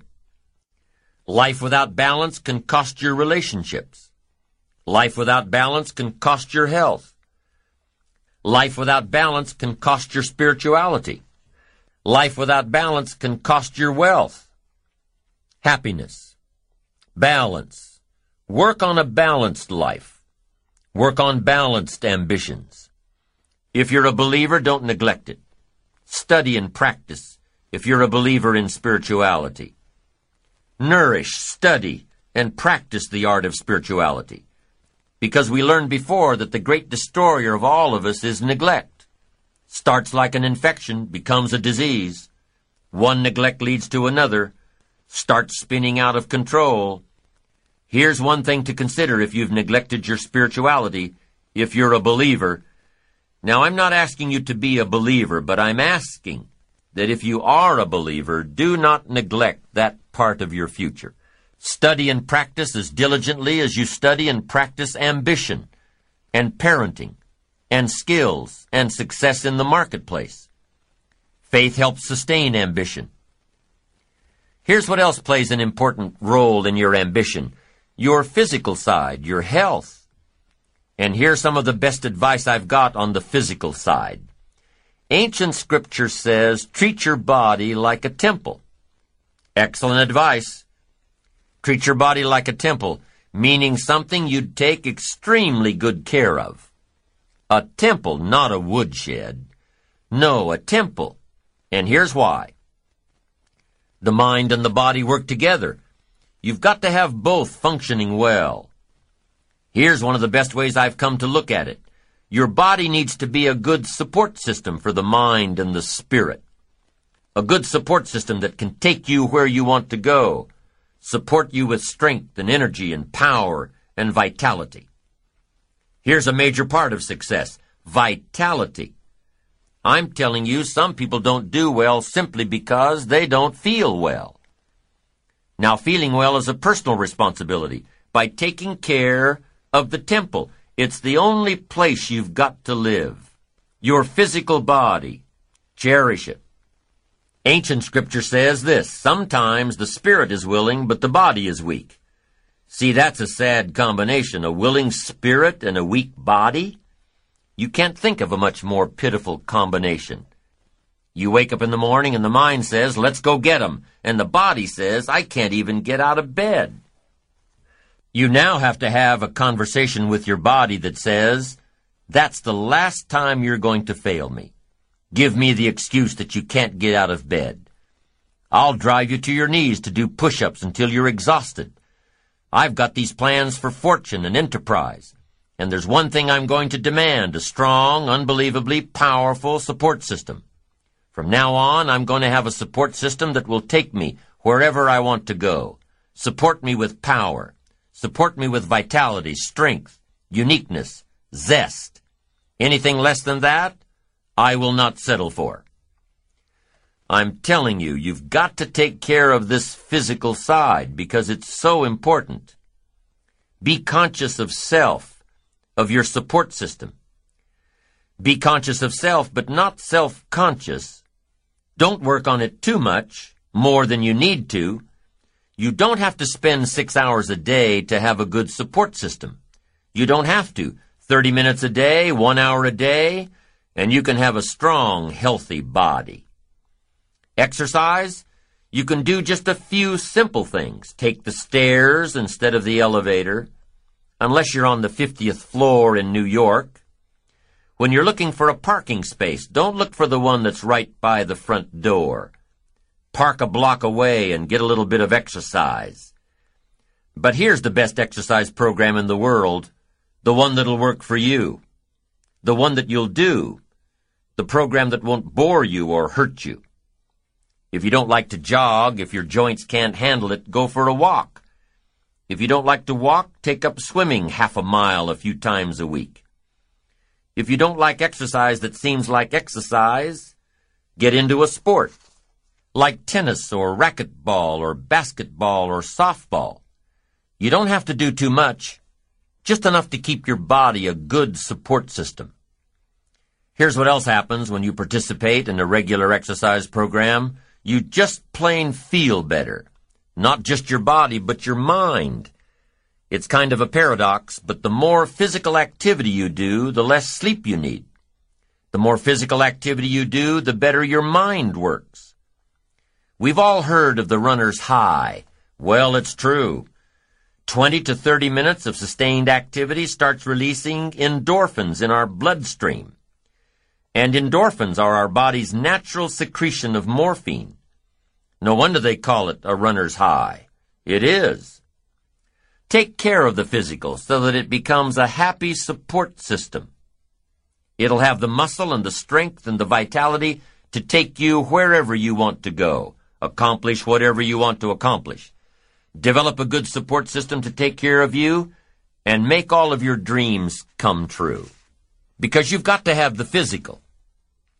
Okay, and here's what else you need to pay attention to in the physical. Those things that could hurt you. Like overeating and smoking and too much alcohol. These things can destroy your temple just as surely as pure neglect. Now, a fine glass of wine with dinner is one of the joys of life, lifestyle, but drinking too much too often will tear down your temple. And it'll do more than that. Drinking too much at business dinners or social dinners will end up alienating you from the professionals who know their limits. Make sure you know your limits. A fine glass of wine, yes. A bottle of wine? Probably not. Know your limits. Pay attention to your behavior in the marketplace, lest it cost you more than you'd like to pay. It's all about balance in life. How your ambition in the marketplace translates into a balanced life at home. If you're giving too much at work, pay it back to your family with interest. Balance. It's important. If you don't have balance, you have what? You'll end up paying too high a price. Sacrificing your family for your work. Being careful with your clients and careless with your children. Without balance. There's a price to pay. And we must all pay the price and sometimes the price is just too high. So evaluate the price before you begin. What must I give up to achieve this goal? What must I become? Evaluate it all. Now, do you think your disciplines at work can affect your personal life? Do you think the skills you perfect at work affect your personal life? Of course. The skills you bring from work have an enormous bearing on your personal life. All disciplines affect each other. Nothing stands alone. Everything affects everything. Everything matters. Yes, there are some things that don't matter as much, but there isn't anything that doesn't matter. Nothing at all. Be not casual in your approach to life and business and family. Don't be casual. Everything matters. How you treat your children will undoubtedly affect how you treat your clients. How you run your office will undoubtedly affect how you run your life, your home. Everything matters.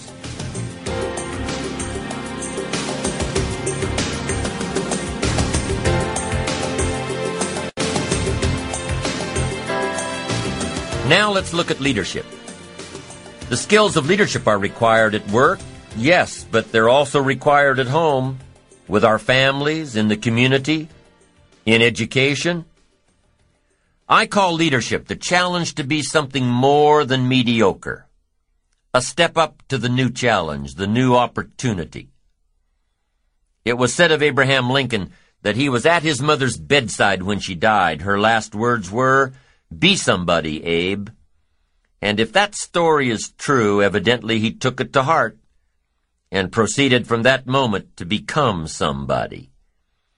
Now, when it comes to being a leader, if you really want to attract quality people, the key is to become a person of quality. Leadership.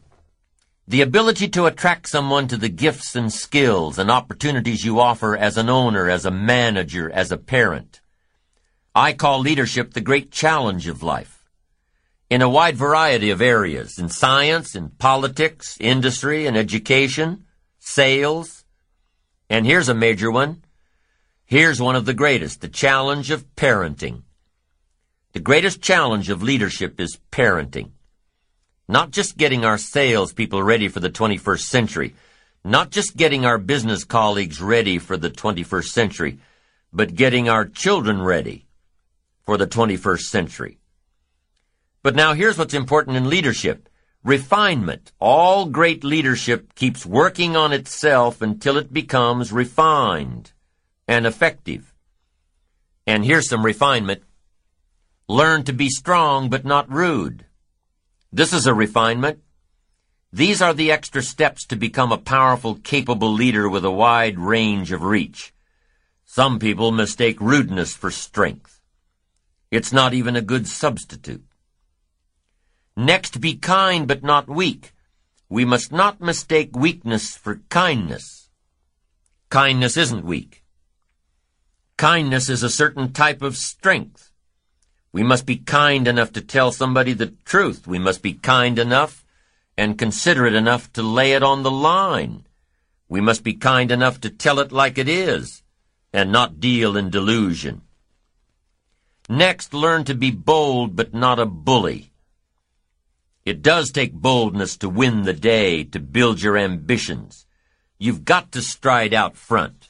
You've got to be willing to take the first arrow, to take the first problem, first trouble. I think we'd all agree that farming is not an easy job. We must face the weeds and the rains and the bugs straight on. It's not an easy task. But if you want any value at harvest, you've got to press, you've got to be bold, you've got to seize it. Here's the next one. You've got to be humble, but not timid. You can't get to the high life by being timid. Some people mistake timidity for humility. But humility is a virtue. Timidity is a disease. It's an affliction. Now it can be cured, but it is a problem. Humility is almost a godlike word. A sense of awe, a sense of wonder, an awareness of the human soul and spirit. Something unique about the human drama versus the rest of life. Humility is a grasp of the distance between us and the stars, yet having the feeling that we're part of the stars. Here's a good refinement. Be proud but not arrogant. It takes pride to win the day. It takes pride to build your ambition. It takes pride in community.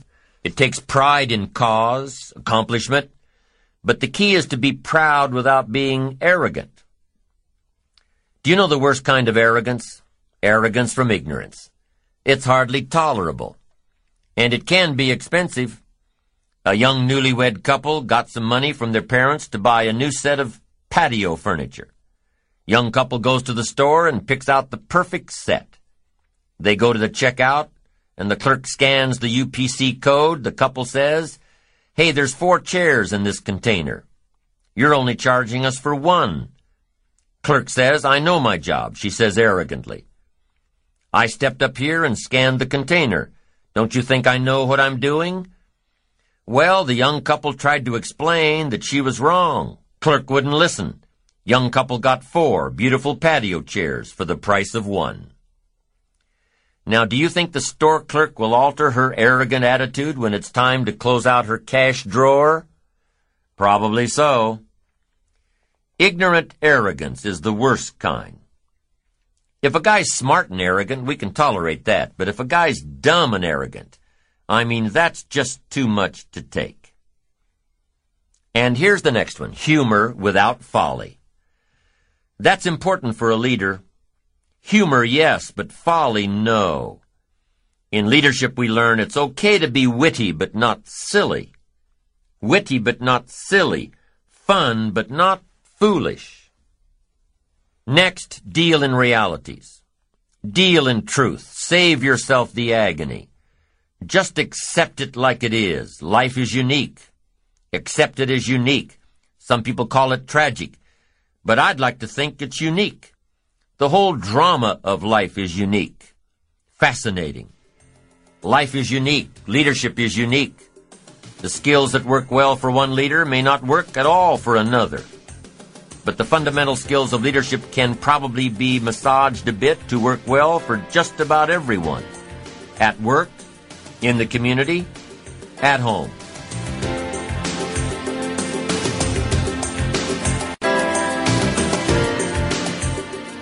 Many people assume that the skills involved in having a good, solid family come naturally. To who? They don't teach how to raise a family 101 how to Raise a Family 102 in school. They don't. They should, but they don't. People tend to assume that good leaders in the community are automatically good leaders at home. So what are some of the skills involved in raising a good, solid family? Communication is number one. Every member of the family has to know that they have a voice and that their voice is respected. Every person in the family has to know that their opinions count, that the family is a democracy, that if there's an issue, they can put it on the table. And that's what's so important about the dinner table. It's not just a place for the evening meal. No, it's a place to bring out all the issues, to talk about the day, to share experiences, to ask questions, and hope for answers around the dinner table. Now, in today's society, there are a lot of broken homes, divorced parents that share custody of the kids. How do you raise good, solid kids when they're split between two households? Make sure the philosophies in both households are compatible. Now, obviously, the reigning philosophies are different. That's why the home is split. But for you parents facing this kind of challenge, put away the personal differences and develop one set of philosophies by which to raise the kids. Why? Because if you don't, the kids will be a mess. One set of rules for one house, another set of rules for another house. No, you can't do this, because if you do, the kids will grow up confused as to what's right and what's wrong. So regardless of how your household is set up, make sure that communication plays a vital role. Everybody needs a voice. Everybody has to be heard. And everybody has to acknowledge that everyone else's voice counts. That's number one, communication. Here's number two in raising a solid family, activity. There was a study done a while back that surveyed a large group of happy families, and here's what they all had in common. First thing, they made a regular habit out of eating dinner together as often as possible. Second thing, they were all involved in one physical activity or another walks, tennis, swimming, basketball. They planned family physical fitness activities. Third thing, they made a regular habit of spending Sunday mornings in church. And the fourth common denominator between successful families, the parents scheduled quality personal time together. Alone. So why would the parents' personal time affect the entire family so dramatically? Because when the parents are happy with each other and invest in each other, they present a unified front to the kids. Personal time together, it's important. So the second key in raising a solid family is activity. Outside activity, planned activity, bike rides in the summer, ski trips in the winter, boating, fishing, trips to the zoo, frisbee in the yard, baseball, softball, basketball, whatever interest your family has, make sure you take time to schedule these kinds of activities, outside activities, on a regular basis. And then schedule inside activities, doing things together at home on a regular basis. If you've got a young family that's gotten used to plopping down in front of the TV during every spare moment, Start weaning them off this activity one day a week. Plan one evening a week without the TV. And during this time, read together, work on household projects together, go through the family picture albums and videos together, plan vacations together. Start a family journal. Write in it once a week what all you did, where all you went, and what all you saw, and how all you felt. Family journals are a wonderful way of tracking the growth of your family and the growth of your kids. When you look back on these family journals, you'll find they're one of the greatest treasures you have. And here's another fun way to log the history of your family. A friend of mine tells that when she was a kid, one of three, in a family where sibling rivalry was at its height, her parents used to hide a tape recorder under the dining room table every so often and tape the family dinner conversation. Wow, those kids get together now and have a great time with this stuff. They're grown now, but when they look back and listen to their upbringing, it has a way of rekindling the family bond. And here's the third most important key to raising a strong, healthy family with bonds that'll last a lifetime. A spiritual connection. Now I know that your beliefs are your own. And whether or not you call the power behind our existence God or not is entirely up to you. But whatever your faith is, whatever your beliefs are, share them with your family, share them with your children. Make time frequently to discuss the spiritual aspects of life. Give your kids the opportunity of choice by giving them a basis of knowledge. There are all sorts of wonderful programs at churches these days, aside from the Sunday sermon that's so valuable. There's Sunday school for kids, vacation, Bible school, camping trips, family outings, weekly Bible studies, picnics, plays, musicals, concerts. If you're searching for a new church home, visit several churches to find out which one is right for you. There are many things you can do with your family to build strong bonds and healthy relationships. The tips I gave you are just a few. You may have other ideas, and that's great. Just remember that the more energy you expend on your family, the more time and attention you give to your family, the more love and attention you'll receive in return. Your children will love you unconditionally when they're young. Just make sure that when they grow up and know better, that you've given them a reason to continue their unconditional love. So be together with your family. Go to church together, spend time together, talk with each other, Get to know your children, who they are, what their dreams are, their visions of the future. Get to know your children. They're not just miniature versions of you. They're special little people with their own personalities. The greatest satisfaction after a productive day's work, the greatest satisfaction is coming home to a harmonious family. Balance, it's part of lifestyle. It's where ambition can lead you if you deem it part of your course.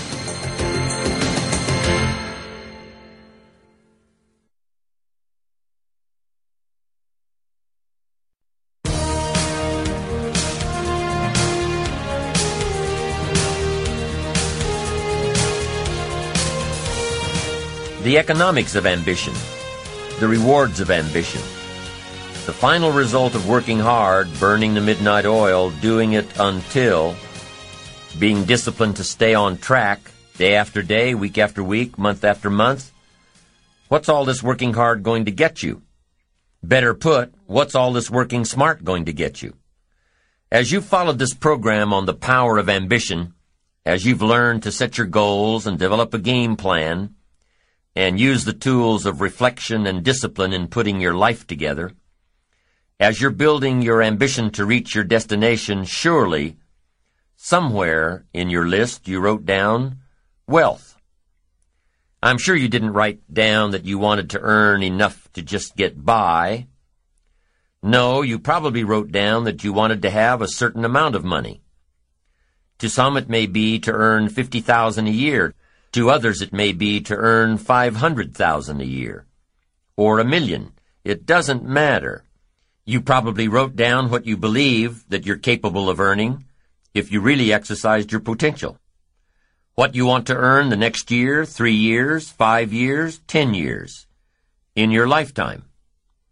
And that figure probably would be viewed by the majority as being rich, getting the most from your ambition, being rewarded by your ambition. Now, I'm not talking about the incredible feelings of accomplishment. I'm talking about the tangible rewards of ambition. How wealthy should you be in knowledge and in spirit? As wealthy as you possibly can be. How rich should you be? In dollars and investments. As rich as you possibly can be. Now, I'm not talking greedy. I'm talking reward for success at the service of others, not at the expense of others. Is it okay to strive for success?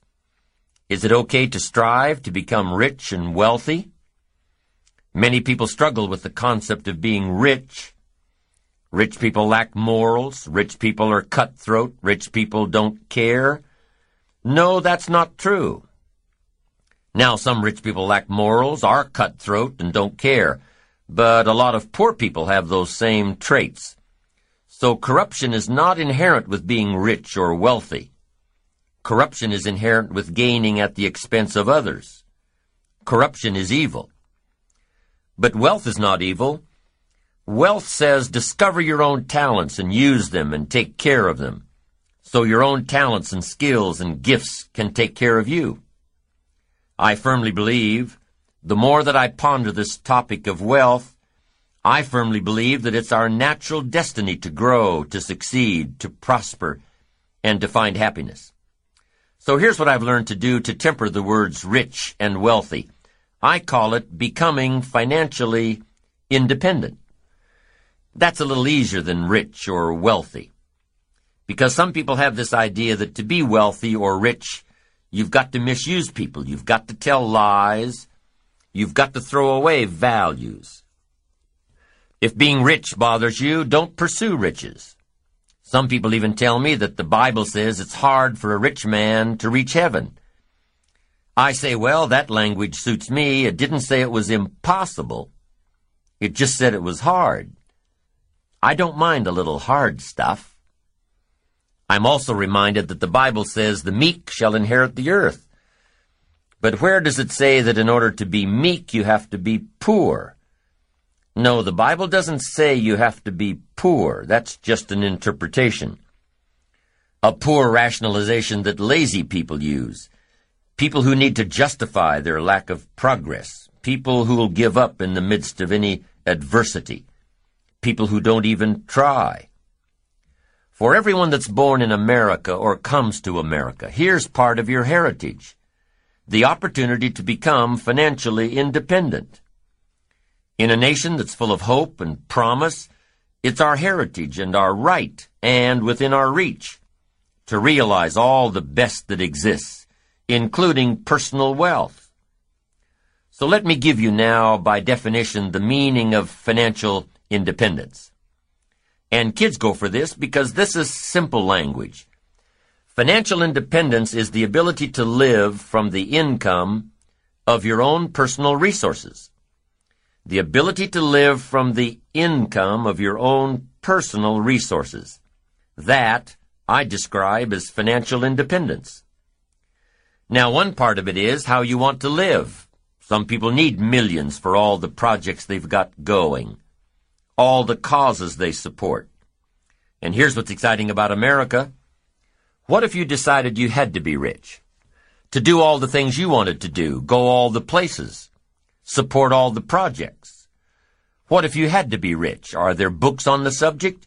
Yes, of course. There's plenty of information on how to be rich. But if you don't have to be rich, you probably won't read the books. What drives you to go get the books is if you have to have the money. Now, some people don't need much money. I understand that. Some people lead modest lives. But financial independence, that, I think, is every American's heritage. Someday to become financially independent. The ability someday, someday to live off the income of your own personal resources. Wow, it's freedom of the most exciting kind, financial independence. Now, to get there, I assume that you've got this money thing settled, that it's okay to be rich and wealthy. It depends on how you earn it, of course. Success at the service of others, not at the expense of others. Wealth by rendering wealthy amounts of service. Everybody has got to weigh this for themselves. I understand that. But let's say that you'd like to go for becoming financially independent. Here's number one. It's a matter first of philosophy. The philosophy of the rich. Rich people invest their money and spend what's left. The difference in your economic future is going to be not the economy. The difference in your economic future is going to be your philosophy. Now, I had one lady chastise me severely. She said, Mr. Rohn, you can't promise young people that they can become rich and wealthy, financially independent. It's just not in the cards these days. It takes everything a person makes just to keep their head above water and the wolf away from the door. I said, no, that's not true. She said, it is true. You can't hold out hope to all people who listen to you telling them they can become financially independent, especially to children. They'll be sadly disillusioned. It's not in the cards these days. I said, gosh, I wish I could persuade you otherwise. I said, let me use this illustration. Can you think of a couple right now who makes $5,000 a month? She said, yes, if I think real hard, I could come up with a couple that makes $5,000 a month. What would they tell you it takes just to keep their head above water and the wolf away from the door? They would probably say, all of it. It takes five thousand a month. I said, could you think of a couple that makes five and a half thousand a month? Fifty-five hundred. She said, yes, if I thought for a while, I could probably come up with a couple that makes $5,500 a month. I said, what would they tell you it takes just to keep their nose above water and the wolf away from the door? They'd say, all of it. I said, now if they said it took all of it, how do you account for this extra $500? Here's what happens. There are errors in judgment on economic philosophy. You say, no, Mr. Rohn, it's the economy. No, it's the philosophy. And if this couple saved this $500 and lived like this couple over here on 5000 their extra $500 a month invested over the next 15 years would make them financially independent. The difference is not your paycheck. The difference is your philosophy. So now let me teach you some of the best philosophy I know. What to do with a dollar. Here's what I suggest that kids do with a dollar. I've got them all persuaded that it's okay to become rich and powerful, financially independent, and if you've got a dollar, I tell my kids, here's what you do with it. To begin with, never spend more than 70 cents. And here's a good plan for the remaining 30 cents. I suggest you take 10 cents out of every dollar and give it to charity. Here's why. Nothing teaches kids character better than generosity. It helps you teach so many things. Generosity, supporting worthy projects, taking a piece of what you've been blessed with and turning it back to help people who can't help themselves worthy projects, charity. And the time to start is when the amounts are small. I'm telling you that if a kid understands this, he'll give you a dime out of every dollar. Once they understand, and it's easy to give a dime out of a dollar. It's a little tougher to give a hundred thousand out of a million. Somebody says, oh, if I had a million, I'd give a hundred thousand. I'm not so sure. That's a lot of money. We'd better start you early so you'll be ready when the big stuff comes.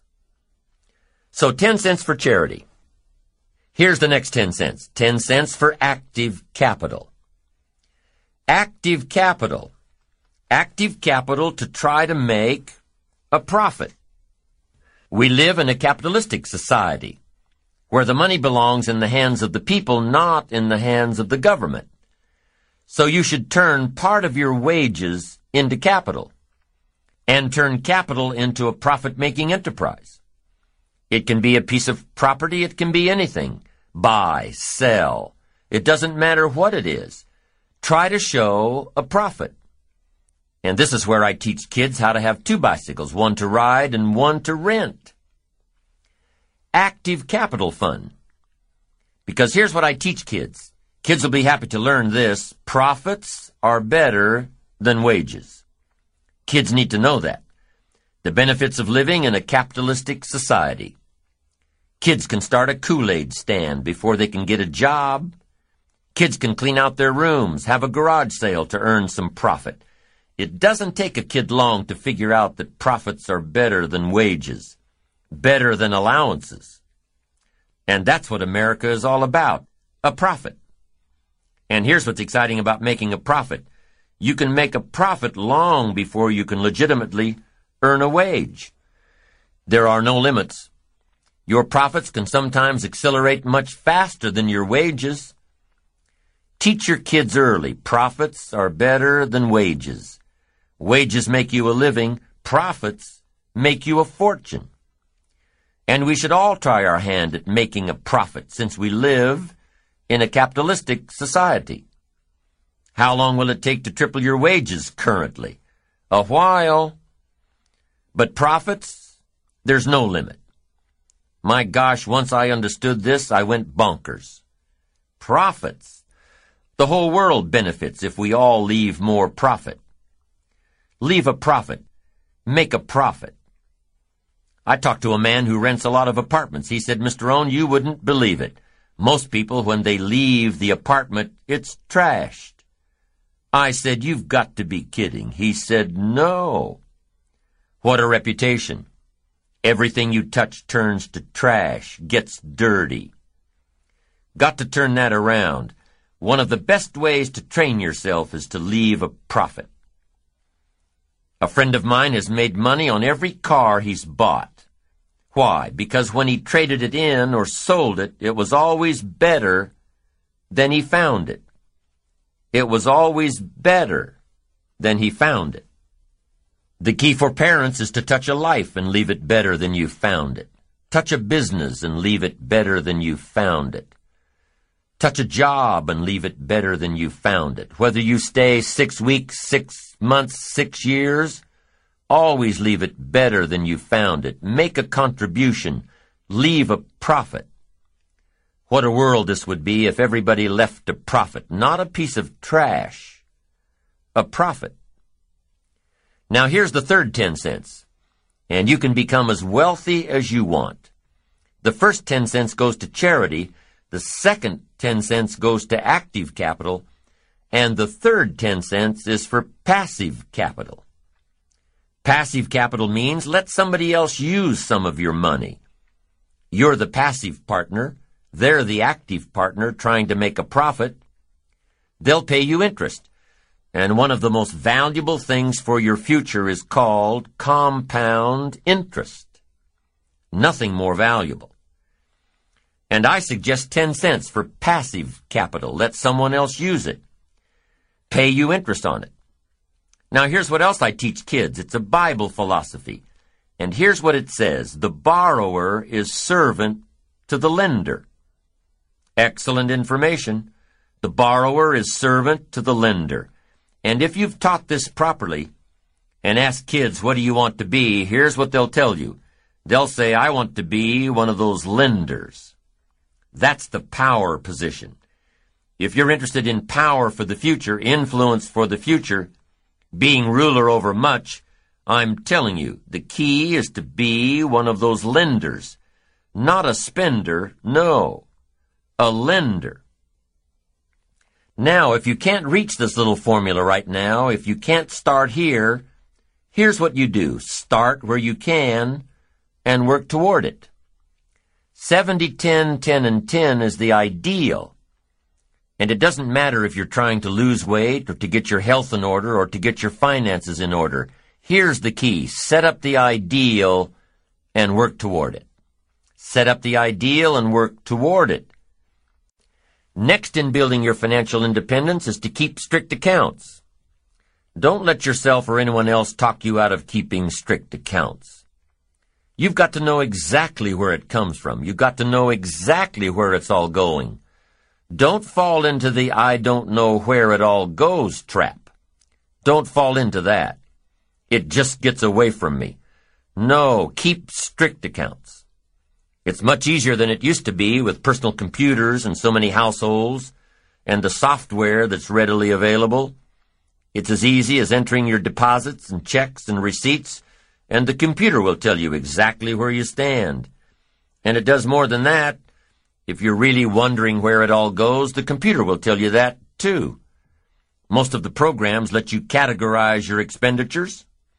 Print it out, and you'll know exactly by category where it all goes. And when it's right there in front of you, you'll be able to evaluate what you're buying and what you're wasting. Take that wasting part and add it to one of your capital funds. It'll get you there that much faster. And here's another part of building your financial independence. It's a matter of attitude. First is philosophy about money. Second is attitude about money. Here's the best attitude. All of us must pay for democracy and freedom and free enterprise and a marketplace and a country second to none with gifts brought here from all over the world. I finally became a happy taxpayer.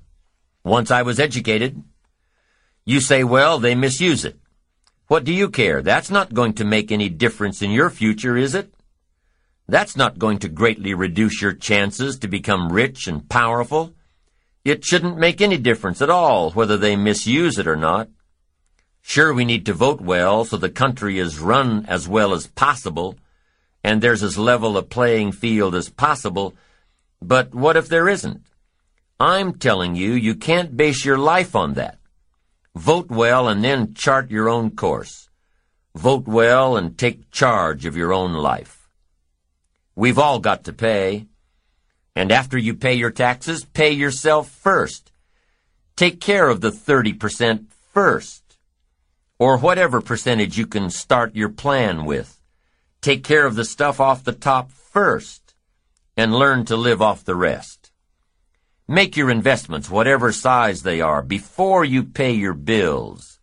Give to charity before you buy the extra things you want.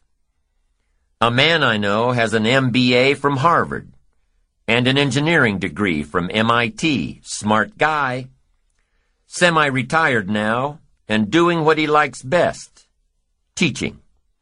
He teaches college courses in economics and business planning. But when he teaches economics, he also teaches personal economics. This is what he starts his classes with. Decide how you want to live now versus how long you want to work.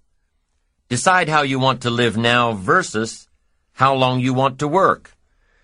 This means if you want to spend everything you make now, you'll have to work longer and harder. If you spend everything you make now, you'll have no choice but to work longer and harder.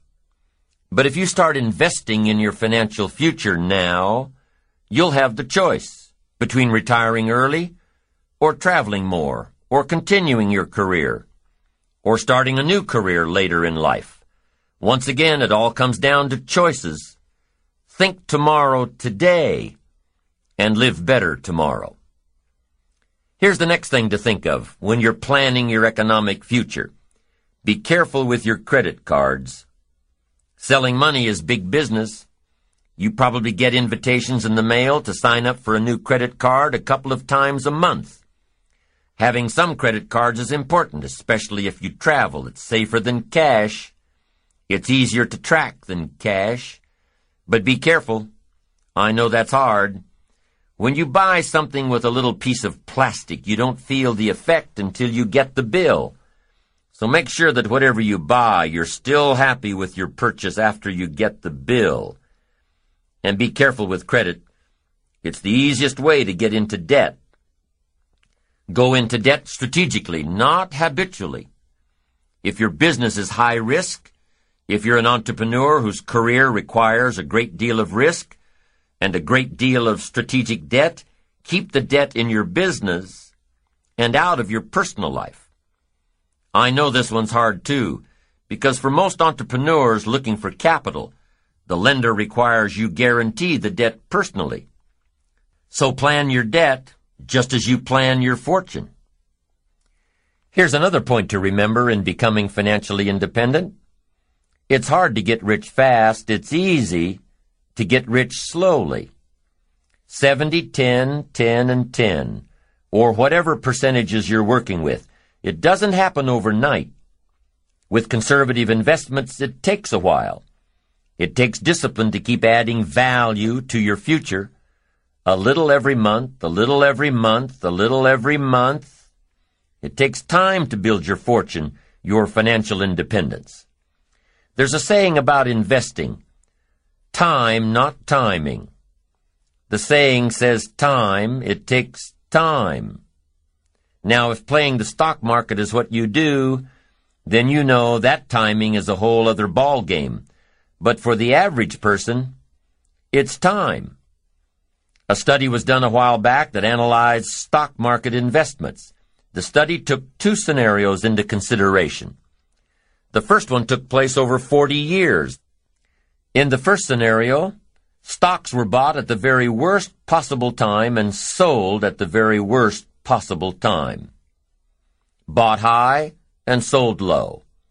And after 40 years, the average return was around 10%. Scenario 1 dealt with time. Now, in the second scenario, stocks were analyzed over a 10-year period. The second scenario dealt with timing. Stocks were purchased at the best possible time and sold at the best possible time. After 10 years, the average return was around 10%. Be patient in building your financial independence. It will come small steps at a time, little advantages after little advantages. It's hard to be patient, but it's just like building your ambition and achieving your goals. It happens one step at a time. And what if patience has nothing to do with building financial independence? What about those trust fund babies that are handed their financial independence on a silver platter, never having to work a day in their lives? First car is a Porsche. First house is a mansion. First job is at daddy's company. What about those people born rich? Some guy says, it isn't fair that I'm working like crazy all day, all week, all month, all my life. It just isn't fair. I'll never have that kind of money. Well, some things aren't fair. Inheriting money. But what does that have to do with you, really? If your goal is to have greater financial independence than some of those you know, then you'd better start working harder and smarter on your goals, your own visions, and stop pondering what's fair and what isn't. Start examining what's keeping you back instead of what's keeping them ahead. Start looking at what you're doing. Start looking at you instead of it. There are plenty of stories and examples and experiences of people who began their careers destitute and had enough resolve to do it until, until they had more than they ever dreamed of. Study the experiences of others who built their way to the top instead of those who were born there. And what if you decided you had to be rich? What if you really followed the power of your ambition and your life started turning around? Well, aside from getting on the right track, increasing your earning potential, decreasing the percent you spend, increasing the percent you save, invest, give away, aside from all the benefits of achieving, there will also come some disappointments. Disappointments in the circle of friends you started with. One of the disappointments that come from achieving all you can be is in the people who choose to remain right where they are. They will chastise you for your accomplishments. They will abandon you for trying to become better. They will remain behind and say, Boy, he's forgotten us now, now that he lives so well. And they'll probably say more than that. They'll probably gather in their little group and say all sorts of things to justify their own mediocrity. But remember, those who choose to stay behind have chosen their own path an average path, a path of mediocrity. And those who have climbed above the crowd almost always wish they could return to their earlier friends, to embrace them in friendship and love, and try to help them get out of their ruts, to share ideas of hope and inspiration. But it rarely happens. Jealousy builds a big wall, one that is almost impossible to break down. So as you change, your life will change. Your friends will change. Your circle of influence will change. And that's part of achievement and ambition and success. An ever-changing process required to become the person worthy of reaching your goals. There are many reasons why people don't build their ambition, strive to become better, be the best they can. Many reasons, but it only takes one we talked about many fears in an earlier session and how to work to overcome them, but here's one we didn't talk about. Risk. Different professions call for different levels of risk. There's an old saying, no risk, no reward. Maybe that's the case in life, I don't know. It's a personal decision, one you have to make, regarding how much risk you're comfortable in taking with your life and your future and your money. It's a personal decision. What I do know is that there are different types of ambition, different types, and each has its own reward. The ambitions of a salesperson are different than the ambitions of a manager. The ambitions of a manager or an executive are different than the ambitions of an entrepreneur. The ambitions of an entrepreneur are different than the ambitions of an artist or a scientist or a teacher. With different levels of ambition come different levels of risk and different levels of reward. Salespeople are probably more able to handle risk than managers and professionals. And the higher the risk, the higher the earning potential. Entrepreneurs are probably even more risk-oriented. They have to be.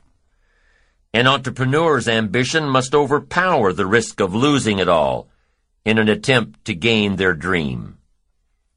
Your level of ambition may or may not be equated with your ability to take on risk. Most people can't deal with so much failure to reach success. There are only a few people, even among the most ambitious, that have the tenacity, intestinal fortitude, tolerance level to follow a risky ambition. Whatever the level of ambition, whatever the level of risk, there must always be the discipline to overcome the failures and see the end result. To keep trying until. Jonas Salk kept working through his failures until until he developed the polio vaccine.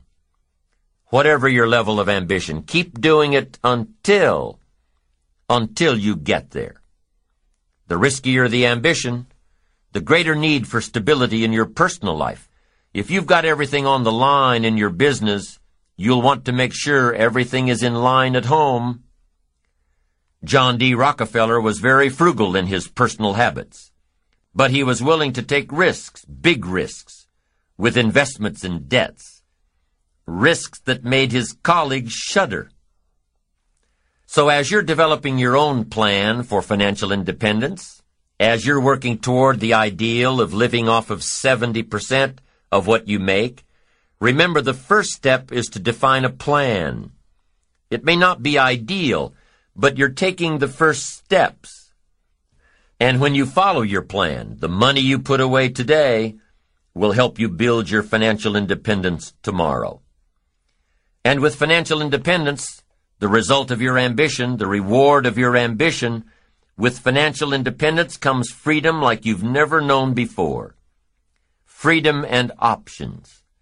To live where you want to live, to do what you want to do, to go where you want to go, to drive what you want to drive, to support the causes you want to support, with financial independence comes the freedom of choice. It's okay to be rich. It's okay to be wealthy. It's okay to be successful as long as it's at the service of others, not at their expense.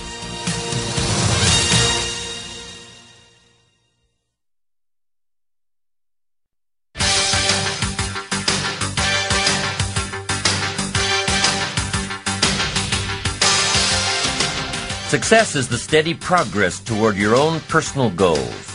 Goals designed by you with a plan implemented by you. Your goals, your philosophy, your plan. So if success is the steady progress toward your own personal goals, what then is failure? Is failure working on a project that ended with poor results? No, of course not. Is failure launching a new product that failed miserably in the marketplace? No, of course not. Is failure doing the best you possibly can with your kids and having them disappoint you in a very personal way? No, of course not. There's no failure in pouring your heart and soul and energy into something that didn't work. Rather, failure is not trying at all. If success is the steady progress toward your own personal goals, then failure is no progress at all. None. Not even trying. Success and failure are always linked together. Success and failure are always linked to ambition. And let's remember, success is doing, failure is not doing. It's that simple. Tom Peters, world-renowned author and management expert, said recently, There is only one way to be in serious trouble today, and that is not to be trying, not to be failing, not to be stretching yourself. Success is a doing. You've got to actually do it. Activity is high priority in the life process to try and get maximum benefit out of what we have available.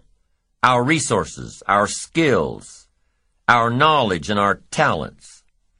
Success is a doing that tries to get maximum benefit out of what we have available. Benjamin Disraeli, former Prime Minister of England, once said, Nothing can resist a human will that will stake even its existence on its purpose. I'll do it or die. What a powerful set of words. We've already talked about resolve, doing it until but here's what else resolve says. Resolve says, I will. Two of the most powerful words in our language. The formula for disaster could, should, don't. Here's the formula for fortune. Could, should, will. Could, should, will. I will, I should, I can, and I will two of the most powerful words in the language. I will. The man says, I will climb the mountain. They say it's too high, it's too difficult, it's too rocky, it's never been done before. The man says, hey, it's my mountain, I'll climb it. Pretty soon you'll see me waving from the top, or dead on the side, because I'm not coming back until I've done it. Powerful. There are several studies that show the greatest achievers aren't those who fail the least. No, the greatest achievers are those least frightened of failure. They're willing to take on the challenge without the guarantee of success, seeing the end but not sure when it will be or where it will be. Although success and failure go hand in hand, many people have a problem with failure. They think it's a bad word, has a bad connotation. They don't see it as a stepping stone. They see it as an end result. Quite often, success requires failure, sometimes many failures. In every scientific discovery, there were dozens or hundreds of failures before one success. Without failure, opportunity cannot be created. Without failure, there can be no success. But what is the measure of success? How do you know if you're successful, really successful? How do you know, especially when your success could be so vastly different from someone else's success? Here's how you measure. Results. Making measurable progress in reasonable time. That's all life asks. Making measurable progress in reasonable time. So you've got to be reasonable with time, don't be unreasonable with time, parents. Don't be unreasonable with time, managers, brokers, business associates. Have a little patience. You can't ask somebody every five minutes, how are you doing now? That's too soon. The guy says, I haven't left the building yet. Give me a break. So five minutes is too soon to ask. So five years is what? Too long and too late. So what is reasonable time to ask for results as a measure of progress? Here's number one. At the end of the day. You can't let more than a day go by without getting some things done, some letters written, having a conversation with your son or daughter. You can't postpone the important more than a day. When you work on the job, there are some things you've got to get done within a day. You've got to make some calls within a day. Your health disciplines, you've got to get those done within a day. You can't carry over. You can't say, well, I'll eat nine apples ten days from now. No, it's an apple a day. A day. Some things you've got to get done within a day. So at five minutes to midnight and you haven't gotten your apple in yet, munch away and get it done. A day. Here's what's next. A week. Some things you've got to get done within a week. Stuff on the job, calls made, activities. A week is a good chunk of time. Can't let more than a week go by without taking a look and a measure to see how you're doing. John joins this little sales company. He's supposed to make 10 calls the first week, just to get acquainted out there in the marketplace. Would it be legitimate to call John in on Friday and say what? How many calls did you make? That's legitimate. It's legitimate time to ask for a measurable amount of progress. He's supposed to make 10 calls. Come Friday, how many calls did you make? John says, well, you say, John, well won't fit in my little box here. I just need a number. Now John starts with a story. You say, John, the reason I made this little box so small is so a story won't fit. I don't need a story. I just need a number. Now here's one of the better phrases to take home. The numbers tell us the whole story. On you personally. The numbers tell us the whole story. Success is a numbers game. There are three important questions to ask yourself in this area. Here's number one. How much money have you saved and invested during your career? Second question. In the last 90 days, how many books have you read? To invest in the miracle of your mind, give you ideas to ponder, fashion your future with meticulous care. How many books have you read in the last 90 days? Third question, in the last six months, how many classes have you taken to improve your skills or to develop new skills for your future and your family? How many classes in the last six months? I'm telling you, numbers tell us everything. Success is a numbers game. You've got to make progress. You've got to make progress in reasonable time. You've got to take a look at the numbers and see how you're doing. It's the name of the game. How often should you weigh the new baby? Well, you say, I'll weigh the new baby next spring. No, you can't wait until next spring. Don't you have to weigh the new baby often? And the answer is yes, of course. To see what? To see whether it's gaining weight or it's losing weight. What if it's losing weight? The alarm bells have got to go off. You can't let a little baby lose weight very long. It's called disaster. These numbers are important. How often should you check the corporation to see if it's healthy or not? You say, well, in a couple of years, we'll get all the accountants together. No, you'll be out of business. In Las Vegas, the big gambling houses, guess how often they put together a financial statement to see where they are? Several times a day. Why? So much is happening. If you don't learn when to shut down some of those tables, you'll be out of business by midnight. You can't wait till midnight. You can't wait till tomorrow. Tomorrow's too late. You've got to know the numbers. What is your cholesterol count? You don't know and you don't care? You've just got your fingers crossed for the future? We'd better come and get your family and take them to safety. Come on, be responsible for the set of your own sail. Leave it to no one else but yourself. And learn to refine these numbers for yourself. How many pounds overweight should you be at age 50? John says, well, I've got big bones. Well, we'll give you 10 pounds for big bones, but hey, 25, 30 pounds? And we've got to turn on the caution light at home and at the office. Somebody says, what's that flashing caution light? John's up about 20, 25 pounds. 35, 40 pounds, and the flashing red light comes on at home and at the office. Somebody says, what's that flashing red light? John's up about 40 pounds. 50 pounds, and the siren goes off.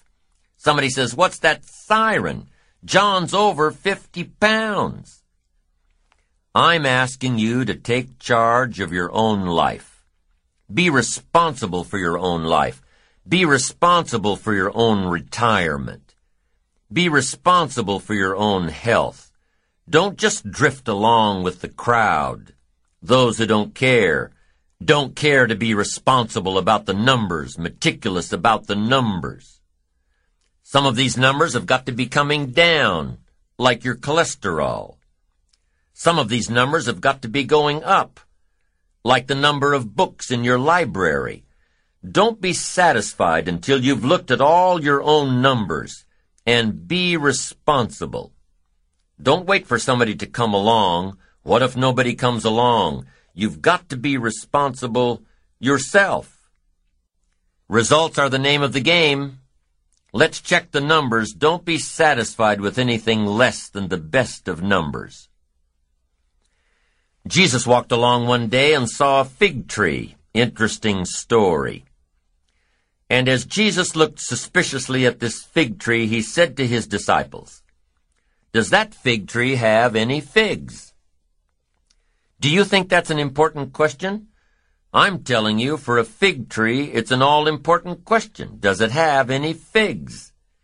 His disciples said, No, sir. Of all the trees you were to pick, this particular fig tree does not have any figs. The story says Jesus lost his cool. One of the few times he lost his cool. Why? I think to make a point. A fig tree without figs? It is unacceptable. Jesus said, if that fig tree doesn't have any figs, I suggest you promptly take it out. And he added, why let it take up the ground? So you've got to get all your people together every once in a while and say, today we're counting the figs. What for? To see who gets to stay. Why? It's the name of the game. Results. Now, what if your results are not that good right now? What if you're going through some tough times and aren't quite sure what to do next? You know why I do seminars and lectures and write books and audio programs? So I can attend them all myself, read it again myself, listen again myself. I don't do it just to hear myself talk, and I don't do it for the money. I do it because the teacher always receives the greatest lessons he seeks to teach others. What's the best way out of a blue mood? Talk somebody else through theirs. What's the best way out of a mental energy slump? Talk somebody else through theirs. What's the best way to start solving your own problems? Talk to somebody else about theirs. Why? Because when you start talking someone else through their blue mood or their mental slump or their problem, you'll hear yourself say amazing things. You'll hear all the knowledge that you've gathered come out to help this other person. And it will ultimately help you by hearing it again. It just works that way. It's often easier to tap our resources for somebody else than it is to tap them for ourselves. Sometimes defeat is the best beginning. Why? Well, for one, if you're at the very bottom, there's only one way to go. Up. But more importantly, if you're flat on your back, mentally and financially, you'll usually become sufficiently disgusted to reach way down deep inside yourself and pull out miracles. Pull out talents and pull out abilities and pull out desires and determination. When you're flat broke or flat miserable, you'll eventually become so disgusted that you'll pull out the basic essentials required to make everything better. And it's in the face of adversity that things begin to change, that you begin to change. With enough disgust, desire, and determination to change your life, you'll start saying, I've had it. Enough of this. No more. Never again. Here's where the miracle begins. I've had it. Enough, no more. Never again. These words and these thoughts really rattle the power of time and fate and circumstances. And these three things, time and fate and circumstances, all get together and say, okay, okay. We can see that we have no power here. We're facing some major resolve. This guy's not going to give up. He's had it.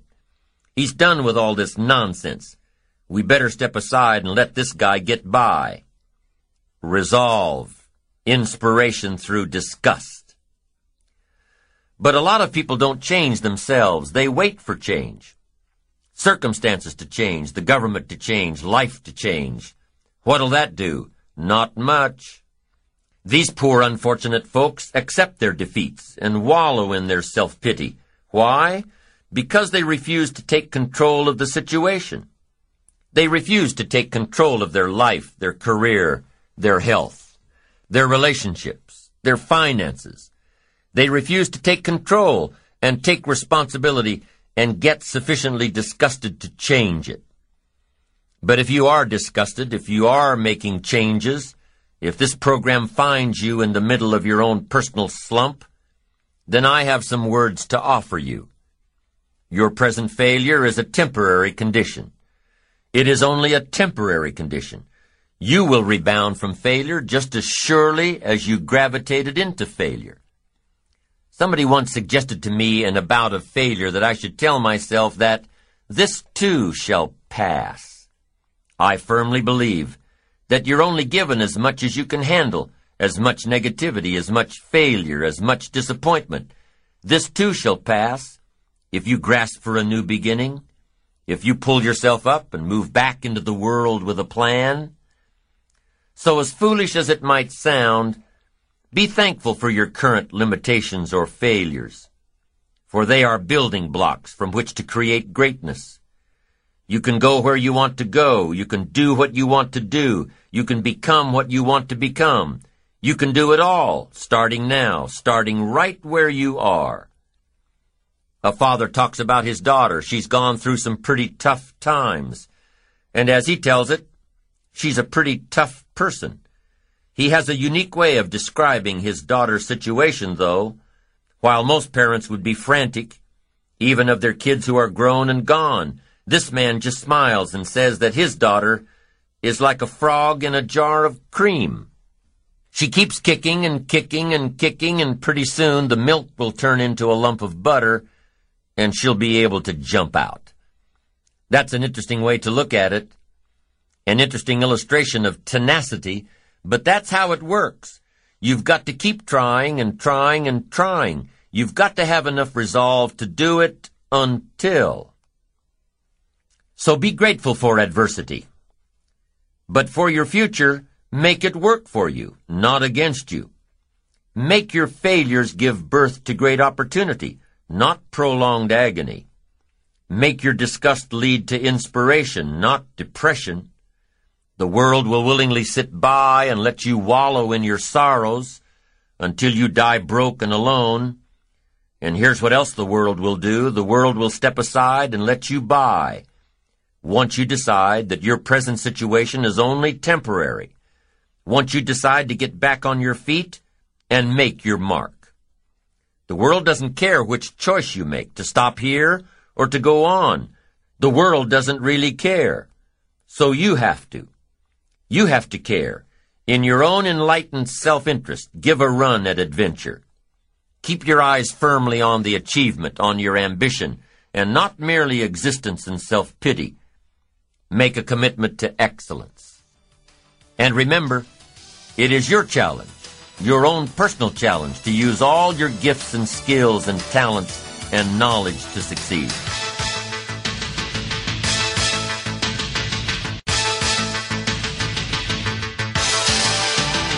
Now, here's another thought for you. It's a big thought. It's a thought that can make all the difference in the world, and here it is. Success is something you attract by the person you become. Once I understood that, I changed my whole method of operation. Success is something you attract by the person you become. Success is not something you pursue. What you pursue usually eludes you like a butterfly something you go after that you can't catch.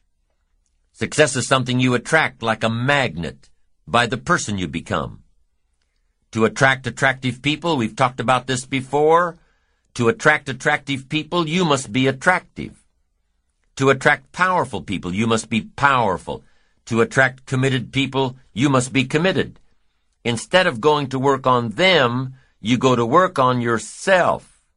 You work harder on yourself then you work on the job. And if you become, you can attract. The whole key is to make yourself valuable. The key is to make yourself attractive. The key is to make yourself skillful, competent, willing, powerful, unique, sophisticated, cultured, being able to manage, in control, healthy. The whole key really to the future is personal development because the greatest gift you can give to someone else is your personal development, self-development, self-investment. The greatest gift you can give is your own personal development. If I become ten times wiser, ten times stronger, ten times brighter, ten times more competent, think of what that will do for my success. If I grow, think of what that will do for my future. Self-development earns success. Self-investment earns respect. And the only way to make a better and better and better investment in your future is to become better and stronger and wiser and more competent. And the more attractive you become, the more attractive you are. And the more attractive you are, the more you attract success. Self-development, self-investment attracts success. That's powerful. Now here's what would be pitiful if your income grew and you didn't grow. Because here's what usually happens. If your income takes some jumps, it's best that you grow quickly up to where your income is. Why? Because otherwise your income will soon come back to where you are. Somebody once said, if someone hands you a million dollars, best you become a millionaire so you get to keep the money. I'm telling you, success doesn't want to hang around an incompetent person. That's the problem with winning the lottery. The lack of self-development to be able to master it and keep it. And now the fortune is bigger than the person, rather than the person being bigger than the fortune. If you're a parent, use that as a challenge to grow personally. Use the challenge of parenting to grow. See what you can become. One ancient writer said this, here are some reassuring words. God's arm is not short. Aren't those reassuring words? God's arm is not short. You can't think of anything more pitiful than a God with a short arm. Poor God, his arm's too short. He can't reach all the way. Can't reach out to all of us. This writer said, no, be reassured. God's arm is not short. He can reach all the way and he can reach everybody. Shouldn't that be said of every father? Of every mother? They can reach all of their children.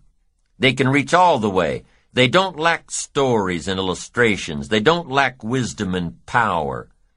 And the only way you can become that kind of parent, the only way you can keep up that process, is by personal development. By becoming better than you are, stronger than you are, wiser than you are. Becoming, becoming, growing, so that your investment grows. As your children grow, you grow. Your power grows, your influence grows, your wisdom grows, your command of the language grows. You see, that's what's challenging, to be involved in a situation that makes you grow. If that situation is success, keep growing to be bigger than your fortune. If that situation is failure, keep growing until you're bigger than the problem. Keep growing, keep becoming, keep doing it until. Now there are two qualities that can increase your chances of success. Two very important qualities. Number one, patience. Number two, persistence. Let's talk about patience for a moment. Patience is what? Learning to handle the passing of time. Now, once you've had an appetite for success and you start going for it, now you've got to learn to handle the passing of time. Here's why. It takes time. It takes time to build a corporate work of art. It takes time to build a symphony orchestra with flawless music and harmony that sends you on flights of ecstasy. To be remembered long after the orchestra has shut down and the lights have gone out. It takes time to put harmony together. It takes time to build a life. It takes time to build an enterprise. It takes time to get through school. It takes time to develop and grow. So give your enterprise time. Give your business time. If you're in management, give your people time. If you're a parent, give your kids time. Don't be too short, too quick. Give them time. Now, not forever, but time, it takes time. Here's the ultimate challenge. You've got to have patience with yourself. It takes time to make changes in habit and discipline. It takes time to correct old errors in judgment. and to finally give up old blame and pick up new responsibility. I'm telling you, it took me some time. I used to blame the government and blame taxes and blame the company and blame the marketplace. It took me a long time to give that up. That was a pretty comfortable list to explain my empty bank account, pennies in my pocket, nothing in the bank, not doing well, embarrassed by my situation. It took time to give that up and only blame myself. That took a while.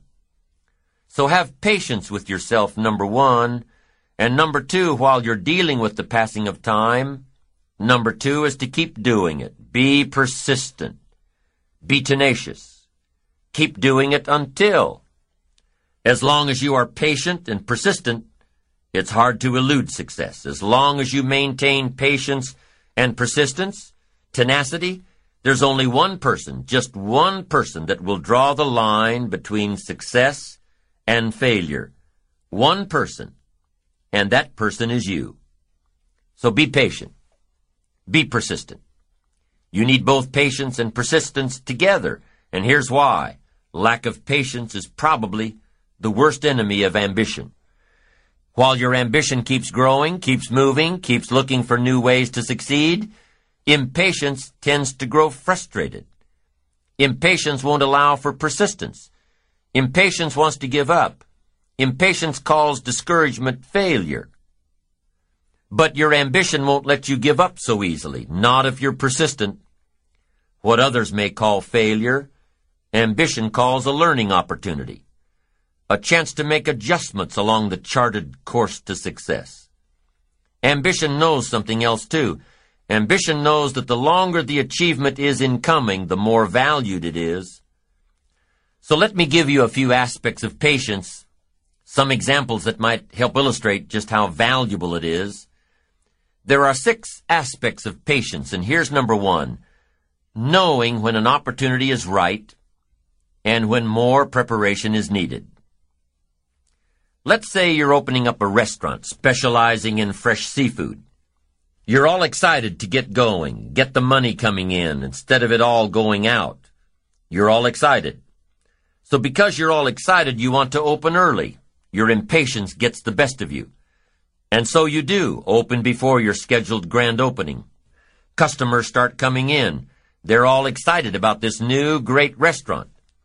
And everybody wants some fresh seafood. They're all ordering fresh seafood from the menu. But now you panic. You haven't got any. You're not ready. The fresh seafood shipment won't come in for a week. Impatience has just killed the restaurant. Now let's say you've got a great new product that's scheduled to come out on the market in the next several months. Everything's going according to plan, so you start planning your ads, start planning big public relations events, you're so sure that it's going to happen that you set a date. The engineers told you that the product's not ready, but you're sure it will be. You start planning everything, invite lots of people, influential people, buyers of your product. You're so excited that you went ahead without the product actually being done. Come the week of the grand unveiling, the engineers come to you and say it still doesn't work. Your impatience just lost you credibility in the marketplace. That's number one. Be patient in knowing the difference between when the opportunity is right and when more work needs to be done. Here's number two. Remain alert, even if opportunity doesn't come right away. Make sure that your patience allows you to keep your eyes open and ready for opportunity. Keep looking. Be patient. Number three, keep preparing for opportunities, even if there's a delay. Even if things aren't going just the way you think they should, keep your disappointments at bay and keep getting ready for opportunities. Be prepared. Always be prepared. Don't let impatience allow you to give up. Number four impatience. Take the little setbacks in stride. Take the little successes in stride. Don't let small disappointments discourage you. Don't let the little successes delude you. Avoid the emotional roller coaster that will always, always disrupt your plan. Number five, if you're waiting on the decisions of others, be patient. You cannot control the decision-making abilities of others. You cannot control their timing. If your project was to come up before the board in one meeting and time ran out, and they moved your project to the top of the agenda for the next meeting, be patient. Don't be frustrated about what you have no control over. And number six, take a vacation from your ambition. If you've been working day after day, week after week, month after month without a break, take a vacation from your ambition. The patient person, secure in their ambition, knows that the drive and ambition will still be there, even after some time off. As a matter of fact, with some time off, the ambition will have a stronger pull than ever when you come back to it. Persistence is patience in action. Persistence is creative, always looking for new opportunities. Persistence is courageous. It doesn't give in to fear. Persistence is hopeful. It doesn't let discouragement through the door. Persistence is positive. It keeps you on track with your plans and your goals. And the last thing that persistence is, is cheerful. Not gloomy, cheerful. Persistence knows that gloom and depression and disappointments waste energy. Cheerfulness creates it. Patience and persistence are both required for success. And as we end this side, please remember that success and failure are also intricately intertwined. For without failure, you can never appreciate success. And quite often, without failure, there will never be success.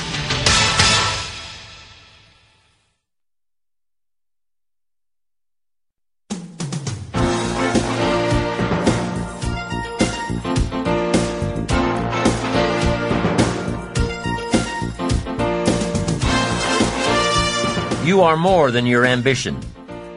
These are undoubtedly some of the most valuable words in this program on the power of ambition. You are more than your ambition. You can't serve your ambition. No, your ambition must serve you. If you serve your ambition, you become less than your ambition. If you don't allow your ambition to serve you, your ambition won't have any resources to pull from to grow, to maintain. It won't have a reservoir of strength and discipline and ingenuity and creativity. If you serve your ambition, it will be weakened. There will be nothing to revive it, replenish it. So how do you make sure that your ambition is serving you? Let's review the methods for building your ambition. The principles for building your ambition, the building blocks, the fundamental philosophies that we must continue to work on so our ambition will continue to serve us, work for us. Let's go through these one more time. Because these building blocks help develop the foundation of good, strong ambition. Here they are. Principle number one, positive self-direction. Positive self-direction says, I know who I am. I know where I want to go. I am working on my plan to get there. In positive self-direction, you accumulate knowledge and experiences and feelings and philosophies. You gather all that you can to help you decide where you want to go, how you want to get there, how to keep on track. Positive self-direction, that's number one. The second principle in building your ambition is self-reliance, taking responsibility for your own life taking full responsibility for whatever happens to you, taking the credit or the blame for the result of yesterday's activities, changing what's in your power to change, being responsible, working with others, yes, but doing all you can to bring the most value to the table, to the marketplace, being self-reliant, responsible. Principle number three is self-discipline. Consistent self-discipline. This is one of the most powerful of the six principles, and the one that will undoubtedly prevent you from living with the pain of regret.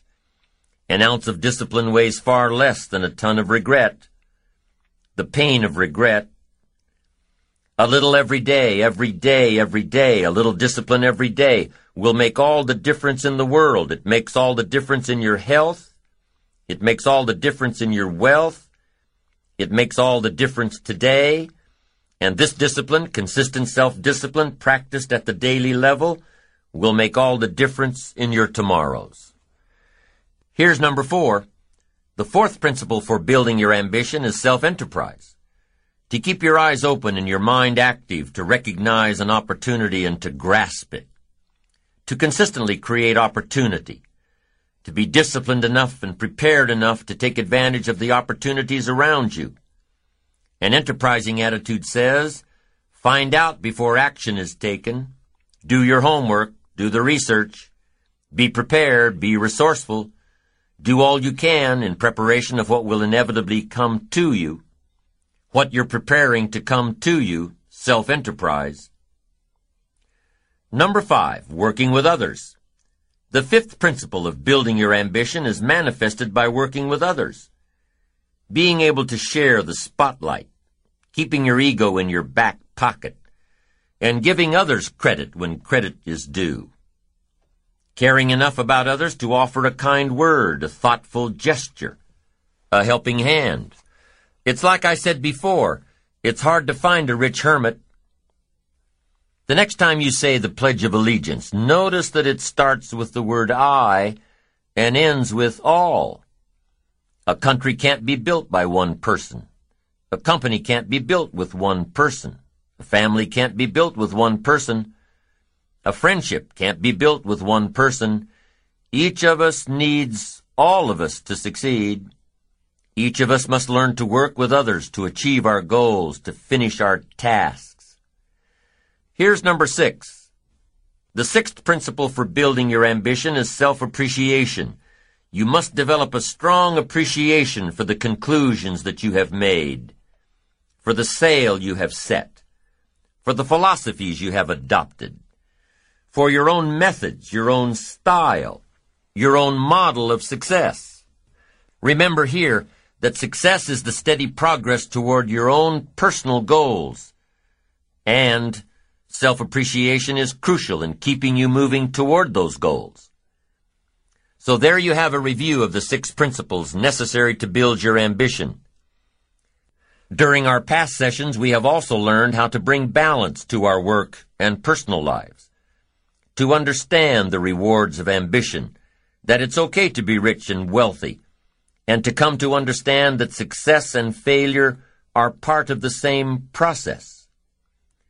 Through the consistent practice of everything we have covered in this series, you will begin to develop three cornerstones of the ambitious life.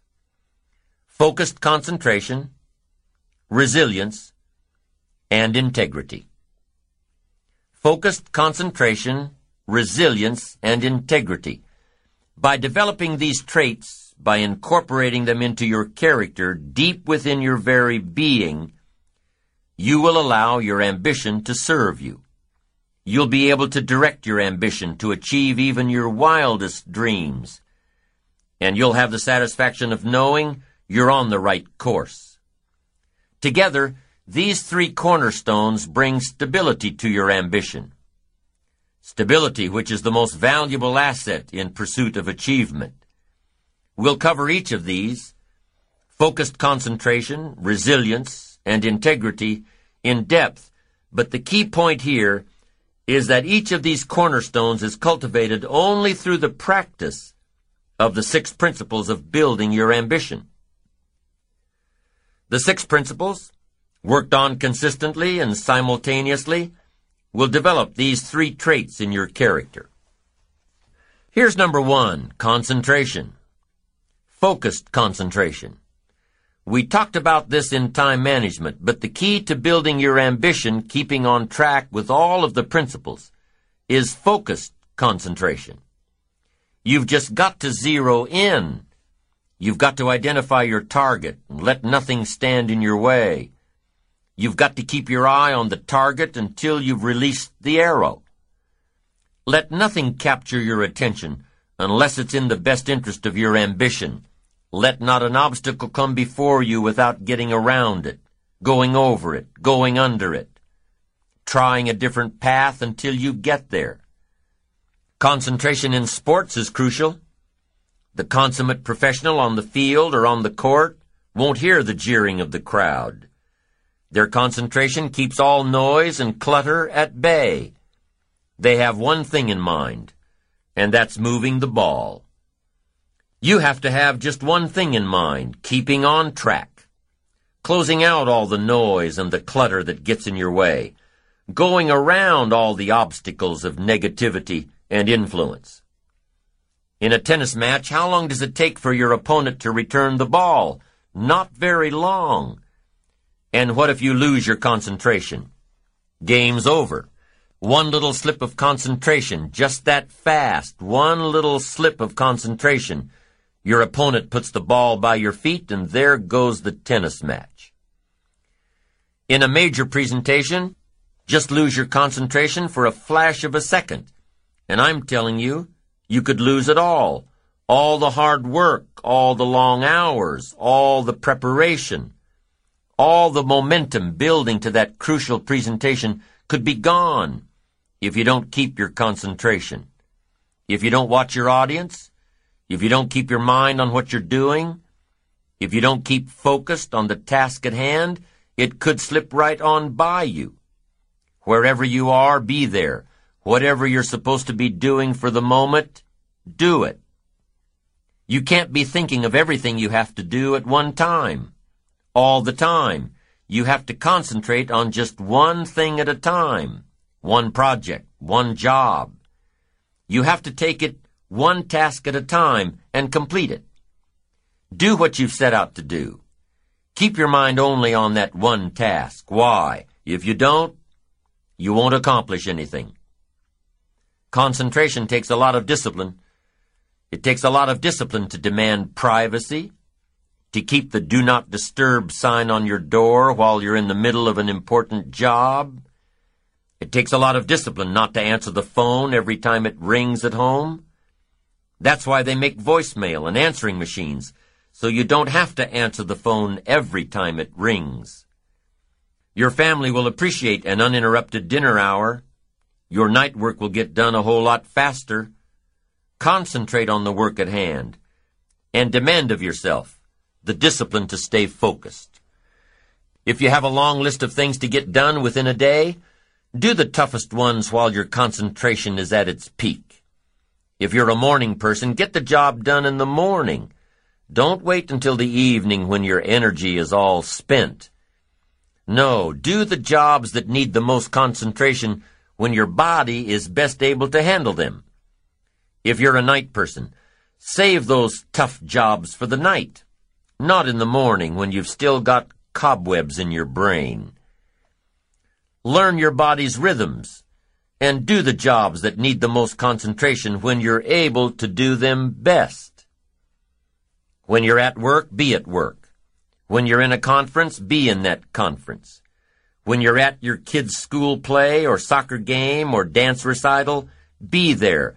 Don't let your mind wander. Stay focused. Stay focused on the task at hand or the company you're with. Don't let your mind wander during conversations. You never know what important points you'll miss. Stay focused. Stay true to where you are and what you're doing. Use your discipline to keep your mind in line. When you recognize the need to concentrate more, when you recognize this need, and when you discipline yourself to stay focused, it will come easier and easier. Focused concentration can be learned. Focused concentration can become a habit. If you work on it a little every day, every day, every day, the easier it comes, the less energy you'll waste on making your mind mind you.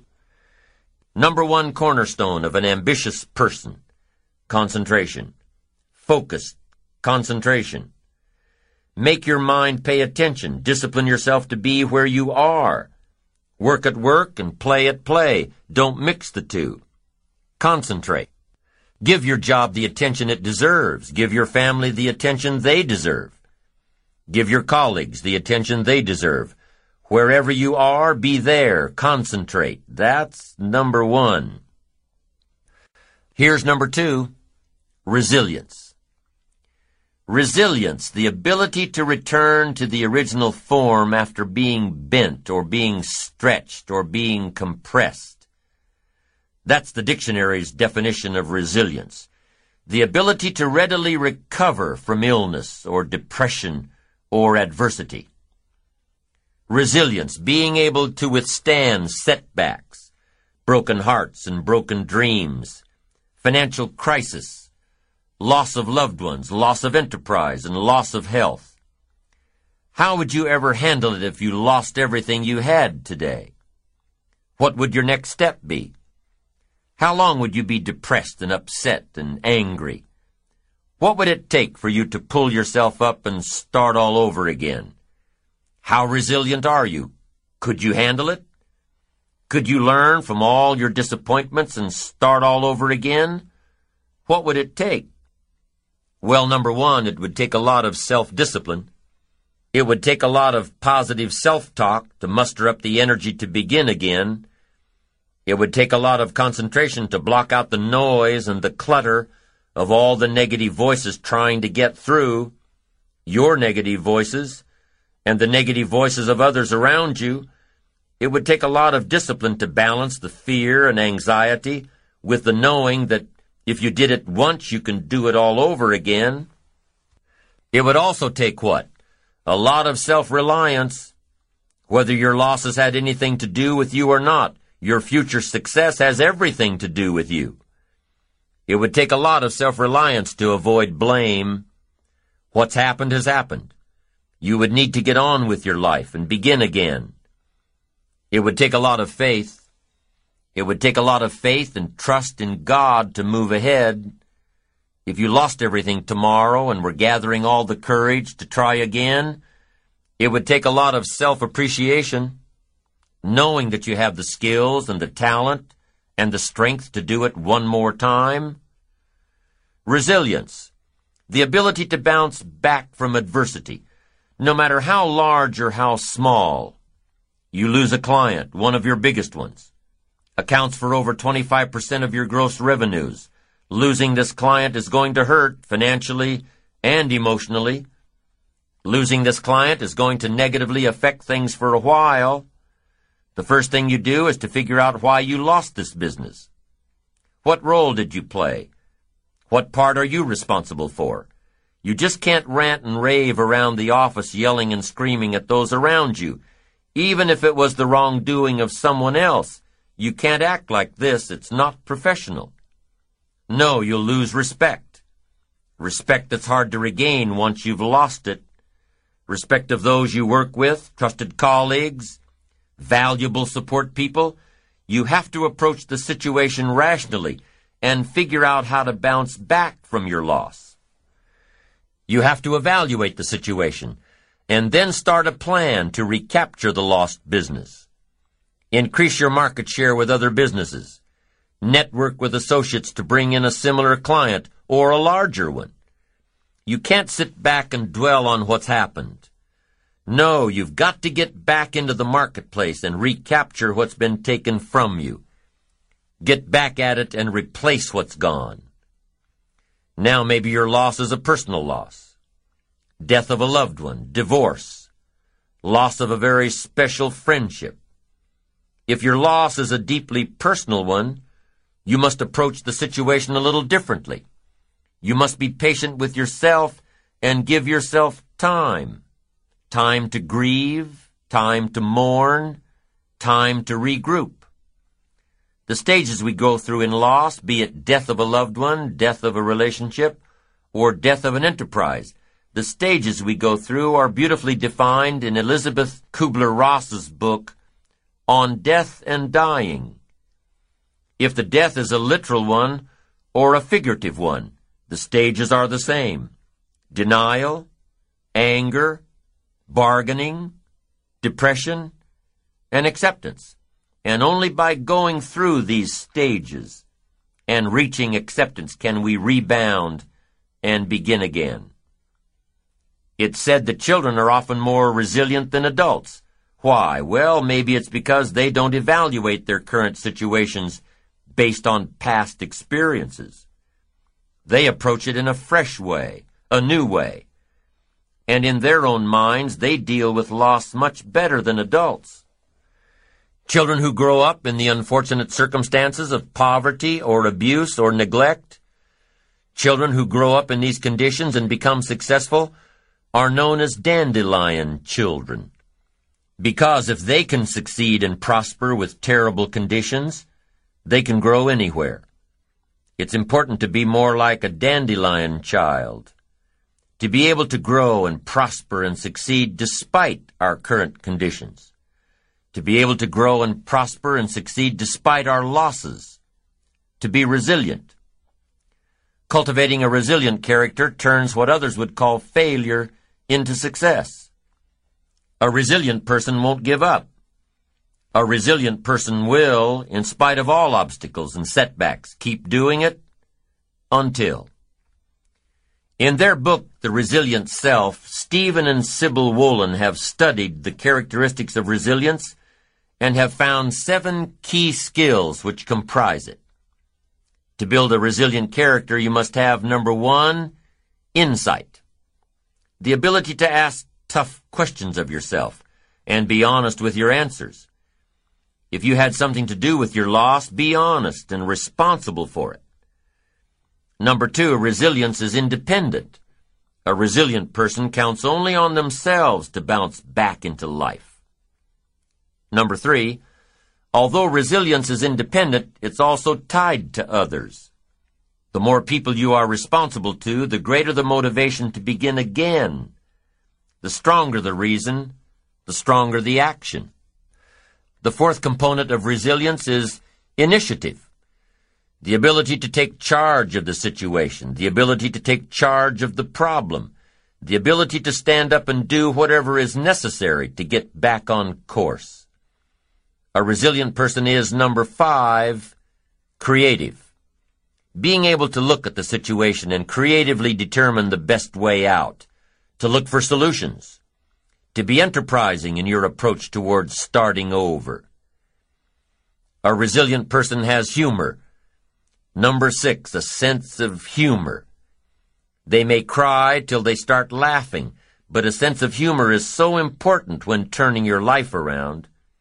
You've got to take your ambition seriously, and you've got to take yourself seriously, but you've also got to be able to laugh at yourself sometimes, your situation, Somebody says you'll look back on this and laugh someday. Well, maybe today is the day to start. A sense of humor, number six. And here's the last one. Morality. Whatever you do to get back on your feet, whatever you do to bounce back into life, make sure it's moral. Make sure that your upcoming success is at the service of others, not at the expense of others. I have made this point several times during this series, but only because it's so important. Success, if it is yours to keep, must be at the service of others. Number one cornerstone for an ambitious life is concentration. Number two, resilience. And here's number three, integrity. Integrity is adhering to the moral principles of life. Integrity is doing things with honor. Integrity is honesty. Without integrity, ambition loses its unifying focus that comes from integrated goals, from really knowing what you want. Integrity says, I wish to pay fair price for all value. Getting something for nothing makes nothing of me. Getting it cheap makes me cheap. Truly, in your own enlightened self-interest, this is one of the better statements. I wish to pay fair price for every value. I wish to pay fair price. This is self-interest, and it's also integrity. I wish to pay fair price for every value. Why? For what it will make of me. For what paying for it will make of me. If I have to pay, that will make something of me and by paying, you have the integrity not to take advantage of others. You hear of greedy people boasting about the great deal they just got, the best value, how they negotiated the price down to nothing, how they nickel and dime the other person out of making a profit, good integrity won't let you do that. We all shop for the greatest value at the best price, but not at the expense of others. Not when your great deal cheated someone out of their profit. You hire someone to do a job for you. Take on a project. You've got to pay fair price. Fair value for someone else to do the work for you, because if you don't, what? They'll never work for you again. They don't want to work long, hard hours to make you look good and not get compensated for it. No, and your integrity won't allow that to happen. Pay an honest price for an honest value. Make it good for everybody involved. Leave a profit. Don't be cheap, be fair. It's your integrity that's on the line, not just a few bucks. Your integrity. If I want something badly enough, I have to earn it.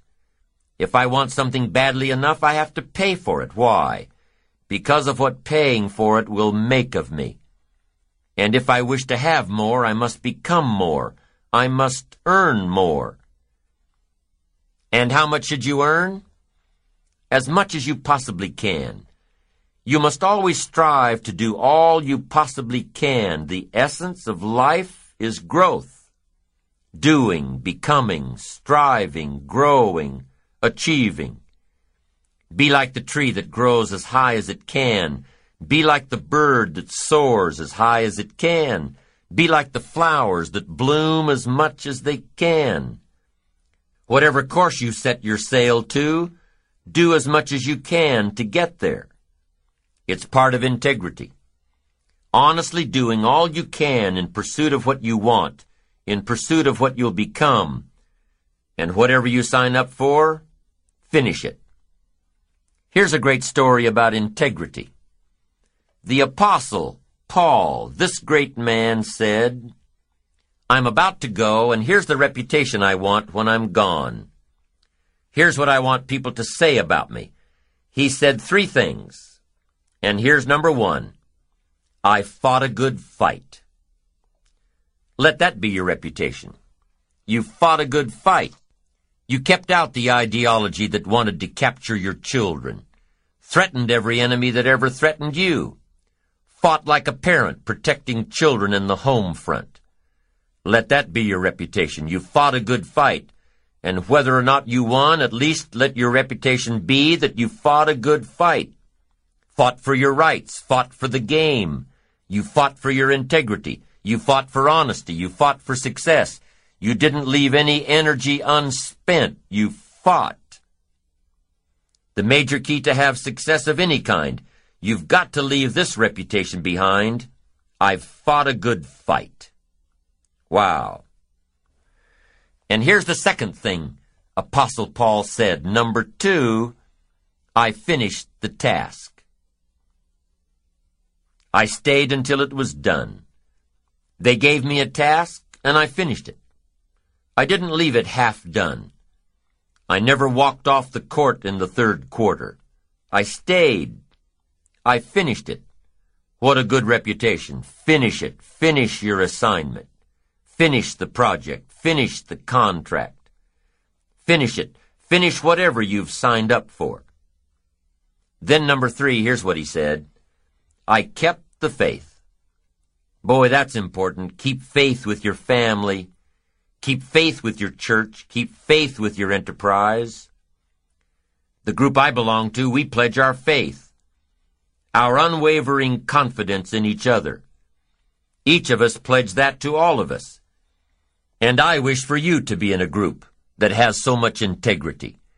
You want to be involved with people who pledge and keep your confidences.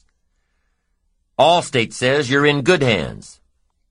That should be the reputation of all of us. Develop the reputation of good hands so that no matter where you go, you will represent your family well, represent your company well, have integrity, honesty, success at the service of others, not at the expense of others. And at the end of the road, don't you want to be able to say, I fought a good fight, I finished the job, and I kept the faith? Of course you do. And that last part, keeping the faith, is not that easy. What is the master prayer? Lead us not into temptation, but deliver us from evil. Help us keep integrity in spite of the evil, in spite of going through the valley of the shadow of darkness, that we will not fear that evil will dislodge us from our integrity. Keep the faith of the office, keep the faith of the company, keep the faith of the family, of your spouse and of your children, keep the faith of the church, keep the faith of the community. Wherever you go, represent your family well. Wherever you go, represent your group well. Wherever you go, represent your colleagues well. Let part of the bond of friendship be that wherever each of you are, each of you will represent all of you well. Wow, what a thing to be able to say. I fought a good fight, I finished the course, and I kept the faith. And here's how he wrapped it up. Apostle Paul said, I understand now there's a crown waiting for me. And I deserve it. Isn't that great to say? I hear they have a trophy for me. And guess what? I deserve it. What a magnificent story to leave behind. I fought a good fight, I finished the job, I kept the faith, and I deserve the crown. Unbelievable. Now others around you, others you associate with, may not have the ambition or the integrity to leave such a legacy behind. But guess what? Let other people lead small lives, but not you. In the challenge of building your ambition and stepping up to the opportunity of giving someone else light and direction and refinement of thought and character, in all of this, let everybody else lead small lives, but not you. Let everybody else cry over small hurts, but not you. Let everybody else argue over non-essentials, but not you. Deal in things that matter, the larger challenge, the larger opportunity.